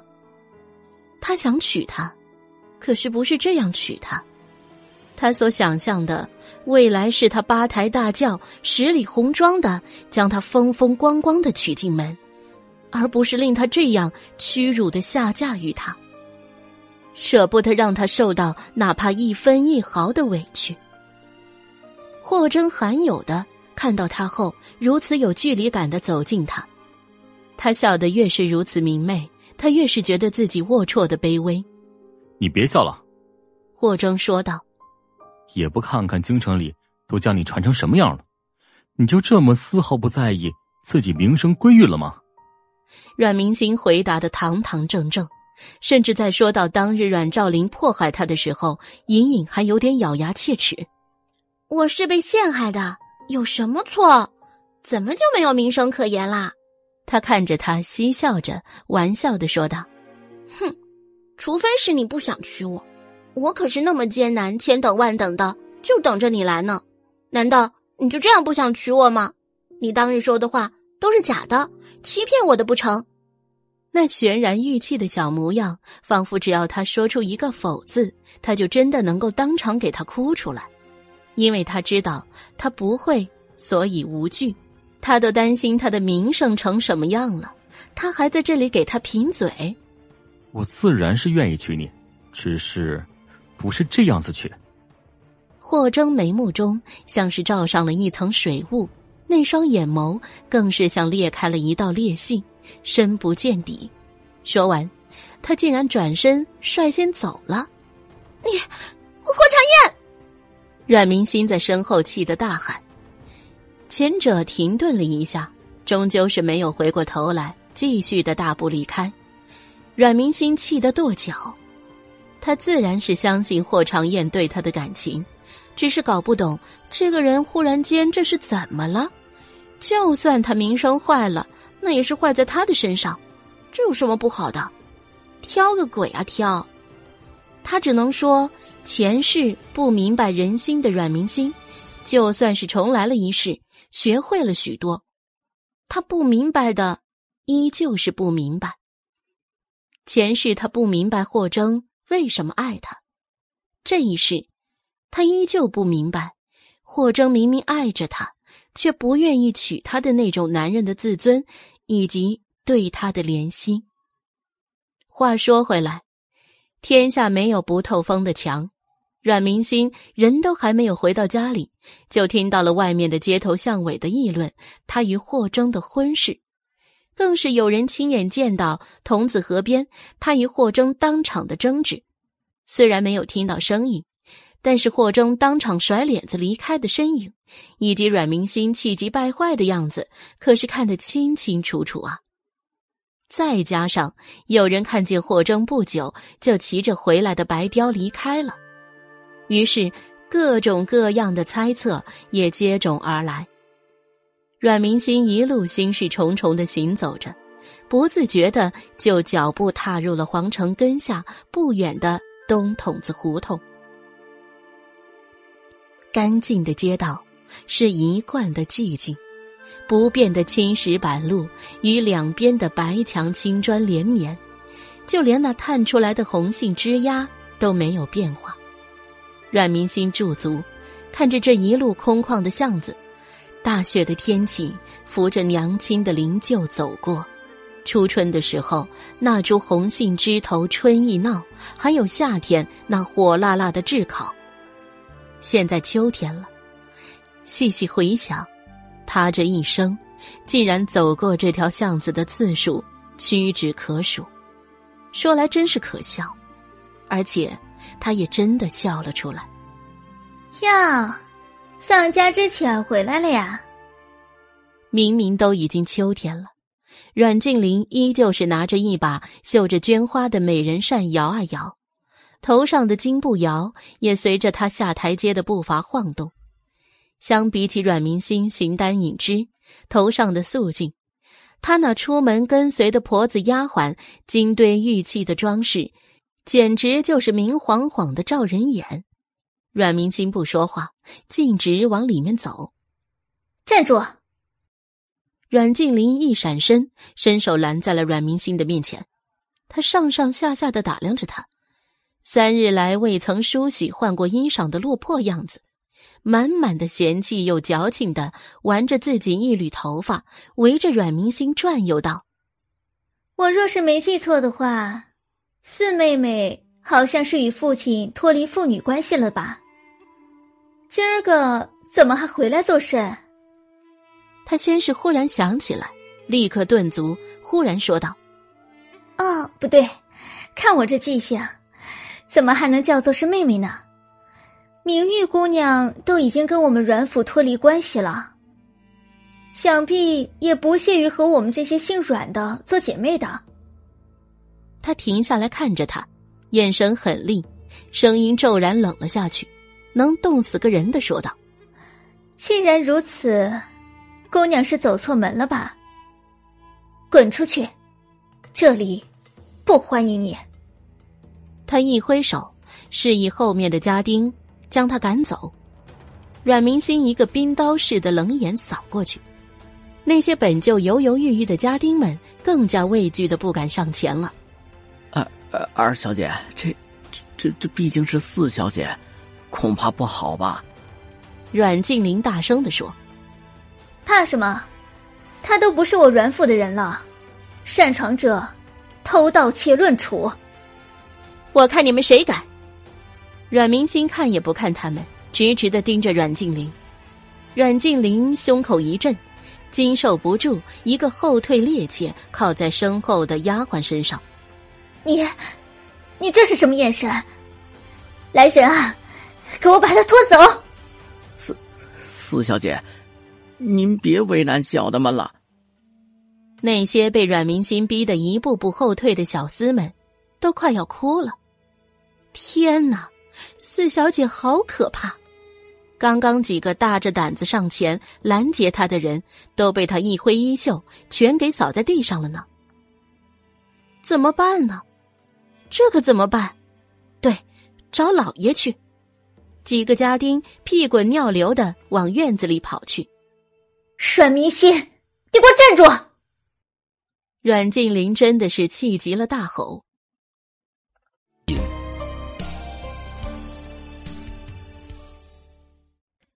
第二百九十一章，啊，真烦！阮明心低低的呢喃，未可想阮静玲直接追了上来，想要拦着他。阮明心皱眉，不耐烦的一挥手，他立刻被扶开，直接飞了出去，重重跌在远处。小姐，您怎么样？丫鬟小厮全都围上阮静玲身边。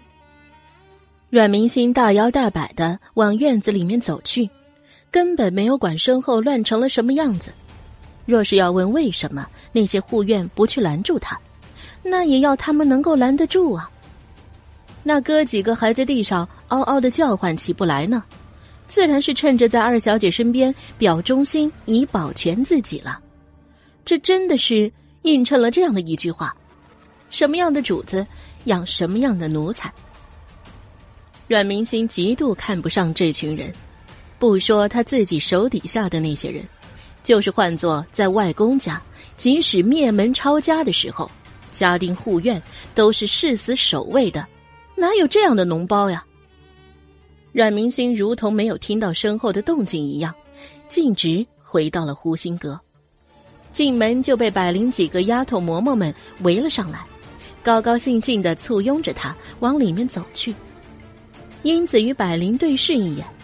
小姐这回是要回房了。按照以往的惯例，小姐如此凝重的神情，必是要先在路上或者正堂就安排事情。百灵和白嬷嬷留下来给我收拾卧室的东西，其余人等各自去将库房和自己的东西收拾好。不等白嬷嬷说话，阮明心继续说道：“我们要立即搬家。”清清冷冷的声音。和平时一样的平静，说出的话语却是像平地砸下一颗惊雷。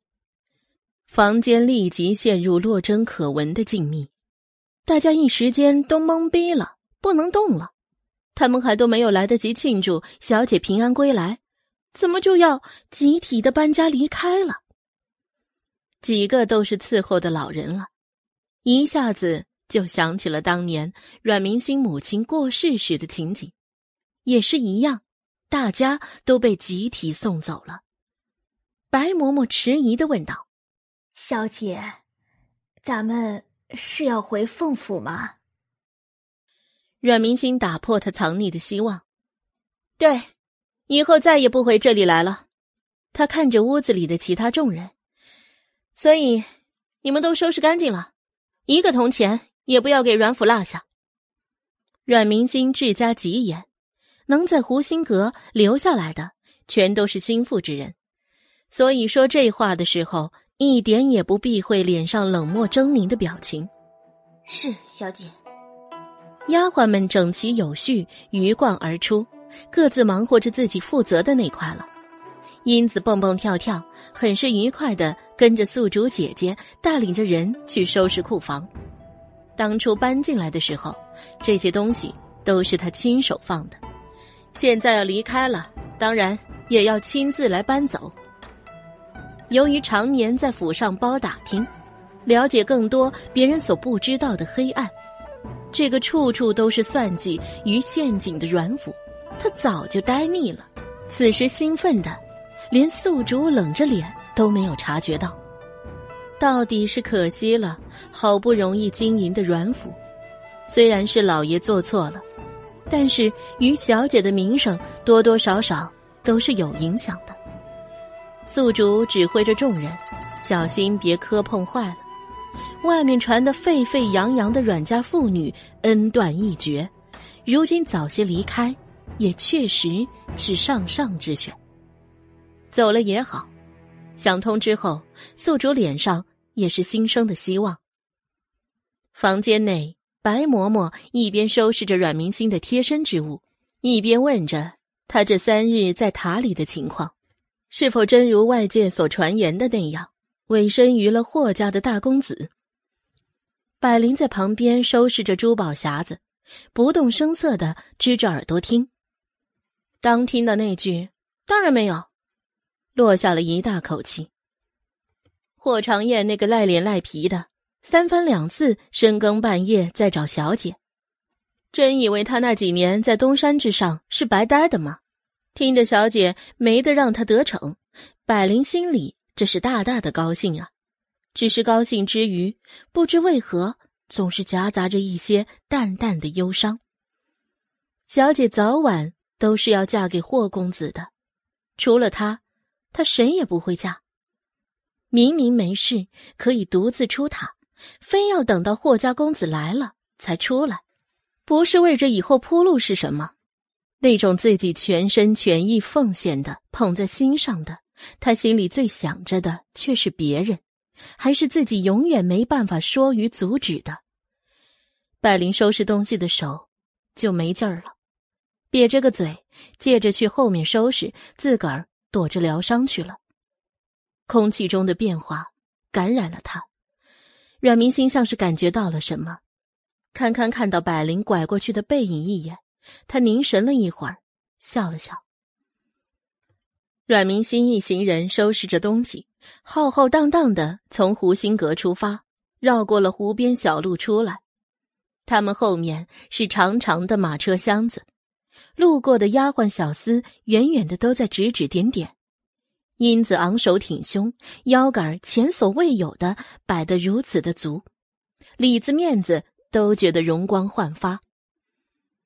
他们家小姐的嫁妆那是不用说的，就是大半个阮府加起来。都未必比得上。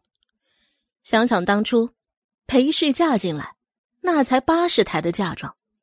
英子轻诧一声：“哼，小燕儿就这样也敢来显摆自己富贵？现在，就当你们见识见识他们家小姐的富贵是何样的直上九天。”阮明心确实富贵，然。因此，也未能真正的了解他到底富贵到了何样的程度。这些年，虽然他常年不在家，但是母亲留下来的两间铺子、庄子，日日都有进项。后来从洛尘渊回来之后，更是有人拿着他的投资隐藏集市。阮府里存着的不过是冰山一角而已。阮府正门处，阮明星的行李马车。已经陆陆续续的出了大门口，开始往外行走。长长的东筒子巷子，看过去就是一条不断往巷子与长安街交接的岔道口蠕动的金色大虫，尾巴那一节还在不断增加。如此大阵仗，自然引起岔道口那边围观的人越来越多。就是后面巷子里的其他几家官员的正门口，也三三两两的开始聚集起了围观的人群。有百姓的议论声传了过来：“果真是阮四小姐，看着是真的断绝了父女关系啊！真是可惜，那天我家正好有事儿，原还以为是谁胡编乱造的呢。过了那么大的事件，有这样的父亲，换我我也不要。”切，你就吹吧，就你这熊样也能和阮四小姐媲美？你有他那胆子吗？还叫什么阮四小姐呀？没看见人家都离家出走了吗？都不是阮家的人了，还叫做什么阮四小姐？正所谓兵马未动，粮草先行，古来有之。这些都是母亲留下来的提己家当。阮明星自然是不会让他们有任何被截胡的危险，所以他的马车走在最后面出门。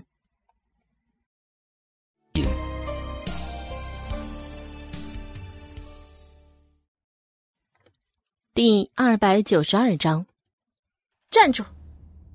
一声厉喝从阮明星马车的后面传了过来。走，不管他。阮明星平静的，连车帘子都没有动手翻一下。到底是在阮府中待的久了，在他后面一辆马车的宫嬷嬷李嬷嬷，对阮尚书后来娶的这位正房主母，内心还是有些奴颜悲戚的发怵。颤抖的掀开车帘，颤抖的叫了一声“夫人”，然，就是这一声“夫人”，令裴玉芳找到了发泄的出口。大胆，你是什么身份？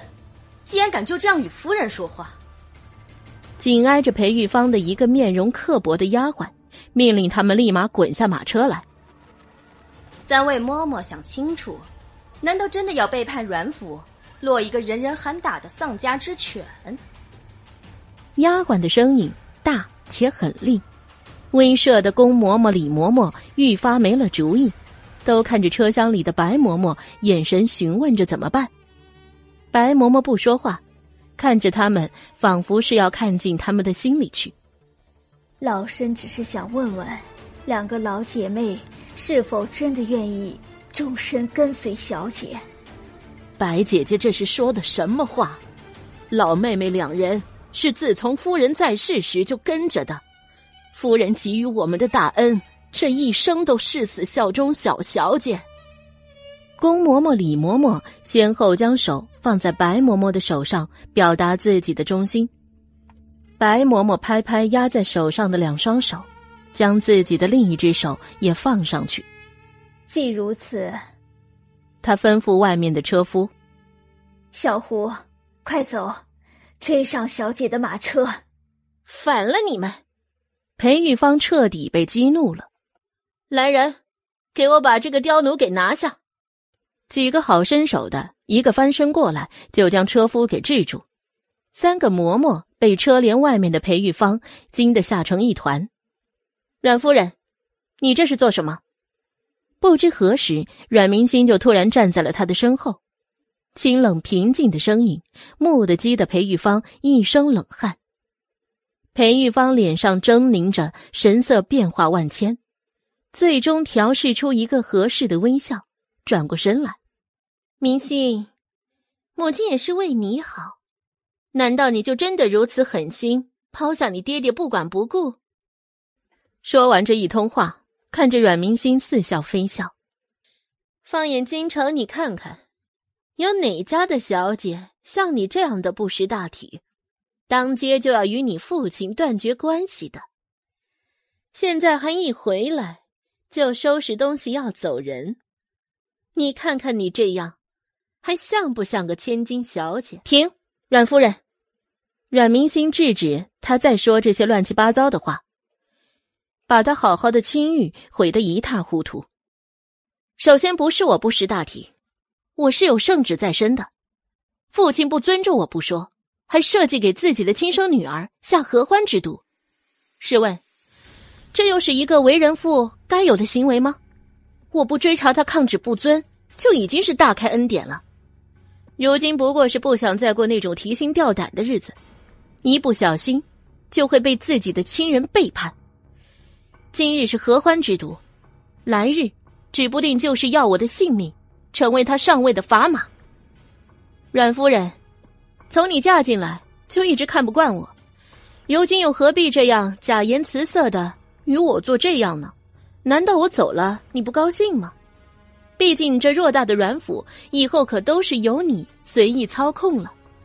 你是想要把它掏空了，还是想要把它整顿了？全都由着你。有名无实的当家主母做了这么久，呵呵。心里不好受吧？阮明心哈的一笑，眼神一冷，看着那几个制住白嬷嬷等人的护院，还不松手。护院，你看看我，我看看你，最重要的就是连裴氏都没有再发话，唯唯诺诺的松开了手，让出了道。车队又走了进来，徐徐前进。裴玉芳呼吸了又呼吸。站在走出一点距离的马车后面，大吼道：“阮明心，你走着瞧！你以为你这样就高枕无忧了吗？以后的日子还长着呢。”百灵与阮明星的马车内，百灵笑翻了天：“ 小姐，你刚才真的是太 ……”百灵竖起两个大拇指，不停的夸他：“你真的是句句都戳中了他的心窝子啊！”你是没看到他那个样子，气得嘴都歪了呢。阮明心当然知道，裴玉芳从嫁进来，最大的痛自然就是管家之权。就连几年都没有孩子，在他心里都没有这个重要。要不然他如何会那样说呢？最重要的是，他怎么能让他以后真的就这么安生呢？管家之权呢？先给那几个侧室的姨娘们提个醒，再同时给老夫人心里种下一根刺。就算将来裴玉芳能够拿到，怎么也要有的他累了。接下来，就是要找霍长燕到底去哪儿了。娶她就这么难吗？用得着一回到家连声招呼就不打就跑了？不过，就算他跑到天涯海角，他也要给他找出来。阮明心咬牙切齿的想着，看他以后还怎么摆脱他。为什么前世他就没有发现，霍征怎么老是在躲着他？今生他都主动贴上去了，他居然还能跑那么远？难不成是因为主动上去的就不值得珍惜了？阮明星皱眉苦思。百灵一个人坐在旁边，张张嘴，再也没有说话。说什么他家小姐也听不进去啊！铁定的是又在想着霍家那个赖脸赖皮还不负责任的人了。阮明星到了大将军府，受到热烈的欢迎。连带着跟着他后面的心腹随从都收到了较高的礼待。英子是第一次来到凤府，看着处处都新奇的不得了。阮明星跟外公、跟几个舅舅舅母们说话去了。百灵拉着英子在府里闲逛认路，一路上都有丫鬟小厮们对他们点头示意。刚来到陌生地方的不适应，早就没有了。他拉着百灵，简直是又蹦又跳，走路都觉得身轻如燕，总算是无人管他了。百灵也高兴啊，离了宿主姐姐的管教，可算是带着机会释放出本真了。一个大将军府，犄角旮旯都被他们逛完了，最后回到阮明星居住的清心园，特意给他讲了，这就是当年夫人居住的院子。还有凤府里的人际关系，以及各房舅老爷们各自的院子，一一的指点给他看。前院的大堂内，以凤老爷子为首的几个凤家儿郎媳妇儿，拉着阮明心上看下看，总算确定他身心无碍后，才开始正式的发问。首先第一句，就是先把阮兆林那个鬼崽子大骂一通。然后接着又问他那几天都是如何度过的，离开的时候有没有被为难了。最后说道：“放心，外公舅舅们都给你撑腰呢。”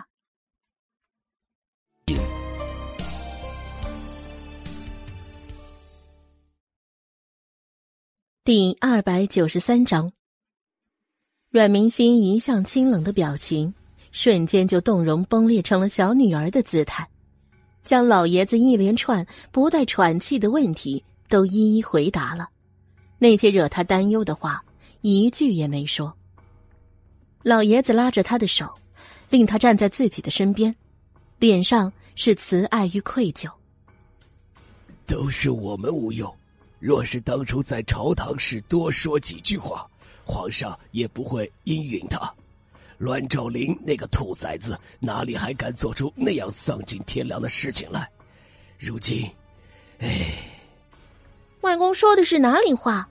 凤家本就是刀尖上的鱼肉，一不小心就是剔骨剥肉。外公与舅舅们不说话才是正确的。况且，你看我这不是没事吗？他就着老爷子的手转了一个美美的圈儿给他看。再说。这是好事，你看这样以后我就完完全全的脱离他的桎梏了。说着，他语气一变，拉着老爷子的手撒娇：“难不成外公嫌弃星儿？您放心，星儿的饭量很小的，不会吃多少大米。”切，你个丫头，你就乱说话吧。外公是那种小气到几口饭都不给你的人吗？凤追慈爱的看了他一眼，说道：“那可说不定啊！您刚才不就还嫌弃星儿回来打搅了您吗？”老爷子点着他的鼻子：“你这丫头，白纸都能被你说成黑的。”屋子里氛围融洽，你一言我一句，亲亲热热，笑到成一团。临近末了，凤泽涵忽然问道：“心儿。”以后的事情，你打算怎么办？老爷子眼睛一瞪：“什么怎么办？自然是从今以后都跟着我们一起过。”迎着父亲和二弟要吃人的眼睛，凤泽涵无奈，凤泽川倒是替他解围：“爹呀，大哥的意思是问，如今全京城的人都以为星儿与霍真已经已经有了夫妻之实，现在人又一回来就消失了。”这，这要是星儿以后可不成了那些人嘴刀子天天戳的对象了吗？对呀，霍真那小子忒不负责任了。就算是没有干什么事情，解释清楚了再走不行吗？赶命啊他！刚刚见着心爱的外孙女太高兴了，一听说没有被欺负，那就放心了。现在想想。这不是把心儿放在烈油上烹，刀尖上扎吗？反应过来的老爷子就不顺气儿了，开始点名道姓的骂。骂完之后，他豪气万丈的说：“心儿放心，外公定会给你找一个比他还要好上千倍万倍的如意郎君。”他刚刚骂的太痛快，阮明心一句话也插不上，现在总算逮着机会。立马简明扼要，外公，我谁也不要，就要霍长夜，不管他跑到哪里，我都要把他找出来。就算他变成土拨鼠钻进土里了，我也非要把他给逮出来。非他不可。老爷子眸光带着打量，也带着试探。非他不可。阮明星看着门外的天空，悠悠的说。那神情，那声音，像是穿越了时空。恍惚间，又看见他倒下去，满身是血与剑的身影。紧接着，天空的云朵变幻，他好像看见了他从天空乘坐着大大的雪雕向他俯冲而来。蓦然的，他就笑了，笑得那么温柔甜美，哪还有一点平常的冷静与自持？老爷子看着他这样，更是止不住的叹气：“冤孽呀，冤孽！刚刚还其乐融融、欢声笑语的屋子，恍惚间就这么静了下来。”且说这边阮明心动用了各种势力，都搜寻无果；那边皇帝突然到了大将军府来传召，凤家的众人与阮明心都懵了一瞬。搞不懂皇帝怎么突然想起又找他来了，全都害怕着，莫不是还想要她嫁给向宗光去和亲？公公，可否等一下？明星先去更衣一番。推到后院，阮明星拉着三舅母说：“舅母莫要慌张，我手上是有皇上亲赐的圣旨的，他不会给我指婚的。”君淑云这才缓下一口气。好了，你先去换衣服吧，我去告诉你外公他们，莫要担心。好。至此，两人兵分两路。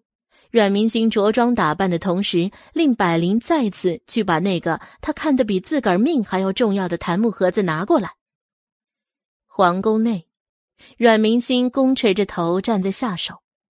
桂胜依旧是无声无息的站在龙椅的旁边，仿佛不注意看，根本就发现不了这个人。明明是个权势滔天的大太监，却一点儿也没有任何强势或者嚣张的气焰。段尘渊千奇百怪的人都见识过了的阮明星，自认为还是有点看人的本事。然他上辈子除了知道他的名字。连他任何事情都没有听说过，反倒是几个地位比他还低的太监活得滋润张扬。今生就更别提了，几乎每次见面，他都在刻意的观察他，却总是看不透这个宦官。相比较于他表面的淡漠，内心深藏的欲望，这个人可谓是真的无欲无求了。但是，真的无欲无求、没有一点手段的人，能够坐上这个大总管的位置吗？阮明星却是不信的。阮明星站在下面，眼神垂地，静候上手的吩咐。龙腾的目光落在他手边的木匣子上，轻笑道：“怎么怀疑朕会给你强行赐婚？”阮明星听出了那话里行间的贬义，一吃面。但他是君，他是民。君要臣死，臣不得不死。遑论明星，还只是一个无足轻重的小小女子。皇上太抬爱民女了。痴痴的语气，到底还是不满于迁怒的。要是换做旁的太监，早就先君之快迁怒了。桂胜依旧是面无表情的听着，那身姿，那神态，连浮沉的尾巴尖儿都没有动一下。阮明心确实佩服他。相较于自己刚才确实是冲动了，于是忙跪下请罪。民女惶恐，起来吧。龙腾的态度木然的又好了起来。阮明心拿捏不住他的想法，只能走一步算一步。他叫起，就毫不停顿的站起来，不说话，恭恭敬敬的，看起来乖顺无比。龙腾看了他一会儿，说道。连日来，京城都在疯传霍征当日与你解毒之后就消失了。如今，你可有他的消息？阮明心惊讶，没成想是为了这个而来。皇上镇守南庆河山，掌握各个关卡，应当是民女来求助皇上才对。末了，他又笑道：“ 没想到，皇上也相信以讹传讹之言。”那如果民女说并非是霍小将军为民女解的毒呢？皇上可信？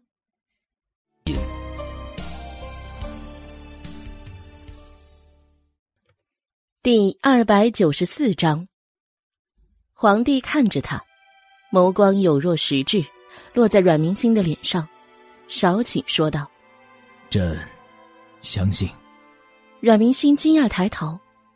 却见到皇上的那双眼眸，看上去深不见底，威严而居高临下。在这一刻，他们君臣对视着，似乎都想看透对方。等阮明心再出来的时候，收到了一大堆的赏赐，而他竟然不知道是为了什么原因被赏赐的。回来的时候，自然而然的。后面跟着一溜的靛蓝色太监耶撒，捧着赏赐之物，从皇宫穿越小半个城，回到大将军府，免不了的又惹来一番议论纷纷。逗留着京城还未离开的谢寒韵听说之后，从院墙里翻越进来，惊呆了站在清心园院子里的英子。如此俊美可爱的公子，他还是第一次见到。白衣翻飞的从天而降，就跟天神似的。他捂着嘴，瞪得圆溜溜的大眼睛，站在阮明星的身后，痴痴的看着他。阮明星眼睑一抬一放，请坐。谢寒韵看着他这么轻描淡写，顿时就不干了。哎，你就这样对待你的救命恩人呐？好歹我不仅救了你的命，还发给你送了三天的吃喝呢。怎么连声谢谢都换不来？谢寒韵说着，一撩袍摆，就翘着二郎腿坐在阮明星对面的石凳上，长身玉立，修长的腿一晃一荡的，在那雪白的袍摆下若隐若现。英子简直就恨自己没多长几双眼睛，上上下下都不够看的。我记得当日谢公子说了，不要谢礼。今日这方做派，又是何意呢？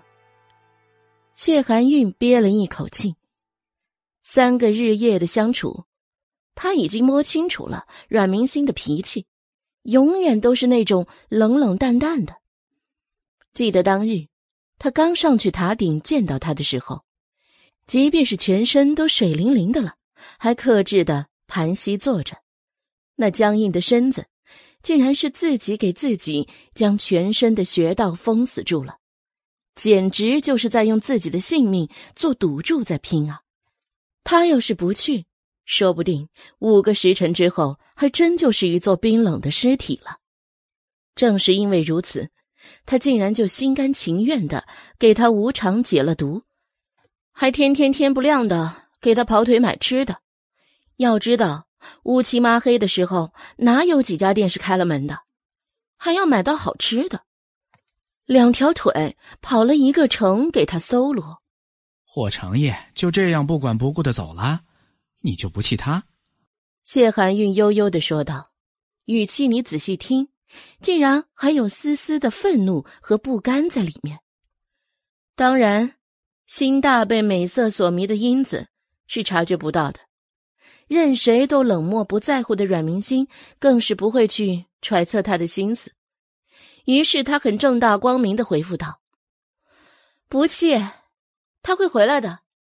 就算不回来，我自己会去找他的。”他说的无比笃定，仿佛这根本就不需要思考。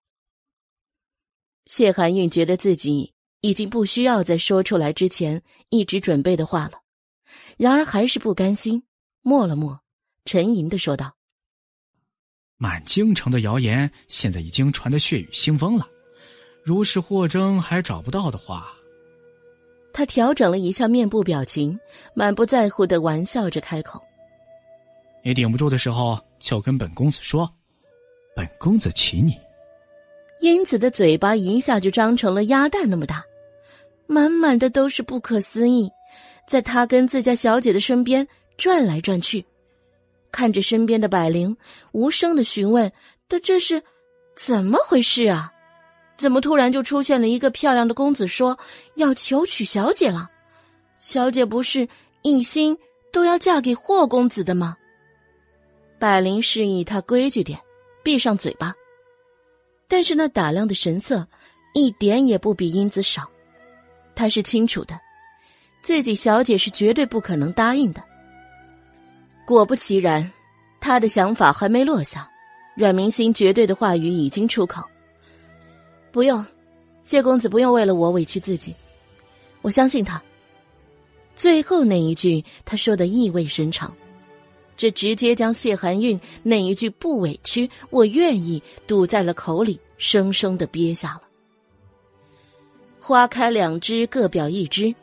同一时间，每个空间、每个人都在发生着不可估量的事情。当日裴玉芳与阮明心在府门前大吵的情况还历历在目，当众丢脸，这口气裴玉芳如何咽得下去？当日回去之后，就跑去找老夫人告状去了，把阮明心从头到脚的贬了一遍。老夫人。不是媳妇说他，众目睽睽之下，不顾及我这个继母就算了，大声嚷嚷着要跟阮家脱离关系，不仅老爷的脸难看，就是老夫人您，他也是丝毫不放在眼里。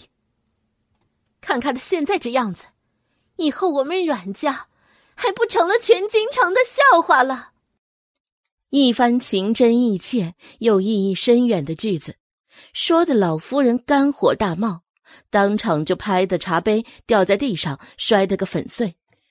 后来又再加上阮明星从皇宫里出来，身后跟着长长的亲赐礼物，出尽了风头。京城里原本围绕着阮明星的风言风语，一下子全部转移到了阮家的头上。这下子，老太太终于坐不住了，不整治整治他。还真就以为自己是一个人物了不成？于是，阮老夫人带着人浩浩荡荡的就往凤家的将军府里赶。谢寒韵刚走，阮老夫人坐在刚刚谢寒韵离去的位置上，与阮明心火花四射的对视。尽管阵仗搞得很大，但是那都是老夫人单方面的。坐着的老夫人以及她后面站着的裴玉芳。都企图再用眼神直接杀死阮明心算了，奈何对面的那人就跟没看见似的，淡定的举杯喝茶，还颇具涵养的给阮老夫人也斟上了一杯。老夫人一路辛苦了，先喝杯茶润润嗓子吧。阮明清冷清的说道：“我不喝。”老太太气势凛然，炮火全开。阮明心，你看看你自己现在像个什么样子？满京城都在传你的污言碎语，我这把年纪了，听着都替你脸红。你还有理了？收拾东西往外面跑，搬家呢？这里是你家吗？你一个外家的女儿，长久住在这里像什么样子？阮明星讽笑：“哼 再是外家，这里也是真心疼爱我的亲人，不像某些人为了地位，什么都可以出卖。”你什么意思？老太太怒道。我什么意思？老夫人明白。我看在您再怎么说，也是与我有着血缘关系的祖母，才好心好话的与您说。哼，要是换了某些人呢？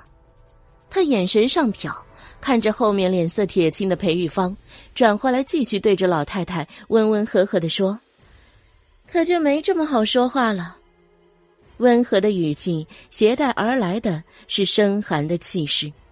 老夫人蓦地觉得周身一冷。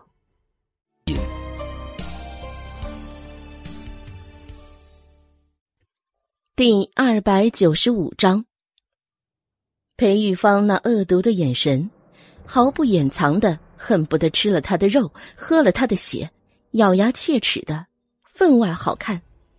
阮明心就这么看着他们婆媳俩，轻轻的笑着。手中的甜白瓷青花茶盏盖子，噔的划过一下一下，发出了清脆的声音，忽的显得格外深寒。那是一种威胁。久经风霜、活了半百年纪的阮老夫人，怎么会感受不到？正是因为知道，所以才更加的气愤。他竟然败在了一个十几岁的青涩小孩的手里。这是他所不能容忍的。回到了家里，就控制不住的摔东西。飞鹤院里连只蚊子的声音都听不到，里里外外一群人颤抖的跪在地上，不敢出声。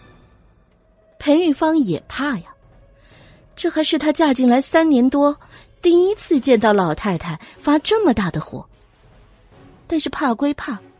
此时不把老太太的脾气稳住，要是发生个什么事情，老爷肯定是唯他是问。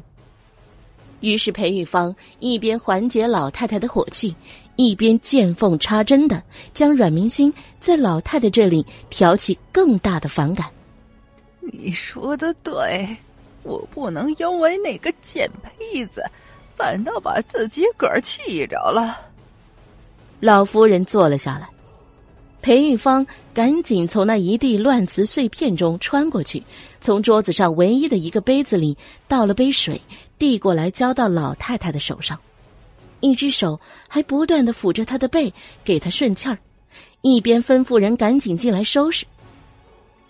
老太太缓着气，喝了一口水后，把杯子重重的放在身边的茶几上。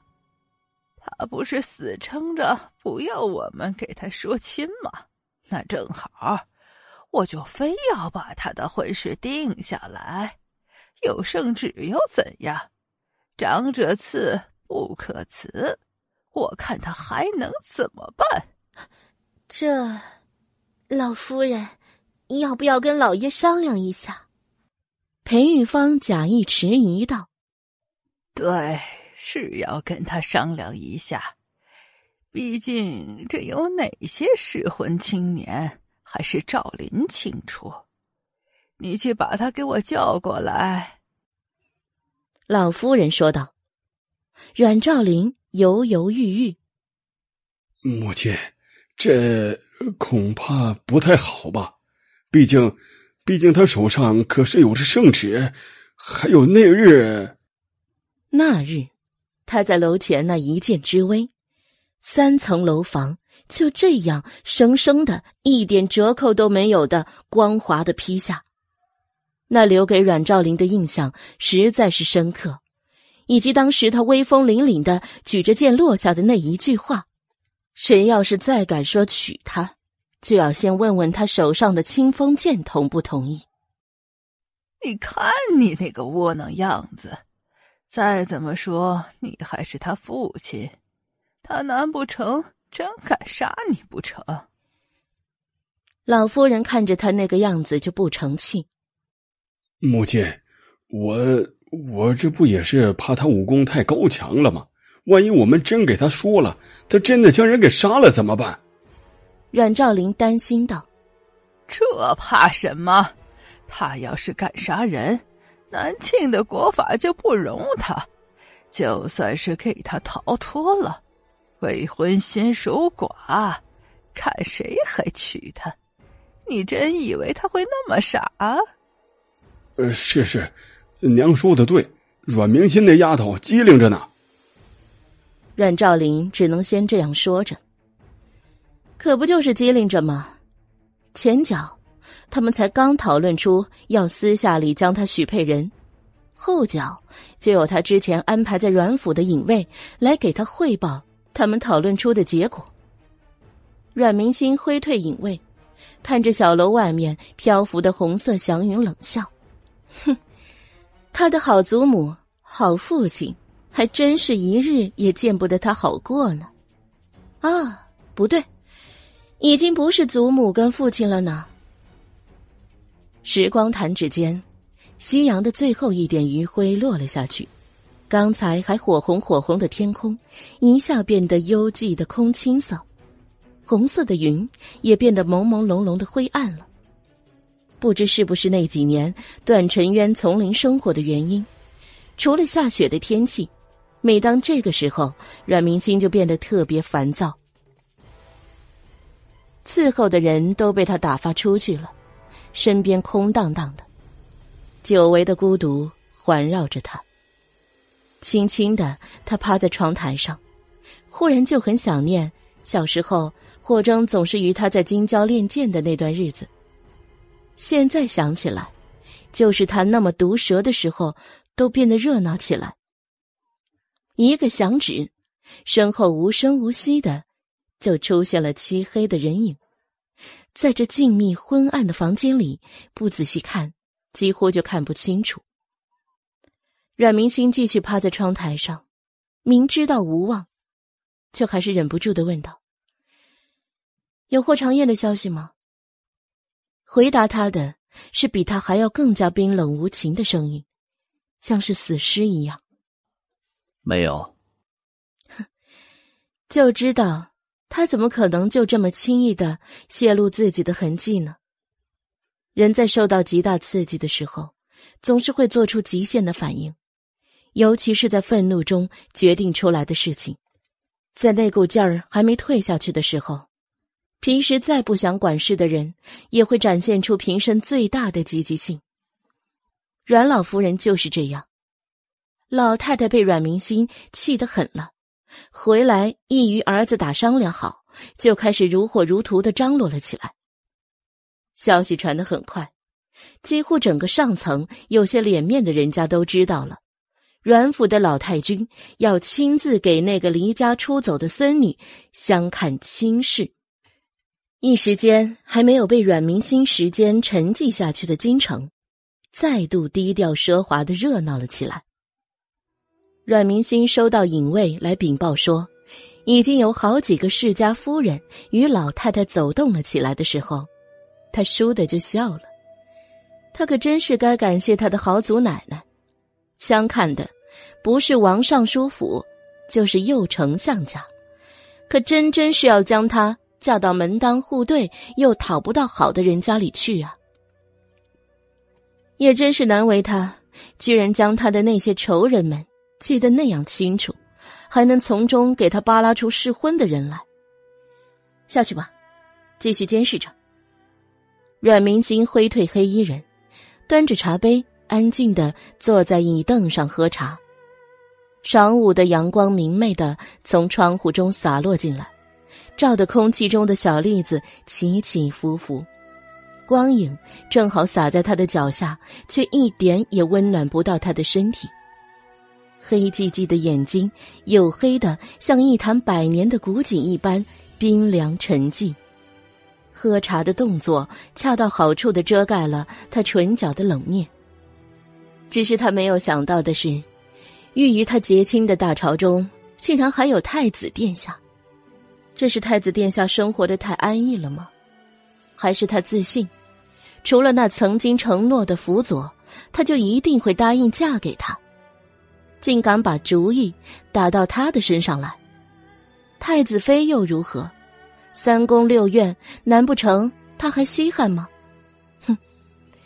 就是许他皇后之位，也不能在他的内心激起一点波澜了。阮明星放下了茶杯，透过窗外看向不知名的远方。他就且看看，没有皇帝的旨意，太子的婚事到底能不能自己做主？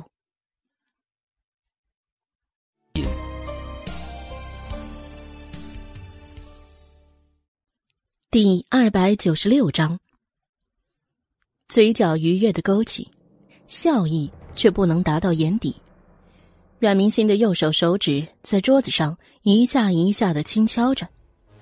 他好好的想想，自古以来，除了造反的，还真没有哪个皇室的正妻是没有圣旨就能凭着自己想娶就能娶的。就算是个普通的皇子都不例外。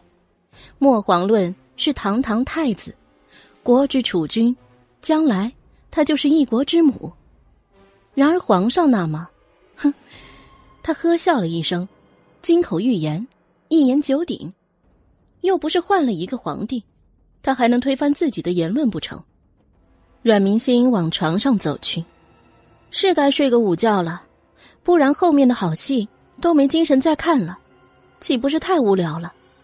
更莫说他还是这场戏的中心人物呢。即便是他不曾出场，翌日，尹卫再来报的时候。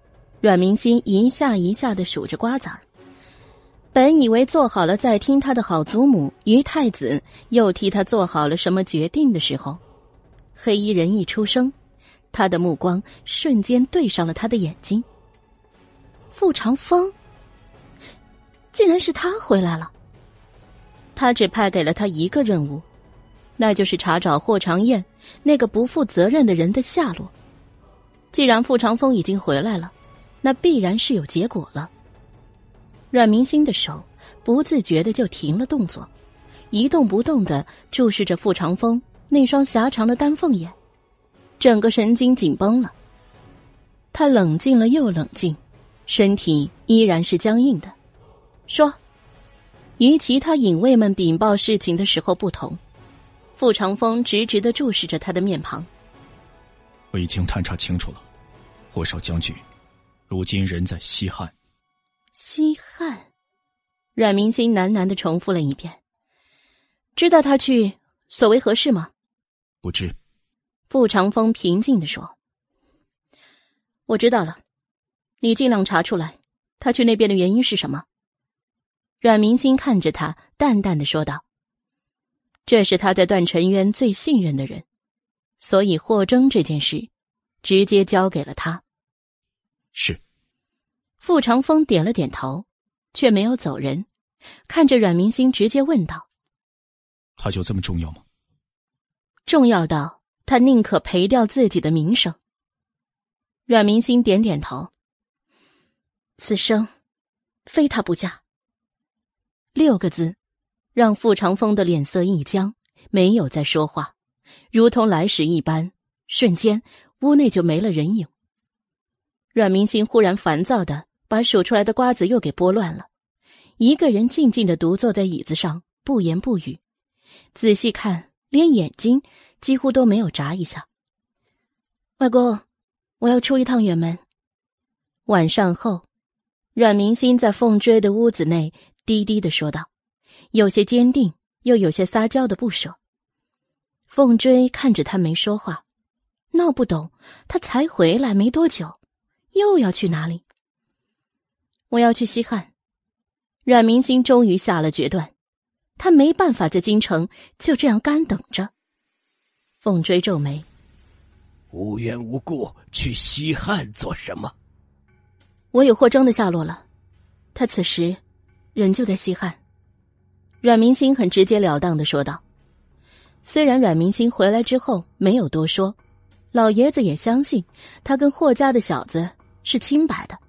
但是那小子无缘无故跑回来，又引起了误会，不解释清楚，就慌慌张张的一声不吭的跑了，给他的外孙女留下满京城的流言蜚语。老爷子嘴上不说他，心里还是很看不上的。一听他要去找那个混小子，就生气的说道：“他把你害得还不够，你一个好好的女儿家，还去找他做什么？再说西汉那么远。”你一个出门，外公也不放心。外公，阮明星一屁股坐在他身边，拉着他的手摇啊摇的撒着娇。老爷子就算是心里美的冒泡，脸上还是不吃他那一套，瞪着他不说话。以往无往不利的招数没用了，阮明星放弃，看着老爷子的眼睛，正经的说道：“不怪他。”其实，在塔里的时候，我就在解毒了，只是一直没出来。看着老爷子疑惑的脸，阮明星证实他的猜测。没错，我就是在刻意等他。凤追脸色一变，你知不知道你在说什么？现在整个天下的人都知道，他已经没了清白了。原来，就是为了一个霍长燕。因为心儿真心的想要嫁的人只有他，阮明星很明确的说道。这句话狠狠的砸在老爷子的心头之上，久久的回响，砸得他很久都没有回过神来。阮明星絮絮叨叨的还在他耳边说着些什么，他完全无暇去听。等终于回过神来的时候，阮明星的话已经说到了最后，所以。明日星儿就要启程了，我不在的时候，外公您要多保重。还有就是，舅舅们，您替星儿转告他们，星儿就不去一一辞行了。不然他们肯定就要一个劲的说我了，尤其是二舅舅，这一晚上都说不完了。阮明心笑了笑，拍了拍一直拉着老爷子的手，虽然粗糙，但是这双大掌。是那么的温暖，那么安全。他笑着起身就要离去，心儿。就在阮明星放开他手的一瞬间，凤追反握住他的小手，柔柔的，嫩嫩的，声音里满满的都是放心不下的担忧。阮明星转回身看着他，璀璨一笑：“ 您就放一百个心好了，我又不是没出过远门，段尘渊那样的地方。”我一个人都去了，还怕一个区区的西汉吗？你小心些。老爷子看着他好一阵子，千言万语汇成了这一句话。嗯，我知道了。阮明心笑了笑，终于转身出去了。他一离开，凤追就坐在床沿上，看着那只刚才抓住他小手的那只手，空空的。还有他柔嫩的触感，他慢慢的翻身上床。外公何尝不知道你的能力，只是终究忍不住要担心啊。喃喃着，一直到了后半夜，才终于睡了过去。第二天，天不擦亮，阮明星就简单的收拾了包袱，一个人离开了。书房的桌上是他留给白嬷嬷等人的一封信。尤其是百灵，说不定又要闹一番了。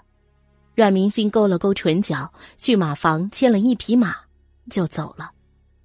一路疾驰，阮明星的目标非常明确。可是，在边境借宿的时候，却没有想到遇到他从未遇到的事情。半夜就听到外面哭喊声一片，他走出房间。就听到前面胡子拉碴、身穿胡服的北狄人指着一身亮绸水红的阮明星大喊：“哈哈哈哈哎，那儿，那儿还有一个呢！”喊声顿时从一堆哭天抢地的被捆绑的女人中吸引来了更多粗糙好色的北狄军人。他们看到阮明星，眼睛顿时一亮。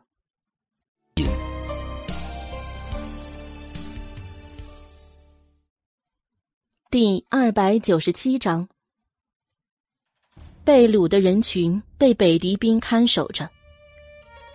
见到阮明星的那一刻。陆陆续续出现了好几个流着口水、伸手抹嘴巴的北狄壮汉，他们越走越近，阮明星那原本涣散的眼睛聚集的光越来越亮。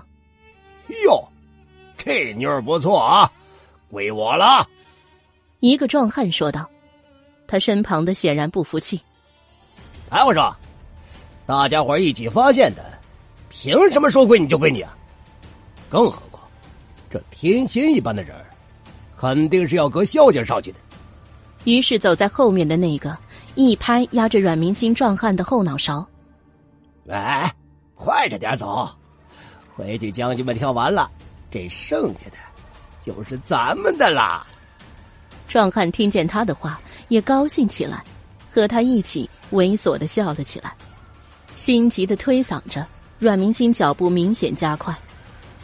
阮明星被推着几个踉跄，就融入了之前那一群女子的大部队，被同一条绳子串着捆绑着双手往北狄的大草原上走。秋天了，草原上的草基本上渐渐枯萎，扎在泥土里的根也越来越松弛。越往里走，风沙越来越大。阮明星一边走一边悄无声息的观察着周围的形势。耳边咿咿呜呜的，都是那些被抓来的年轻少女、少妇的哭声。没错，阮明星就是故意被他们抓住的。南庆与北狄和西汉相邻，从南庆霞峰关出来，一条道往北，一条道往西，分别就是北狄与西汉的交界处。霞峰关地势险峻复杂。在临近南庆的关口，真的是两道山峰形成一条狭窄的过道，正所谓一夫当关，万夫莫开的气势。然，即便有如此易守难攻的险要地势助阵，霞峰关的百姓们依旧今年受到北狄与西汉两国的骚扰。最主要的原因就是霞峰关除了两道守关山门外，依照霞峰关复杂的地势。村民们居住也是各个山脚下分散、零零落落的小村庄，就好几个，其中不乏贸易，是发到守山双峰之外的。此次被北狄骚扰的，就是守关双峰之外的郑家庄。当阮明星骑马出关之后，不到一里地，就隐隐闻到空气中有血腥味传来，顺着长长的窄道往外走。血腥味越来越浓郁。出于武者的本能，阮明星直觉就绷紧了神经。到了郑家庄外，就连一直听话的坐骑都扭头不肯再进。阮明星不想弄出动静，因为他已经听到里面那些哭喊声以及北狄的语言，怒骂着狂叫。他翻身下马，放了马儿，自个儿穿进丛林。自己一步一步的往村庄里面走去，仔细聆听，除了一个地方的声音比较嘈杂之外，整个村庄竟然寂静的可怕。按理说如此反常，一个地方又是那么大的动静，就算是人都不见了，牲口的动静还是有的。现在的情况，只能说他们将那些家禽都洗劫一空了。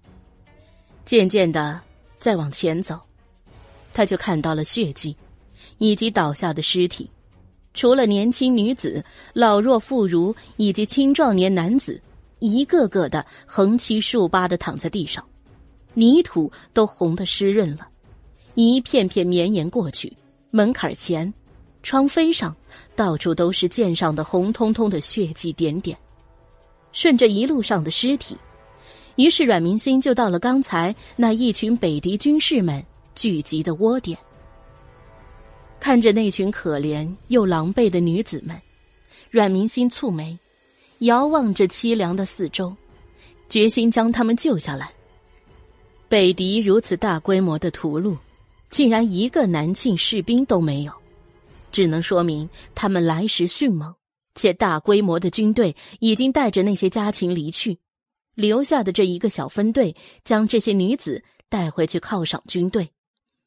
毕竟这些女子们哭哭啼啼，路上再一挣扎，行军的速度就慢了。留下的这一队士兵只能说是殿后，打仗能力都不怎么样。以阮明星的实力，就算是再来这样一个小分队，轻轻松松那也是两个剑招之内就能搞定的事。但是他除了要解救这些女子之外，更加想要弄清楚的是北狄军这样突袭他南庆的目的何在。因为这很明显，南庆还没有来得及发现北狄的行动，所以他静静的站着没动，乖乖的被捆绑到了这一群女子的队伍中去。俗话说：“不入虎穴，焉得虎子。”夜晚，北敌二十几个帐篷包围着的中间，正在举行篝火晚宴，将士们敞开了。大碗喝酒，大口吃肉，庆祝今日的丰盛收获。欢呼声一潮高过一潮，摔跤、比武、打蚂蚱，这里一堆，那里一堆，终于宴会进行到了高潮。瓜分今日抓来的那些妙龄女子，以正士气。一群女子像是被赶牲口一样，被推到了中间搭起的正方台上。台子的最上首是一个长长的案几。一个身材魁梧却带着几分儒雅的中年男子坐在后面，再往后，就是一根长长的旗杆子竖着。黑暗中，一匹孤狼仰天嗷叫的样子印在那猎猎作响的金布上。围台子上边，四周坐着的是一群粗犷不拘、身穿盔甲的壮汉们。阮明星隐在人群中间，将他们一个个打量。那最上首坐的，就是号称北狄军师的左贤王。他会认识他，还要感谢上一世远嫁给了当时还是质子的龙逸轩。听说左贤王的母亲是汉人，从小精习汉族文化，是北狄智慧的象征。而下面的那些人不用说了，自然就是他们此次出征的将军们了。只是有一个很奇怪。竟然戴着面具坐在左上手的位置，少女们啼哭着，被一个个的送到那些将军们的边上。阮明星看着台子上面那些将军身边的空位备战，剩下的女子们开始被瓜分给下面那些比武摔跤胜了的人。擒贼先擒王，既然已经深入虎穴，自然是要到最高级别的人的身边，才能知道的更多。阮明星眼瞅着身边的人越来越少，他不能就坐以待毙，等待被那些下等的军士领走。于是，在周围的女子都在往中间躲的时候，他却异军突起，站到了最前面。这里的气温比在南庆的夜晚不知低了多少。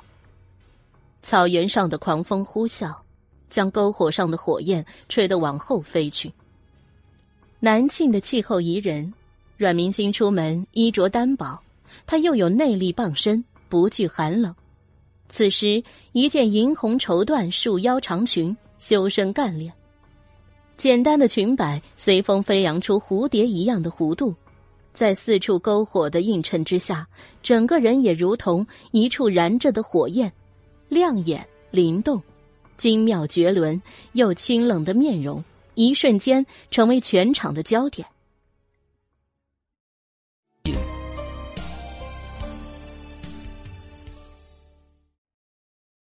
第二百九十八章。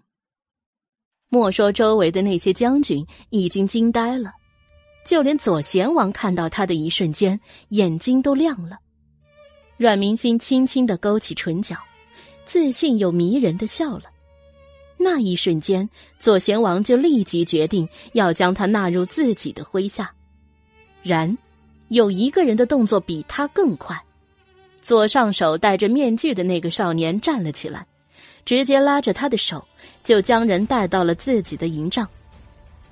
阮明心在外人面前显然不能显露自己的身手，不然这里如此多的人，简直堪称是千军万马。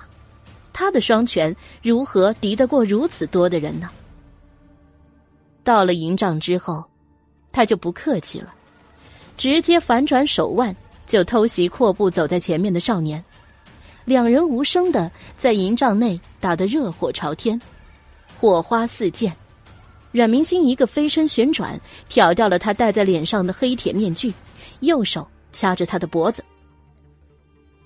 是你？他惊讶出声，眼前的魁梧少年，不就是北狄在京城洽谈和亲的那个向宗光向王子吗？阮明星收紧向宗光脖子上的手指，压迫着他的动脉，威胁的说道：“说，你们突然偷袭南庆边境，是何目的？还有，赶紧下令将那些你们掳掠过来的女子们放了。”他的手掐得太紧，向宗光呼吸困难，一直指着脖子上的手。待阮明心将手松开一些之后，他使劲儿的咳了咳嗓子，才说道。你松开一些，那突然发兵偷袭南庆是我叔叔的主意，我也不清楚。此次我隐瞒身份过来，就是为了劝说他退兵的。现在你也看到了，我若劝说有用，你也就不会被他们掳掠过来了。而且叔叔一向是在北地很有话语权的，治理军队最重要的就是言而有信和适度的犒赏与发泄的。他轻笑着，像是玩笑，又像是自嘲的说：“哼，我的面子可没那么大。”阮明星看着脸上复杂的神色，忽然没有说话。忽然，寂静的空气中，两人的呼吸声陡然变得粗重了起来。虽然已经经历过了，阮明星的耳根子依旧止不住的发红发烫。现场版的那种男女之间发生关系的声音，实在让人有些，而且还到处都是那种声音，纵然是他心再大，也会受不了的。试想，在你的周围到处都是人肉体交搏，纵然看不见，但是那女子的尖叫、男子露骨的话语与喘息，不自觉的他就一下离向宗光三丈远。他们上次。可还是一起被下药过。你，在一个自己心里想入非非的女子面前，被正做着这种事情的人潮围在中间，向宗光一个大男人也同样脸红了起来。他的眼睛看上看下看左看右，就是不能直视阮明星的身影。他摸摸鼻子，尴尬的说道：“现在就是我想放人。”也是无能为力了。阮明星不理他，坐在屋内一张铺着棕黄老虎毛皮的大椅子上，等着声音都明显静了下去之后，他才说道：“你们北狄人可真是不讲究，粗鲁又野蛮。这怎么能算作是野蛮呢？”向宗光不同意的说：“你们南庆不是奉行诗书传世吗？汉人有句古话怎么说来着？哦。”食色性也，人之大欲存焉。如此正常的人伦之乐，如何能用粗鄙形容呢？可是他话音刚落，刚才因为隔壁停下去，他们又开始交谈的声音又呼哧呼哧的响了起来。中间空隙的那一会儿，还听见两个壮汉叽叽呱呱的。阮明星虽然不能完全听懂胡语，好歹前世也是在北狄待过的。连蒙带猜，大致的意思他还是懂的。再一看向宗光抹鼻子、低头不语的动作，想都不用想，说的是什么意思。果不其然，没一会儿，那女子尖叫、叽叽呱呱、乱七八糟的谩骂，跟巴掌扇在肉上的清脆声音传了过来。阮明心静止不动，用眼神蔑视他。向宗光对着他尴尬的笑。在周围这片嘈嘈杂杂的声音中，向宗光忽然问道：“你你，虽然是正对着他，但是那眼神飘来飘去，一直不敢落在他的身上，正视他的眼睛。你上一次，上一次的毒是怎么解的呀？说完，向宗光呼出了一口气，像是卸下了重担。阮明星神情冷清，说出的话令向宗光脖子更加红了。反正是不会像某人那样子解读的，就对了。向宗光肯定是找女人解读的。向宗光自觉被讽刺，也不再说话。营帐里瞬间就安静了下来，因为西北风呼呼的吹，打在帐篷的帆布上扑簌扑簌的，顺带将他们后面的那些声音飘得更远，然后顺过来前面那些帐篷里的声音，重重叠叠。像是一层一层翻涌而来的波浪一样，阮明星不止耳朵跟脸红了，就连脖子也开始泛起红来。知道这些野蛮人久不开荤，而且是狼多肉少，一时半会儿是停不下来的。阮明星一翻身，整个人横撅在椅子上，斜靠着入睡。向宗光简直不敢相信自己的眼睛，就这样了。他居然还能睡得着，不过一想，他们现在孤男寡女在一起，周围又是这样的声音，确实是眼不见要为净一些。于是往虎皮椅子往左过去的床榻上一倒，也闭上了眼睛。等夜深了，等大家都精疲力竭的时候，我可以助你去放人。只是，只是那些勇士们都精疲力竭了。昏昏欲睡了，那些一个个柔弱女子恐怕早就不行了。阮明心轻抬眼皮，看了一下地面，又眯了回去。他何尝不知道，如此折腾下去，又有几个人还有力气逃跑呀？只是已经来了，就总是要去试一试的。渐渐的，那些杂乱的喘息总算是落下去了，同时落下去的。还有许多女子的尖叫声。阮明心的心也一起跟着沉了沉。夜深了，万籁俱静，只余下了外面的篝火，剩下的火堆还在噼噼啪啪的燃烧着。然而声音也因为无人添柴而奄奄一息，苟延残喘着。突然，他凝玉睁开眼，与同样惊醒的向宗光对视了一眼。俱都从对方的眼神中看到了信息，有人夜袭。阮明星身子一转，就把双腿从扶手上耷拉了下来，快步走到了帐帘边，与向宗光一人占据一边。阮明星凝聚内力，凝神静听了一瞬，马蹄声越来越近。向宗光虽然武功没有他好，但是因为刚才是躺在床上，抗与对面相连接。是以，尽管那震动微乎其微，只要他凝聚内力、凝神了，也是可以感知一二。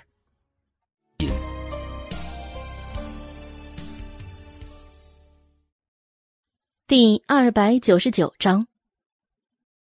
此时看阮明星头上皱着眉头，想来是来的人马不少，却越来越接近他们这里了。瞪了一小会儿。阮明星就掀开帘子的一条小缝隙往外面看，黑暗中寒风萧萧，有一群身穿铠甲的人骑着高头大马，踏着昏暗而来。那面上寒光粼粼的面具，反射凄清的月光，森冷森冷。杀伐就此展开，因为之前北狄的整个军队都狂欢了大半夜，谁也没有察觉有人半夜袭营。在这场厮杀中，黑衣铁骑对北狄几乎形成了单方面的屠杀。看来已经更不需要我帮助你了。帐帘背后，向宗光看着他，目光复杂。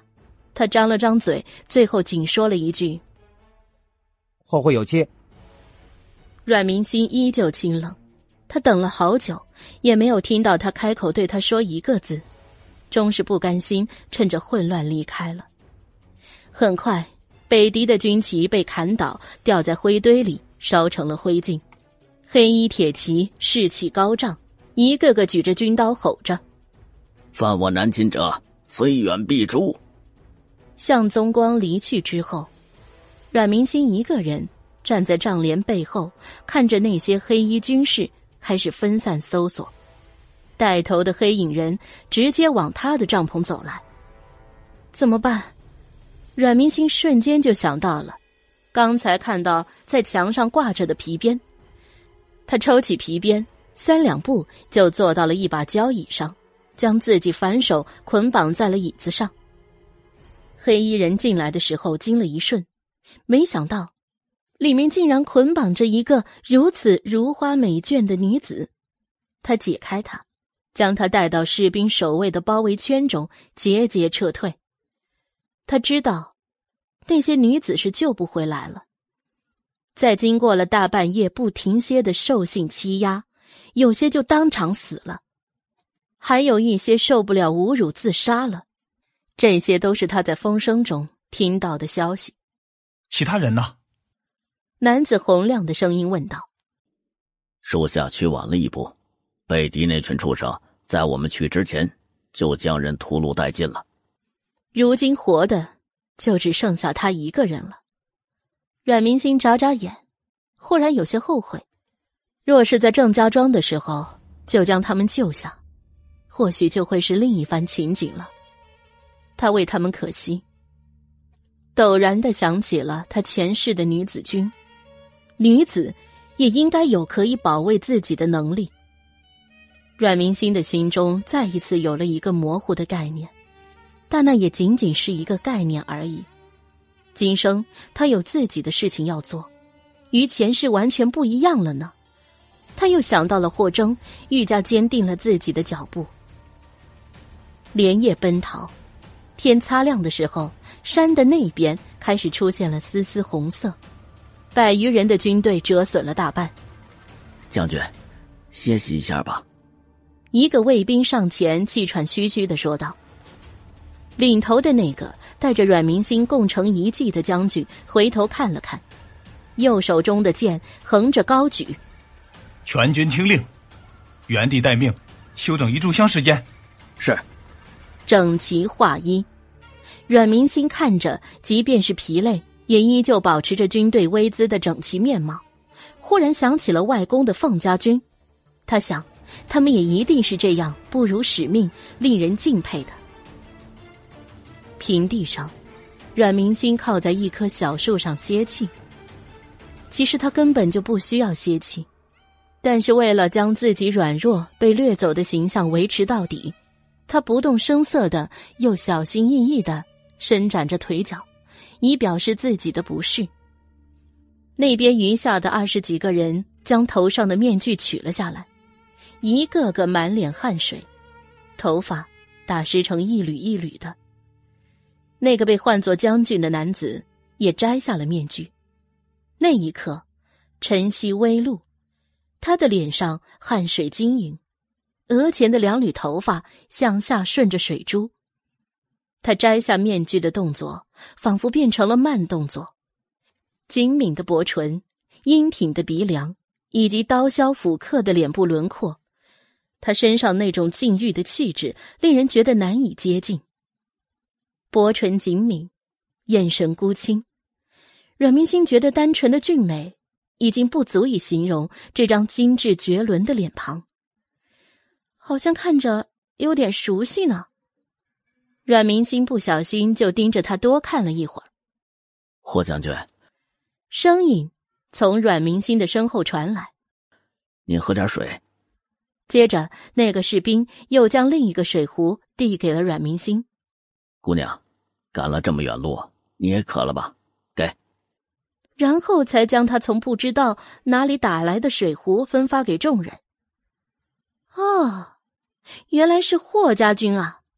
难怪了，觉得看着有些熟悉。虽然与霍征的容貌不太一样，但是霍家其他几个兄弟。可都是或多或少有些共同的特征，他还见过霍征的妹妹呢。他说呢，姑娘看着不像是郑家庄人士。敢问姑娘是何处人士？在下，好安排人送姑娘回去。霍战自然是注意到了刚才他那近乎于赤裸裸的打量，同时他也同样在打量着他。看他孤身一人，虽然被掳掠而去，却通身镇定，而且那身衣裳虽然简单，但是料子却是不菲，不是这郑家庄的人能够穿得起的。阮明心抱着竹筒做喝水状。短短的一瞬间，脑海中却是千百个念头闪现，最后决定，凤家与霍家一向不和，还是不要告诉他自己的身份了。多谢将军的救命之恩，小女跟随家人经商，落脚就在霞峰镇，只是一时贪玩，没想到被掳到了那个蛮夷之地。将军将我在前方放下就好，想必小女的家人已经在到处寻我了。哦，好。霍战点点头，就要吩咐人上马继续赶路，尽快到达霞峰镇。马儿嘶鸣，缰绳解下，还未翻身上马，前面峡谷的山峰后面就陆陆续续的冲出了连绵的军队，将他们团团包围。铁甲军。霍战看见他们面色一松。上前去与在铁甲军最前面的南宫妾寒暄，虽然他不清楚为什么乌衣卫能够率领铁甲军，但好歹是南庆自己人，所以他是完全没有防备上前去的。没想到在南宫妾的背后早已经备好了一支羽箭，破空袭来，令他没有任何闪躲的就被刺中胸膛。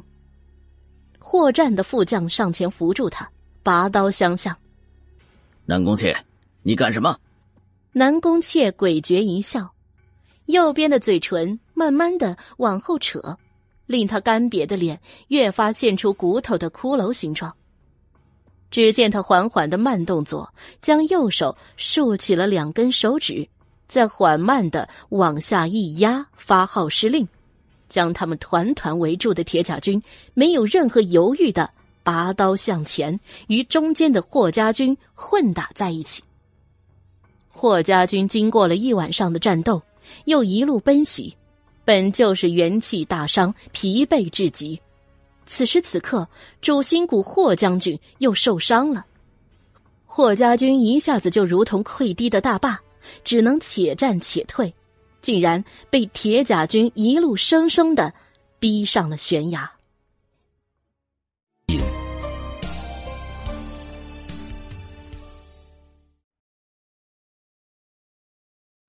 第三百章，很明显，铁甲军这是在吊着他们玩呢，要击溃他们最后一丝希望与力气。阮明星站在人去地空的树下，静静的看着。那些铁甲军明明每个士兵都配有弓箭，却硬是生生的要榨干他们生的最后一丝希望。阮明星看着那个小峰顶上已经堆至边缘的几个人，眯了眯眼睛。红彤彤的太阳，恰好从他们站的那一座山峰的后面升起，圆圆的，还没有烈焰缠绕，眼睛都还能够看清太阳中间那些流动的思绪。红球周围的天空被染得从通红的一片，渐次于灰白色散开，像是一顶红红的大帽子扣在他们的头上。那起起落落的山峰，就像是如来佛的五指山。这样子一看，那几个人小的就跟蝼蚁一样，终究是被埋在山下的命运。阮明心叹了一口气，转过了身。嗖嗖嗖，是万箭齐发的声音。那个小峰上的小小蝼蚁用剑支撑着身子，直立不倒。远远的看过去，虽然小，却掩饰不住他的伟岸。站在他前面的那几个黑影已经倒下了。到最后，那个霍战，肯定也活不成。出手，还是不出手？要知道。铁甲军代表着皇族的直属，执行的命令必然是圣意。如果出手，后果也许很麻烦。而他现在不该招惹麻烦。可是那个霍战，带人冲进北狄救人，还说了那样的话，这个人，终于阮明星红纱覆面冲了过去，直接破开箭雨，冲向已经快支撑不住的霍战，直接带着他一起向后面的山崖倒了下去。在他们身后是尾追着的密密麻麻的箭雨，从他们的头顶直直的、水平的射向空旷的天空。他们跳崖了。霍战没有想到会有人救他，虽然看上去更像是自杀。而那个女人却没有说话，直接甩出千金锁扣，在悬崖的半中央的一块大大的凸石上。阮明星带着霍战垂直的往下滑去，不知道会死多少晨起吃虫的鸟儿呢？希望能捡到几只。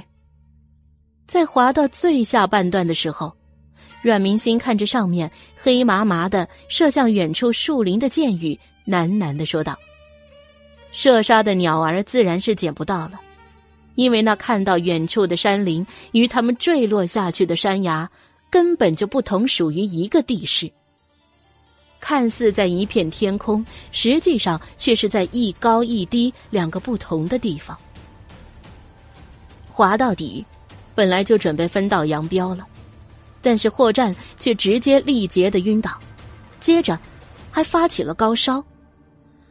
阮明心直叹，不能丢下他一个人走了。抛开他是自己的救命恩人不说，怎么说他也是霍征的家人呢？他不可能不管他。山崖底下，树林茂密。阮明星扶着霍战，穿梭在杂草丛生的辨不清道路的丛林里，走走停停，终于在离他们不远的地方找到了一个山洞。最重要的是，山洞前方的不远处就是一条小溪。阮明星认真仔细的观察了一下那流动的溪水，清澈见底。至少在山崖的下面，他们是不会被口渴所为难的。山林谋生，在段尘渊他早就有了经验。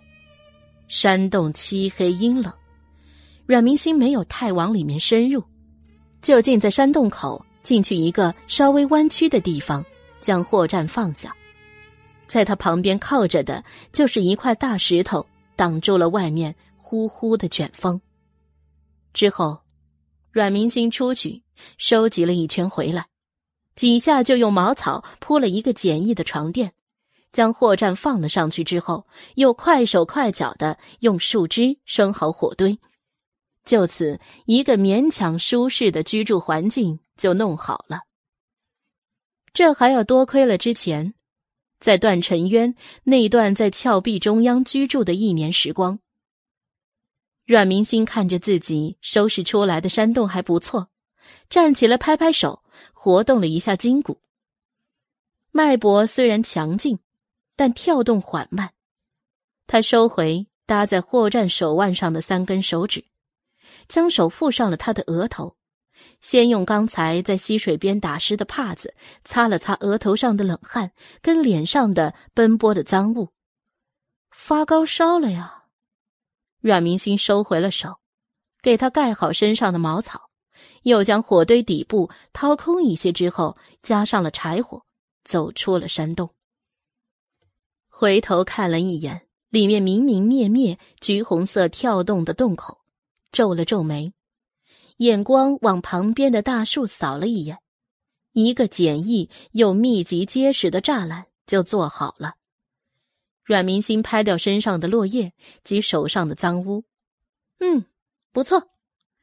兀自的点点头，头也不回的往来时穿过的那片丛林里面走去。他刚才过来的时候，一路都已经留心的观察了，注意到这一路上除了那些半丈人高的杂草灌木外，草丛的隐蔽处或是那些见光的小山坡上，也不乏有许多可使用的草药。刚好退烧补血以及消炎的黄连、黄芩、金当归和黄花地丁等，这些都有零零落落的见到。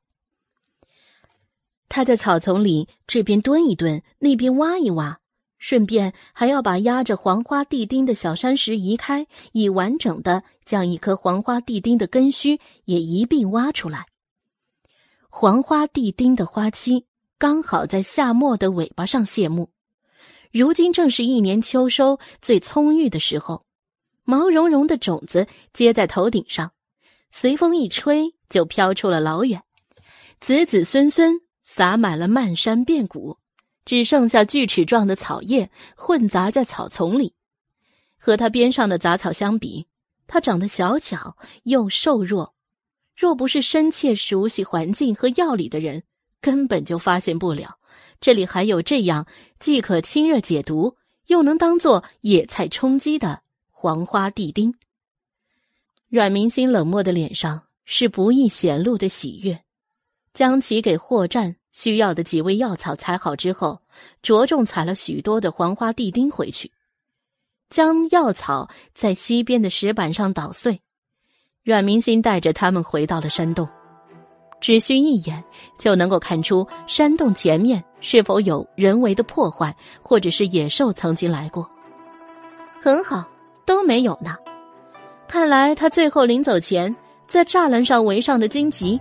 却是个明智之举。推门进去，霍战正就着已经没有之前明亮的篝火，手把着胸前的剑，脸上汗如瀑布，整张脸都疼痛到了扭曲。你做什么？阮明星大喝一声：“姑娘，是你！”霍战惊讶于出现在这里的会是之前他们救回来的那个女子，他还以为。她就是一个普通商人家的千金呢，看她的气质，就算有见识，也是一个不食人间烟火的女孩家。然而他醒来之后，就打量着山洞的布置，就算是他一个常年在外混迹的糙爷们儿，也不一定能做到如此周全的荒野生存。他原本还以为救自己的会是一个猎户呢。